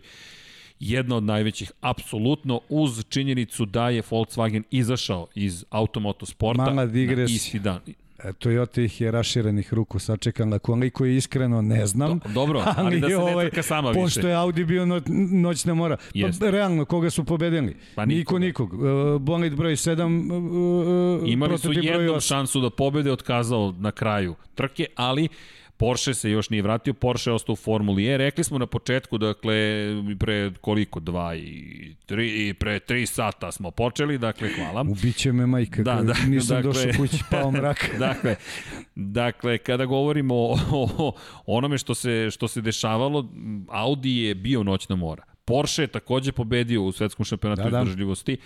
Toyota nikoga nije mogla da pobedi i odjednom smo ostali bez Audi, ostali bez Porsche, svi su se krenuli Formuli E. Sada je ovo veliko pitanje, odustajanje za Formulu E Audija u njenoj šestoj godini postojanja. Ljudi, to je udarac i u stomak i u glavu. Dakle, to je bukvalno knockdown, da se izrazim ja na taj način.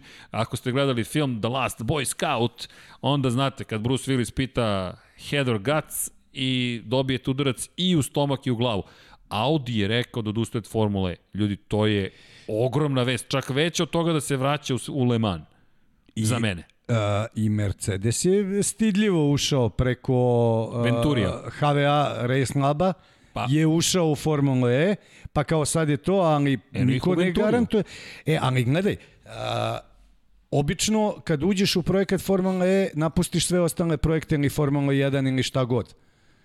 A Mercedes nije napustio Formulu 1.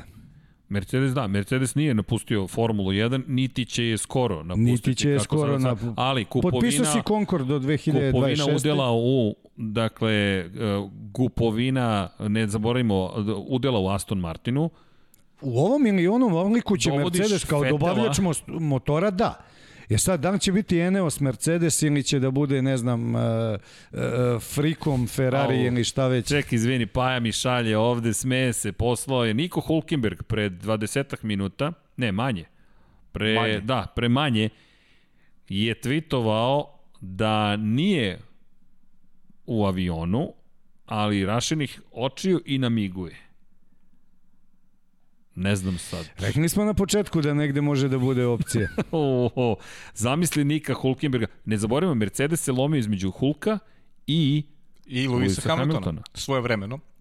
2013. Tako je. To je 12. kada su pregovarali. Kada je Luis te- teo da pobegne u Ferrari, pa je odustao od te priče, pa nije moglo da se pomiri taj mentalitet i zahtevi i tako dalje i tako dalje.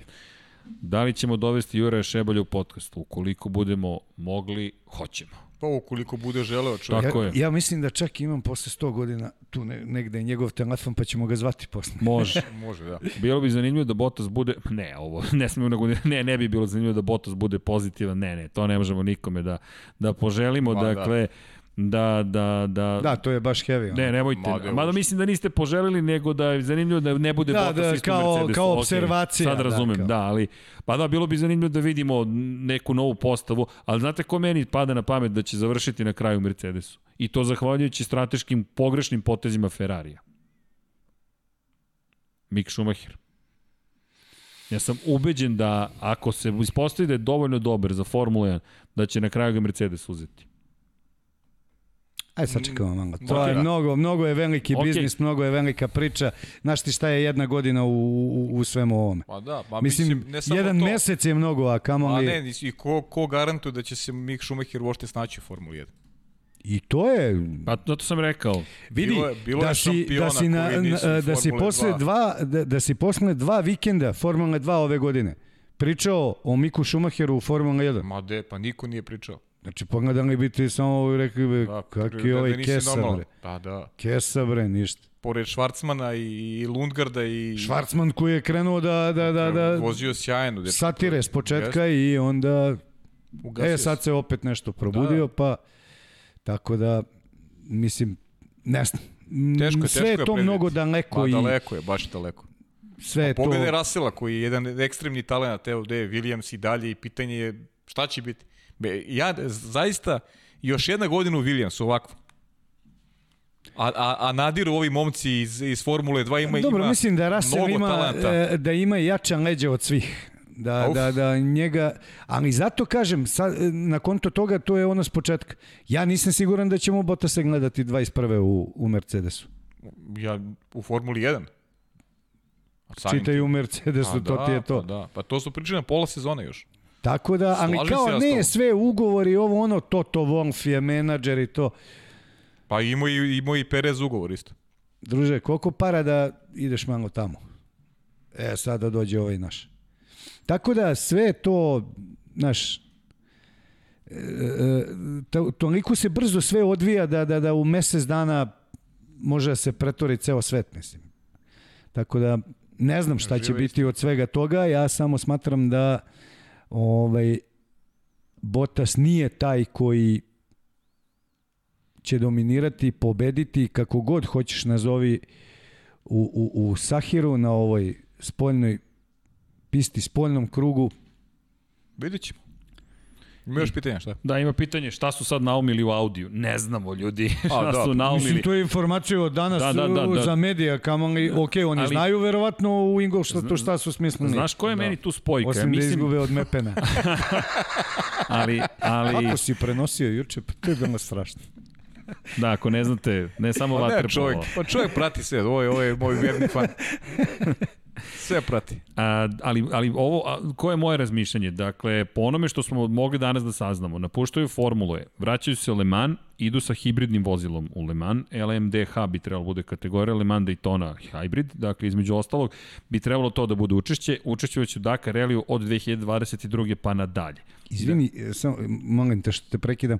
Uh, pomenuo si Daytonu, Magnussen, rekli smo, ide u, u, u, u, u prva tr- trka mu je 24 sata Daytone u ovoj Da, nismo čak ni IMSA spomenuli, ja seriji. mislim da nismo ni rekli. IMSA seriji. Ali im sa serija ide kod tate zapravo.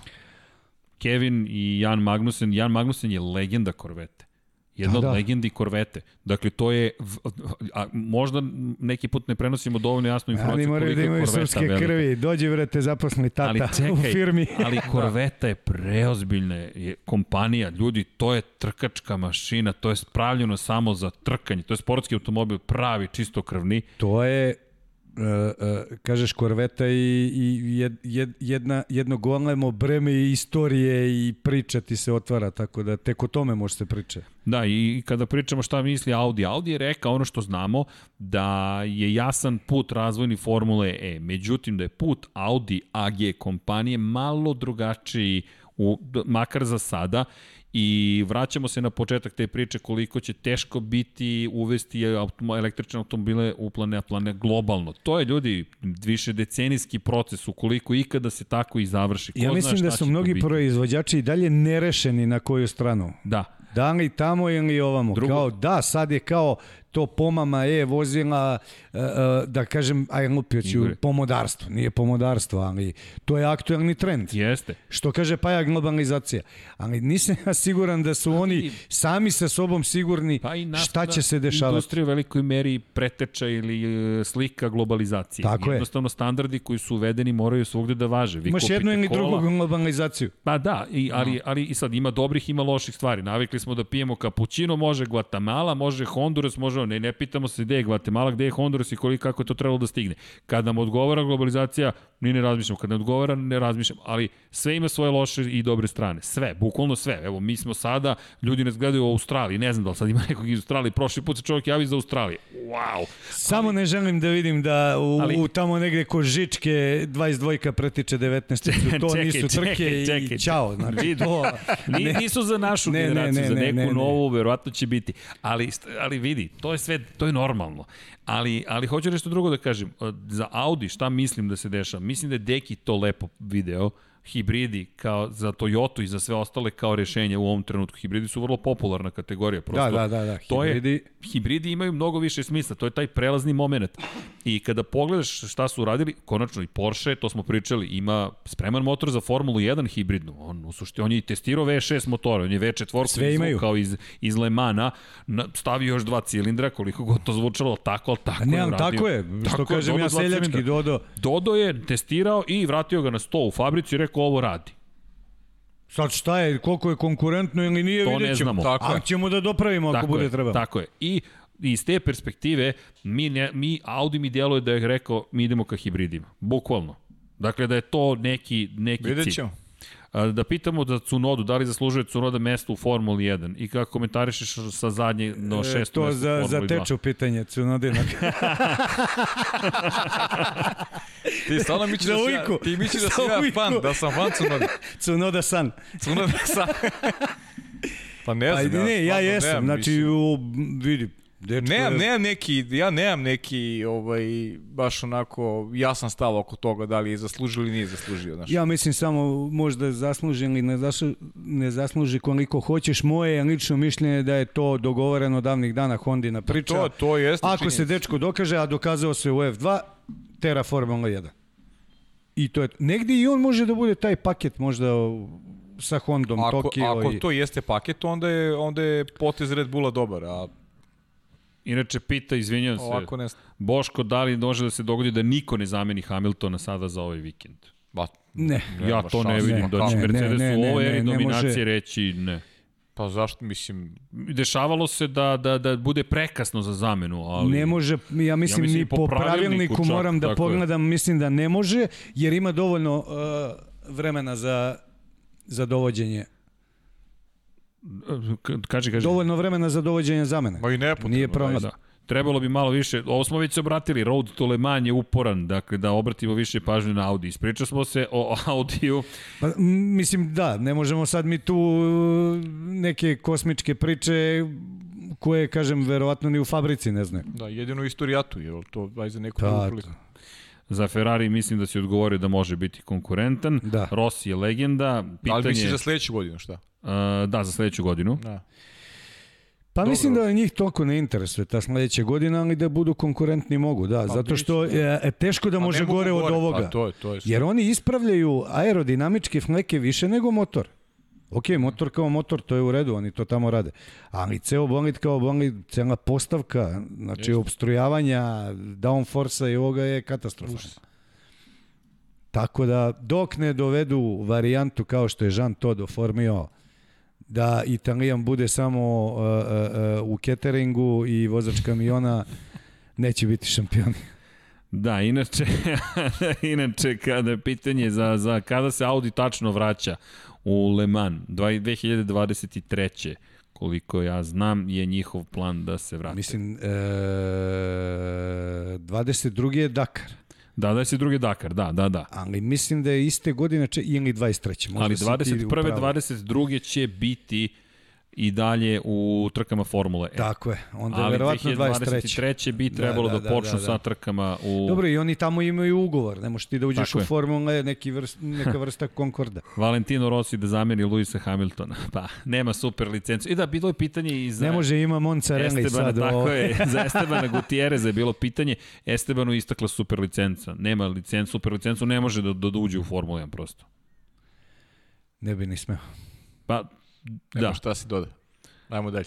kako će startati, Srki, pogledaj kako će startati trke Formule 2 i 3. Aha, to je pitanje verujem za 2021. za kalendar. Da, bit će različiti kalendari Formule 2 i Da, Formule jeste. 3. I po tri trke Tako je. nedeljno. Po tri Mislim, trke vikendom. tokom trkačkog vikenda i Formula W se pridružuje karavanu. Osam trka Formula 1 će pratiti Formula žene ženska formula, ne znam kako bih preveo na adekvatan način, ali W formula. Formula Ž. Formula Ž. Ako je da, formula da, W, onda je formula Ž. Da. U prevodu. Da, da li postoji više medicinskih ekipa u. Formuli 1 ili samo jedna? Konkretno je sreća u nesreći što je ekipa toliko bila blizu na kraju incidenta. To nije sreća, to je plan. Na početku svakog prvog kruga trke Formula 1 možete na začelju da vidite startnog poredka medicinsko vozilo. Dakle, imate vozilo bezbednosti, ono je parkirano u pit lane i imate u obliku Mercedesa karavan i obliku, to je Mercedes, karavan, tako ga najlakše prepoznate, medicinsko vozilo u kojem su delegat i vozač. Oni su na kraju karavana i kada krene prvi krug, njihova obaveza je da isprate ceo prvi krug Formule 1 i onda da se povuku nazad u pit lane. Inače, jedan od, jedna od stvari koji su rekli a, a, i, i, i Ian Van Roberts i. Alan Van der Merve jeste da je da su od uvijek želeli taj posao, iako žele da samo završe taj jedan krug i da se više ništa ne događa posle trke, ali činjenice da, da su zato bili tru, tu, inače to je uvedeno zahvaljujući radu, inače to je lepa izjava, rekli su jedan i drugi da oni stoje na leđima velikana, E, velikana poput doktora Sida Watkinsa, iza tebe je fotografija Sid Watkins je sve i sja što se tiče medicinske sigurnosti, bezbednosti u FI, tu nema nikakve rasprave čovek koji je život posvetio tome, ali Jeste. bukvalno. Jeste. I čovjek, Inače, uh, uh, Van der Merve, ne znam da smo napomenuli, čovjek je južnoafrikanac i bio je zaista dobar vozač. i šestruki šampion. Bravo, I Formule Ford i britanske Formule 3.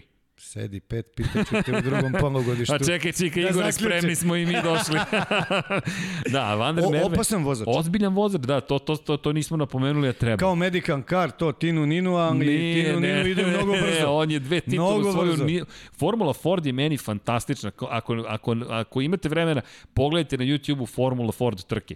Aerodinamike nema, samo mehaničko prijanjanje. Ništa, mehaničko imate prijanjanje i- usisnik za, to, za, za, za, za motor i to vam je to. Grmečka korida i sad I- ko je jači, I to je skok sa kartinga kad na sledeći nivo ranije bio. Tako Uđeš je. u Formulu Ford, zašto? Ni karting nema aerodinamiku. danas je to neka F4. Tako je. Ali to je ali prelaziš u pravi jednoset. Da, da, da, da. Kokpit ti si Single sada. seater, to je- single seater, tako je.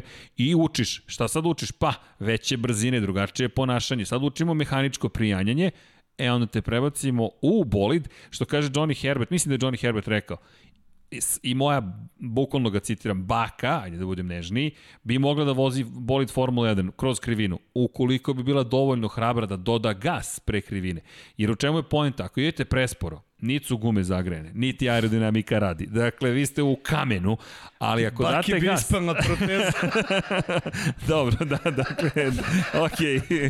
I time bismo završili večerašnji e, razgovor, Kada ga ali šalu na stranu, dakle, e, ovdje eto. kočića ide. Dakle, da, dakle, inače, pitanje, dakle, u Bahreinu, opet situacija gde su redari mogli da nastradaju. Da, ljudi, to je nešto na čemu, ja mislim da će istraga ovih Pričali incidenata biti preozbiljna. Ja mislim da će sada da se toliko ponovo podigne, mi smo izbjegli, mi smo za dlaku šinku prošli. Mi smo izbjegli tragediju i to je ono što je super, izbjegli smo je, ali ne sme sada da se kaže izbjegli smo idemo dalje. Ne, ne, ne, ne. Treba da se ponašamo Pa nažal, znam, ali kao da je nismo nikad izbjegli. se, nikad se i stvari tako nisu ni postavljale. Samo je to. Nažalost, uvek dobijamo u životu, u svemu dobijamo s vremena na vreme uh, jedan onako ozbiljan uh, udarac i na osnovu tog udarca mi pravimo strategiju za budućnost. Kao kaže, pametno uči na svojim greškama. Ali uvek neka greška, prosto to je život. Greška neki put mora se potkrada. Ajde sad budemo realni. Kad se posljednji put dogodilo ovako nešto u Formuli 1? Pa nije dugo. Pa rekli Kada smo posljednji put... Formuli 1, e, zaista se nije dugo desilo. va- Vatra je viđena 89. u A, Imanu. ali Igore, i to opet šta do, dovodi od toga da je čovek opušten negde, jer, jer uh, sa takvim stvarima se ne suočava. E, pogledaj ko, u koliko milijardi slučajeva koje je verovatnoće da, da se zabode ovaj u- upadni ugao bolida u, u, u, Tako je. u ogradu. Da, Znaš, e, očekuj neočekivano. jeste. To je krilatica FIE. Jeste, ali kažem, dugo, Prvo što ti dugo kažu, se nije dešavalo u FII ovako nešto. motorsport je opasan. To je prvo i osnovno. očekuj neočekivan. Inače, ima pitanje, ko je odgovoran za redare?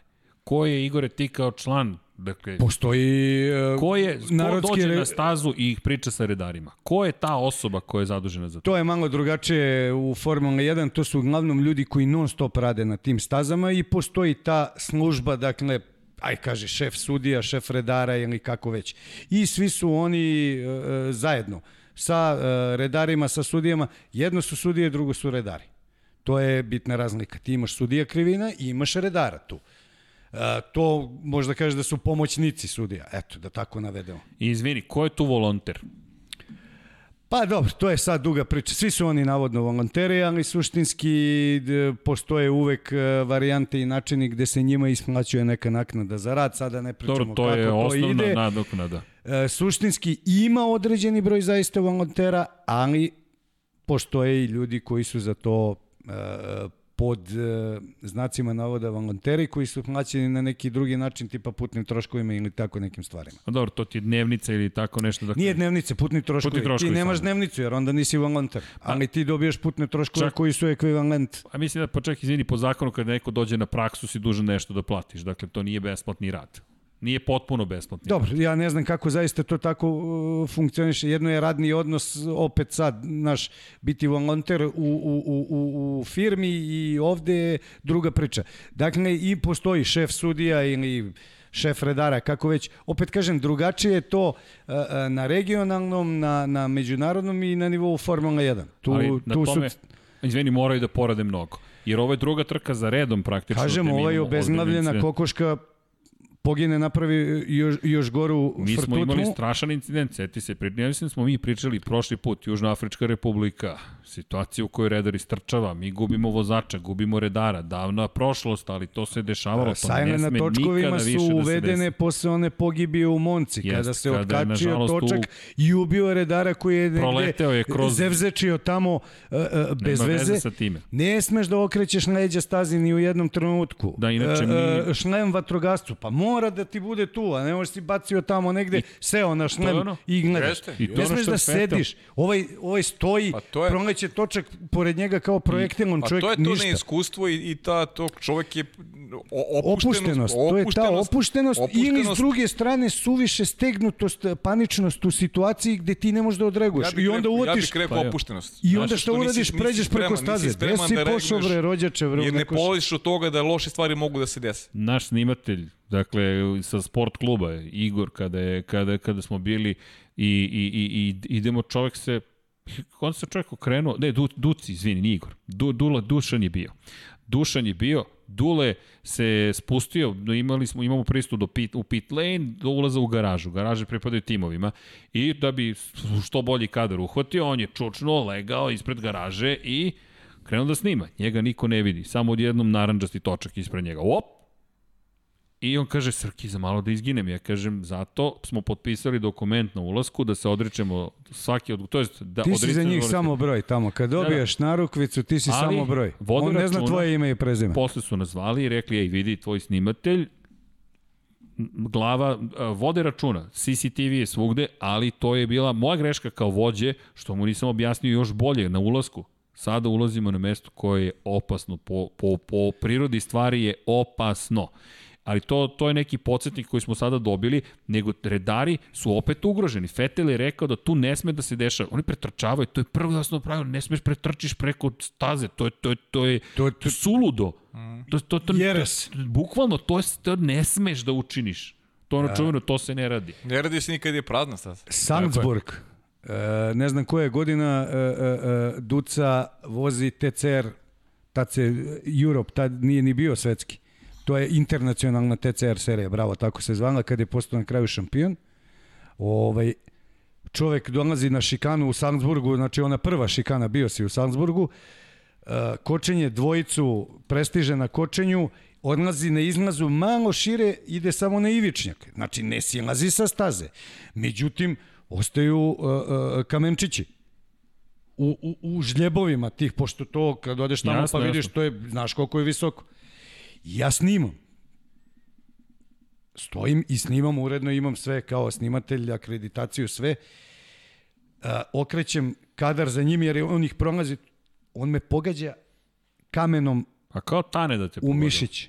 Znači, masnica ovako dve nedelje. Znaš da su na MotoGP-u, probušili se, vetrobansko staklo se probušilo, Tako je, ništa tu. I da nije takvih, takvog kvaliteta, pitanje je šta bi se tu desilo. Znači, sve je tu vrlo opasno što ti ne vidiš to taj, taj ko vidi da li je e, kamermana pogodila e, kamenčić ili šta je bilo. Da, Boško, Ne vidi niko. izvini, pita da, da nije poslednji bolid koji je goreo Jos Verstappen u trci u Nemačkoj, izvinjam se, 94. u boksu. Pričamo jeste, Benetton i Jose ali- Verstappen, ali stajačica. Jeste, u ali mestu i u zbog mestu, u creva. garaži, ne zato što se incident desio, već zato što su Sa skinuli... spremnim a aparatima gde su znaš šta može da se desi. Čuveni skandal, skinuli su filter, dakle, skinuli su zapravo ide ventil protok. protoka, tako A, naravno. imali neograničen protok i onda pošto Mora da je Srbin ven- neki bio tamo inženjer. da, Flavio Briatore je bio šef ekipe, tako Srbin, da... Tako brat- da brat Flavio. izvadio i to Vidi, je to. sad se ti smlupaj da ovaj prođe da pobedi, pa ćemo da vidimo šta ćemo. To Da li je rešenje medicinska da zaposli više medicinskih ekipa koja je obučena za ovakve Ne. situacije da ih rasporede Ima ih svakoj...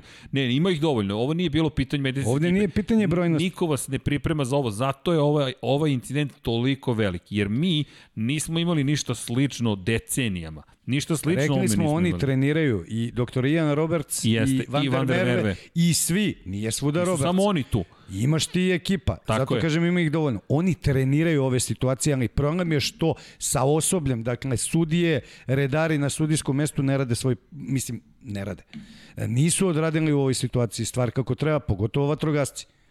Ko, kojem Roberts opet, ako neko nije pratio od početka, otima onaj Jeste. e, e, e, e, S7, S9 aparat i on ga nadrukava i usmerava mlaznicu. Da, pitanje je, dakle, za Pirelijeve gume. Da li postoji mogućnost da, da za sledeću godinu ostanu gume iz 2019. Postoji.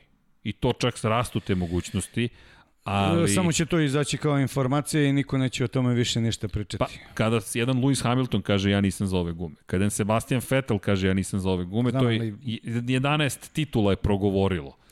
A s druge strane imaš jedan brend koji je e, sponsor, znači bit će samo, e, neka, nemamo dovoljno vremena za razvoj, vozimo na ovim drljeritima od 2015. 18. i to je to. Da. Inače, vidim da ponavlja ko ponavlja, GP Balkanci Portimao dobio licencu za održavanje F1. Dobio je u aprilu ove godine Portimao, tako da i vožene E, to je i, i, i, Ne znam da li sam iz- nešto Iz propustio. Liberty medije su rekli da e, verovatno pitanje 23. trke. Samo ko da više love, to je poenta. Da, Portimao, Turska ili Da. Imola. Imola je jako, Emilija Romanja hoće da da, ovaj, da da, iskešira. da, da, da, da, sredstva da subvencioniše Cento tako liri da da ovaj da subvencionišu, ali Da. teško da hoće će pored. Turske ljudi Turci Turska ako će se bude, pa da. ako se zainat Pa oni žele višegodišnji ugovor, tako da mislite da je Turska ma najglavnija Turska ako se zainati nema rata bez Turaka. Ako se oni zainate to je to je to. Radivojević, Radivojević Srki zadnji put kada je vozač probio ogradu bio Alan Kniš u Japanu u kvalifikacijama jeste. I da se vratimo na početak. Zato je ovaj incident tako stravičan jer ovo kombina ovo je požar. Mi vatru na stazi nismo imali 20 i 31 godinu. A to sa Meknišom nije bilo ni Ne, Mekniš je probio i ostao u priči. livadi, bukvalno i srećom izašao, ali nije bilo požar, on je, pro, on je i oraznio. Schumacher negde isto sa Toyotom neku tu priču. Isto je negde probio neku ogradu, Da, ne, ali znam za Mekniša da je baš probio kroz, kroz ogradu i dok je bilo otišao. u Toyoti. Da, ali, ali nije bilo požara, a ovo je ta kombinacija. Požar je redkost i taj, ta scena Josefe, to je bilo zanimljivo. Konferencija za medije Hamilton priča, kaže, setite se u Nemačkoj 94. i Max kaže, moj tata, moj tata je goreo. Jer to, to, to, to, je, to je deo istorije Formule 1, to je taj čuveni, eno nam ga gore, bolid, dakle, Benetton to. Ford B194, 194. čuveni bolid koji sa, sa, sa, sa Fordom bio. Pitanje, zašto sam... Vatrogasci 194. Tako je, da li sam, zašto sam skinuo brkove? Bilo mi je teško. Moram teret. da vam priznam. Dakle, da. Da li će da vrate sipanje goriva usled trke? Nema A, šanse. ja, ne, to je Ljudi, to je Ne. toliko opasno sa ovim hibridnim bolidima da se da niko neće to rizikovati. Sintetička goriva, hibridi, ulja, to, to, to licna samo i da, da, da pogore svi tamo. Bukvalno. To nema trik. Da, da ovo, o, to Drugo, problem je veliko, pričao si ti, to pražnjenje, e, statički taj elektricitet, Jeste. kada bolid uđe na dopunu goriva, dok ti sačekaš sve one lampice da se popalne, dok ti kaže e, sad možda pipneš bolid i Jeste. u suprotnom opet disko. Pa ti imaš sa dva dugmeta, dakle od uvek smo imali jedno dugme slovo N, neutral. Ler stoji, vi gurnete prst unutra i izbacite iz brzine bolid da biste mogli da ga gurate. Dakle, to svaki redar mora da nauči. S druge strane sada imamo kod bolida Formula 1, ako se ne pali zeleno svetlo, da izvrši pražnjenje. Dakle, on, dakle, bukvalno ima opciju da ukoliko vozač to ne može da učini, da on to može da uradi. Ko na starim kečevima pozadje, što je bila ona gumena traka, pa bije o asfalt. Dobro, Na vidi, ko je Juga vozio zna, znači Iberlauf da izvuče sam, zna Juga, da šteluje zna u četvrtoj brzini i zna da šteluješ ventile, nosiš sa sobom sajlu A kvarčila, generalno radiš tamo Nosiš- negde oko tjentišta. vidi, nosiš, na, vodi, nosiš ba, bocu vode u gepeku i sapun, dakle moraš da imaš da možeš opereš to je ruke, jer izašao si na, na sastanak, vodiš devojku, ali... Ako zvekne rezervoara, sapun. A, ne znaš za tu foru, da. to nisam znao. E, moj ti, pusti žvaka, žvaka je ništa. Sapun, batice, vidiš kako I drži. platine. Ne pušta I rezervoar. platine nosiš sa sobom i grafit onaj mali kad ti ispadne iz razvodne kape. Sve ima, razvodna ruka. Kapa i ruka. Ko je Juga vozio? Sad Nije se ovaj, dugo ne vozi. Ćale, ćale moj ono u suzama. I to sa leptirem, vratima. Da, inače, nije samo Paja Baba Vanga, Deki je takođe rekao da će Stroll ove godine osvojiti pol poziciju. Jeste. Da, da li je objašnjenje za Bottasa zašto je dobio dve pozicije na restartu? Dakle, dobio je zato što sistem za merenje nije mogao da ima 100% potvrdu pozicije na stazi. To je objašnjenje, Tako je. to je prema pravilniku. Nemu što, ali ajde. Ne, niko nije, niko nije zadovoljan preterano objašnjenjem, ne samo zbog Bottasa, zbog svih. Nije bitan Bottas, bitni su svi koji su Dobro, i dobili i izgubili pozicije. Uvek je objašnjenje, kad nešto nemaju objašnjenje, onda crkna tehnika i to je to. Da, evo na, Biće ovako. pa da. Moglo da bude jednostavnije sve. Kako doći do volontiranja na trci, na primjer Mađarska, pošto je najbliža? Pa teško. To prvo mora da se krene od našeg saveza, pa tek onda neka saradnja sa inostranstvom, seminari u FI i tako dalje i tako dalje. Što se same trke u Mađarskoj tiče, oni imaju ekipu koja to radi već sve godinama. Kod njih je ti i ti, vi ste volonteri, vi ste da. dobrovoljci. Ideš krivina 7, 1, 2, 5, boks ovaj i onaj i to je to. Dakle, Teško, teško na, na, na tako dobrovoljnoj bazi mora mnogo da se prođe obuke svega. Tako imam ja negde fotke sa Slovakija ringa. E, sastanak šefa sudija, redara, nazovi kako hoćeš sa njima, tu su sve setovi, zastavica, non stop podsjećanje, PP aparati, ponašanje ovako, onako. Ti bre imaš i kodeks tamo i kako se oblačiš i, i Da. ima tu, nije to tako jednostavno ko što izgleda. da. Dakle, imali šanse Formula 1 na grobniku, to smo pričali teško. Ne. To da, su ma. gotovo nemoguće. Ne, ljudi, ljudi Se, ovaj... e, možeš, izvini, da, evo da iskoristim priliku, da objasniš kako se dobije opšte sertifikacija, to je kako ti možeš homologaciju da obaviš Dovedeš stazu. Hermana Tinkija napravi stazu i dobiješ homologaciju. Eto, to ti u najkraćem priča. Sve ovo ostalo je smuti pa prospi. Da, Ali... ali... Sve je pitanje para, postoje znači, e, standardi, šta je širina, šta je dužina, šta je konfiguracija, e, bezbednostni aspekti i tako dalje i tako dalje, sertifikovani biroji Hermana, Hermana Tinkija koji rade staze. E, kaže imate nekoliko izbora, ali njih, ali Tilke recimo, eto baš taj gospodin je u redu i to je to. Mada sam ja ljubitelj i pristalica da vrate. Muđelo imalo u Šoder, bato, pa ništa, zovi, Potpisujem ja. a zovi Automoto Savez ti izvuče iz Šodera Da. kad se zagnaviš. Nema to kao na kočenju, pa idemo onda, onda ti e, kreću ove gluposti sa e, track limicima Da, i da. ostalo. U, u Šoderu ti je track limits. Evo Jeste. tamo nađi. E, tu, tu. E, baš tu gde si Tu gde ostaneš, tu To ti je stao, limits, da. aj zdravo. Ima još jedan, Jarno Zafeli, meni je omiljeni. Moram da priznam, Zafeli, kad uradi stazu, nekako ima taj duh malo. E. Gucci i Armani. Zenja, brate. Da. da li postoji šanse da neko drugi bude proizvođač guma u Formuli 1, ne samo Pirelli, trenutno A pričali teško. smo o tome Teško. već. Nema, nema, to su ugovori na ljudi ljudi uh, uh, koji nisu baš mnogo u svemu tome olako negde shvataju te priče. E sad neću ovu. Ja je vozio sam ja zimu umesto Vintera, ma to bre, bez veze. Ne, to je veliki Nego daj posao. promeni ovu. To ne može tako. To je, da, inače, evo, pitanje koliko... Konstrukciono, k- koncepcijski, to je prvo ti sad da uzmeš bilo koju tigar fabriku da uzmeš, pa njima trebaju pet godina da razviju koncept gume za Formula 1. To ne ide tek tako. Da, inače, ima jedno pitanje, dakle, koliko košta da se napravi staza? Ajmo da samo odvojimo par stvari. Postoji staza, Koja postoji gradacija, staza- koja licenca? Evo to, a- ako, ako pričamo o Formuli 1 i ako pričamo o tome da imate Formulu 1, neka procena Forbesa od pre ne znam koliko godine, bilo da vam je skoro milijarda dolara potrebna da biste izgradili, dobili trku i imali godišnje, samo godišnje održavanje negde oko 20 miliona dolara. Dakle, samo da je održavate. Ništa, samo da održavate stazu, da ona živa. Gledaj, staza kao, staza košta 6 miliona, 5 miliona, 6 miliona. Naspi šoder, daj asfaltovan.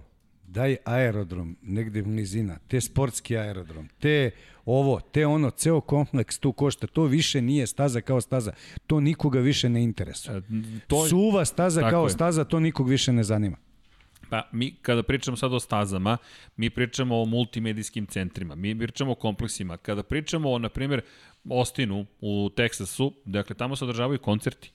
Dakle, mi govorimo o koncertu. se vozi trka. Ta, tako je, ti imaš u sredini praktično, imaš e, jedan deo koji je predviđen, to je bina ogromna, amfiteatar na spoljnjašnjem delu. Ovaj kauboj sa šeširom, Row je. idemo, nema pojma E sad. šta radi tamo Verstappen i e Hamilton. sad, staze su poskupile još više kada je reč o asfaltima, ali vi da biste dobili to, morate da imate medicinski centar prve klase. Dakle, to ljudi mora da bude medicinski centar koji spašava živote. Dakle, kao ovo što smo videli sa Romanom Grožanom. Dakle, to je medicinski centar, tamo je preozbiljan. Dakle, kompletna infrastruktura, kompleks koji je napravljen je pre, pre, pre, pre ozbiljan. Jas Marina, pored sebe ima onu Ferrarijevu zvezdu čuvenu gde idete pa se vozite na Ferrari roller coasteru. World Park. Tako je, World Park, gde je deo većeg biznisa. To je sagrađeno u okviru kompleksa turističkog, gde imate marinu, gde imate hotel u obliku kita, dakle iz ptičije perspektive, sve to košta, košta, košta, košta. Zatim, morate da imate elektroniku koja je razvučena duž cele staze.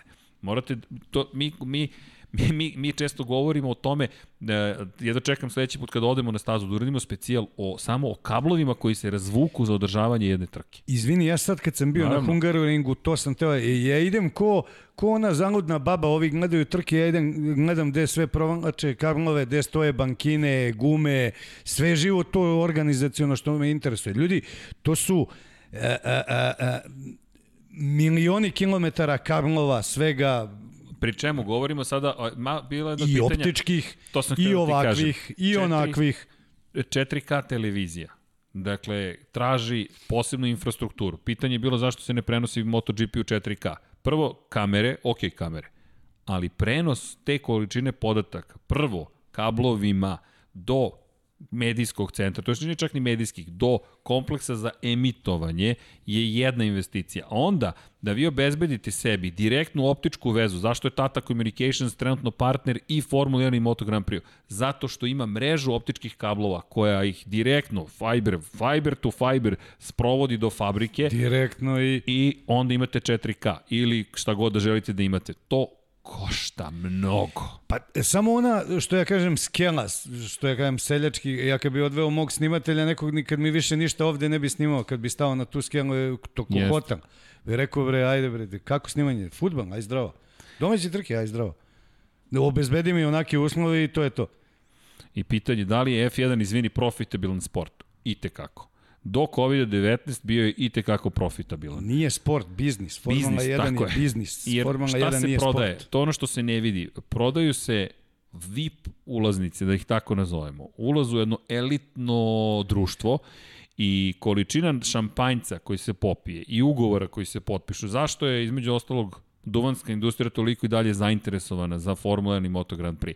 Način na koji sklapate biznis je potpuno drugačiji kada vas neko dovede Hoćeš sa mnom možda u Moncu na trku Formule 1, sedećeš sa Charlesom Leclercom i Sebastianom Vettelom dok se oni pripremaju za trku i pijuckati svoj kapućino. Nego, šta smo pričali, možemo ugovor neki da potpišemo. Pregovori su mnogo drugačiji. A onda ti kažeš, pozoveš tog svog partnera i pitaš da li bih ja mogao kao vaš partner sa druge strane dovede mog partnera na sastanak na trku u Mugello, Ti sad fasciniraš tu ljude, oni Tako gledaju ko to televizor u boji.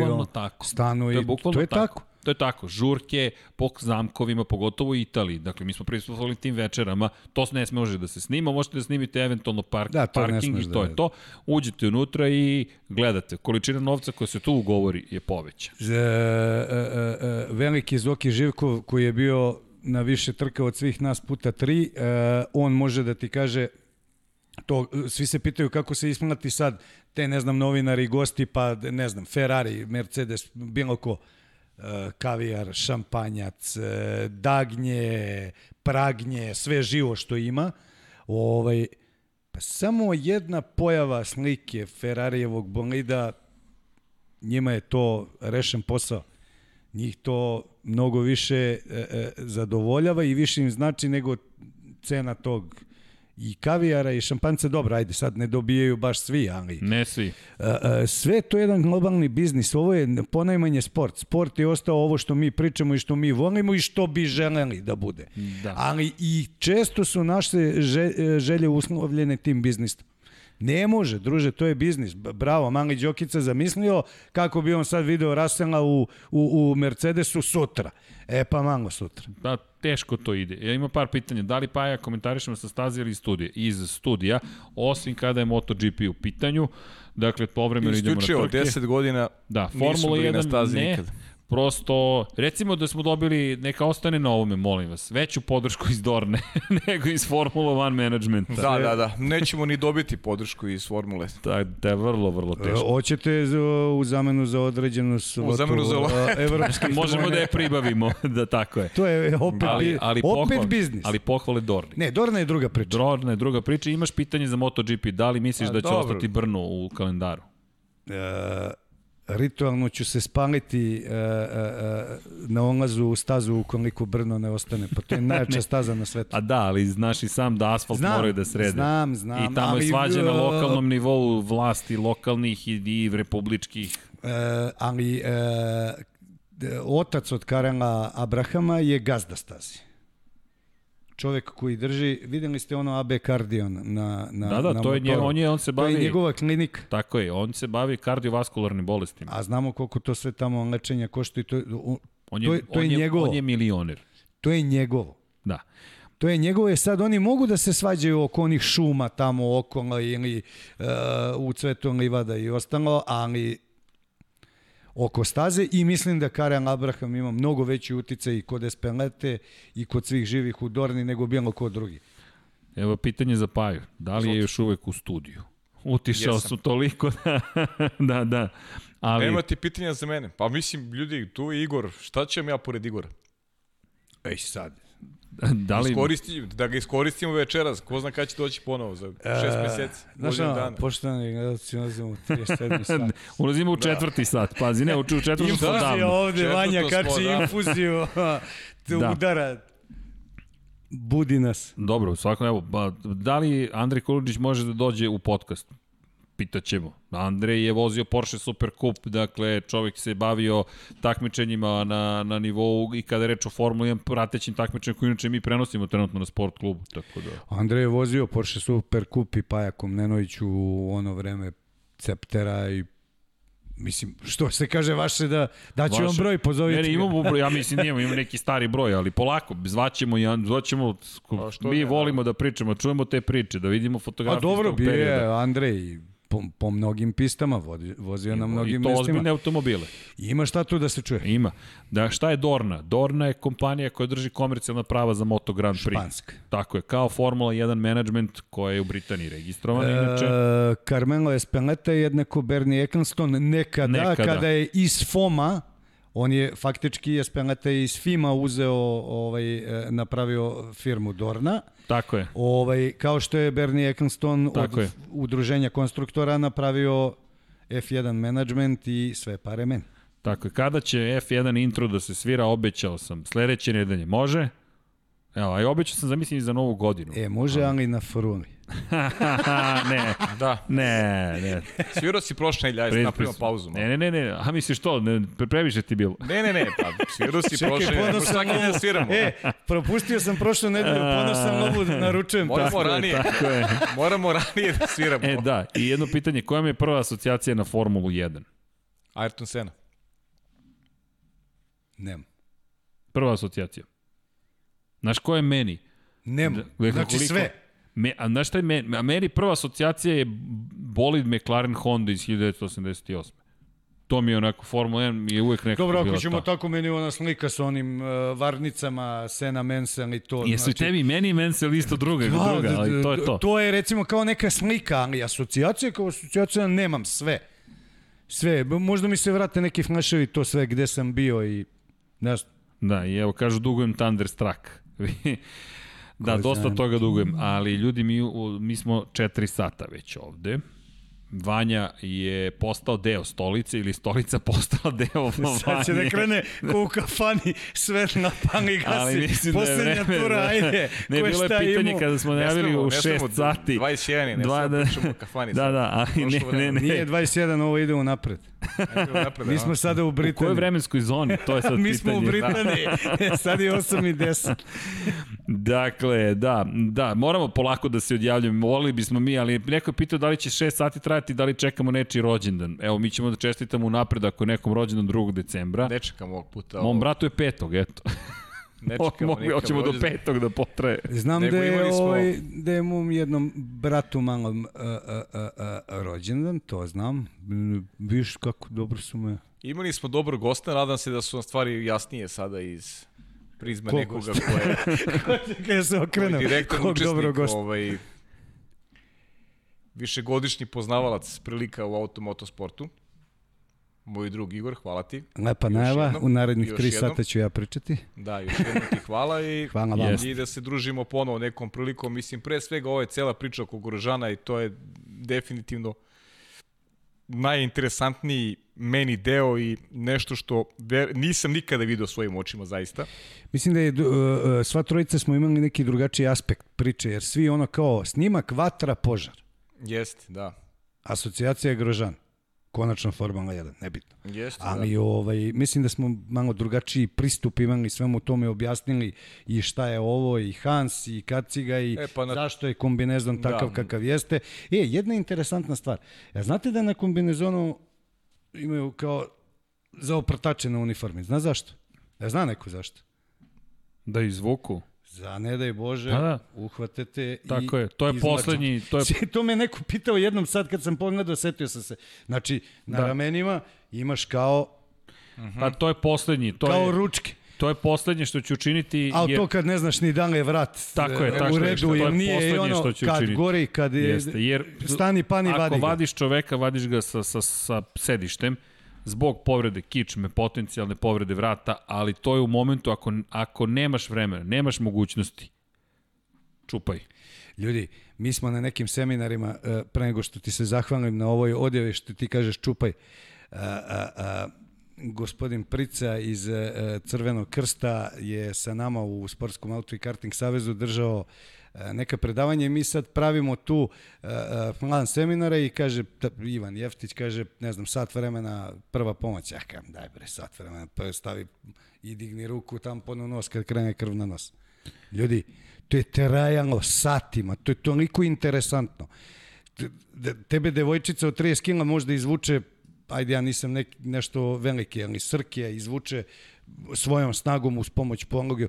To kako se, šta se radi, e, to vađenje jezika, mislim, to je toliko interesantno tu. Neverovatno mnogo stvari ima da se nauči. A sad samo da ti se zahvalim za, ovoj, e, e, za ovu sjajnu odjavu. Hvala vama. E, e, znaš šta je dobro? Što mi ovde pričamo kao da ovog svega nema i sad sedimo, pijemo vodu, družimo se i to je to. Izmeni, jedan, se- smijem se, jedan od komentara je kafane ne rade, morate da nastavite da pričate, pošto nema kafana. Mi smo pubovi rade, mi smo Londona. A,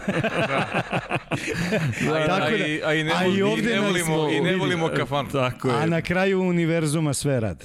U studiju na kraju univerzuma sve radi, radi. tako da hvala vam puno. Ovaj, stvarno mi je bilo zadovoljstvo uvek sa vama pričati, družiti se, pozdrav svim gledalcima koji nas trpe. Ja znam, ne, nekom se sviđa, nekom se ne sviđa, Pa, Igore- ali opet se vraćamo na onu priču, delimo neka mišljenja. Slušaj, da ti kažem, poenta jeste, mislim poenta jeste. Dobro je da se nekom sviđa i nekom ne sviđa, znaš. Ne bi valjalo da se svima sviđa da ili, svima ili svima ne sviđa. Naravno, to nikad Tako nije dobro. da, ovaj, Nikad e, nije dobro. Samo udavi smo ih, e, da li je moguće 4 sata sedimo ovde? Uh, jeste, da, da. čet, sedimo Četiri- 4 sata. četiri A, sata, u, da. 4 sata. Samo ću brzo da odgovorim na par stvari. Da li sutra ide MotoGP podcast? Da. Da li će biti live? Da. E, Stefan Grand Prix, nažalost ljudi, to je jedna lepa priča, ali ništa više od jedne priče. Nikada to, nažalost, ništa nije bilo Nije ni lepa, dovoljno. ali nema veze. Da, to nije ni lepa, drugom da, ali prilikom okej. e, zaboravite celu priču o Stefan ne, Grand da, Prix, kada- evo, to je, kada kažem pošto lepa- niko nikada nije hteo da kaže pravu istinu, to je jedna utopija potpuna i... Pa, v- kada kažem lepa priča, lepa je ideja da se desi tako nešto, ali kada govorimo o toj konkretnoj firmi, kompaniji, timu, nikad ništa nije bilo blizu realizacije. Niđe nikakve. veze, što kažu. Bukvalno, verujte, nažalost, jedan, jedan veliki, uh, ružan moment uh, lažne promocije. Eto, neka ostane na tome. Eto, Srki je, bravo Srki, sad si posto koja. Pa, to je, to je, ta, To je jedna šuplja Tako priča je. i- Nažalost, nešto što nije se nikad ni blizu realizacije. Inače, vidim da kad da kažu da je Autosport nešto objavio, nije ništa još objavio. Autosport je saopštio da će u sredu ujutro biti saopšteno ko će menjati Hamiltona. Dakle, to je Znači, najnovija informacija. ćemo saznati. Tako je, da, otpre, eto, otprilike. A mi sutra družimo se, Deki i ja, šta vam spremamo? Sezona je prošla, ali nema ljudi stajanja. E, Danas smo imali velike vesti. Monster je potpisao ugovor sa Suzukijem od sledeće godine. Opa, Šta se valja iza brega u Moto Grand Prix? Saznaćete u Lab 76 broj 53. Ume... to vi sutra. To ćemo mi sutra umeđu vremenu da podsjetimo, iako nije Movembar više, 1. decembar, dan borbe protiv SIDE, i još jedna opaka bolest virus. Mol je i dalje tu, iako je Molembar takođe prošao, prošao mi i dalje posećujemo Pa samo. dobro, može i Molembar u decembru. Molembar u decembru, A, ovaj deo dobro, stola. Naravno. Dobro, po, Dobro, i ja on, podržavam, je vi ste moji podrška, drugari. Je Tako tehnička je. podrška. Ali ovaj deo stola, dakle, je na molu, dakle, drugi deo stola je na nekom drugom mestu, ali nema veze. Zajedno smo u svemu ome. U svakom slučaju, dakle, pozor, hvala još jednom i za podršku svima vama. Ukoliko slušate na podcastima, nadam se da ste stigli do kraja i izdržali. Činjenica je da ćemo se truditi u decembru da ispratimo godinu na neki način, neću reći koji dolikuje, nego koji dolikuje svima nama koji volimo da se družimo uz automotosport. Još dve trke do kraja Formula 1 i vidjet ćemo ko će menjati Luisa Hamiltona, velika nagrada Sahira ili Šakira, to se sad diskusija Sahir. vodi, Sahir, Sahir. bi trebalo, to su mi ispravili, rekli su ne, Sahir je, budi siguran. H je H, Š ne S postoji, i tako dalje. Tako, tako da je Sahir, ali šta god daje, pozdravljamo se cijela ekipa, ime cijele ekipe Infinity Lighthouse-a, našeg dragog gosta, standardne ekipe domaćina i naravno, čao svima. Ćao. Ćao, pozdrav.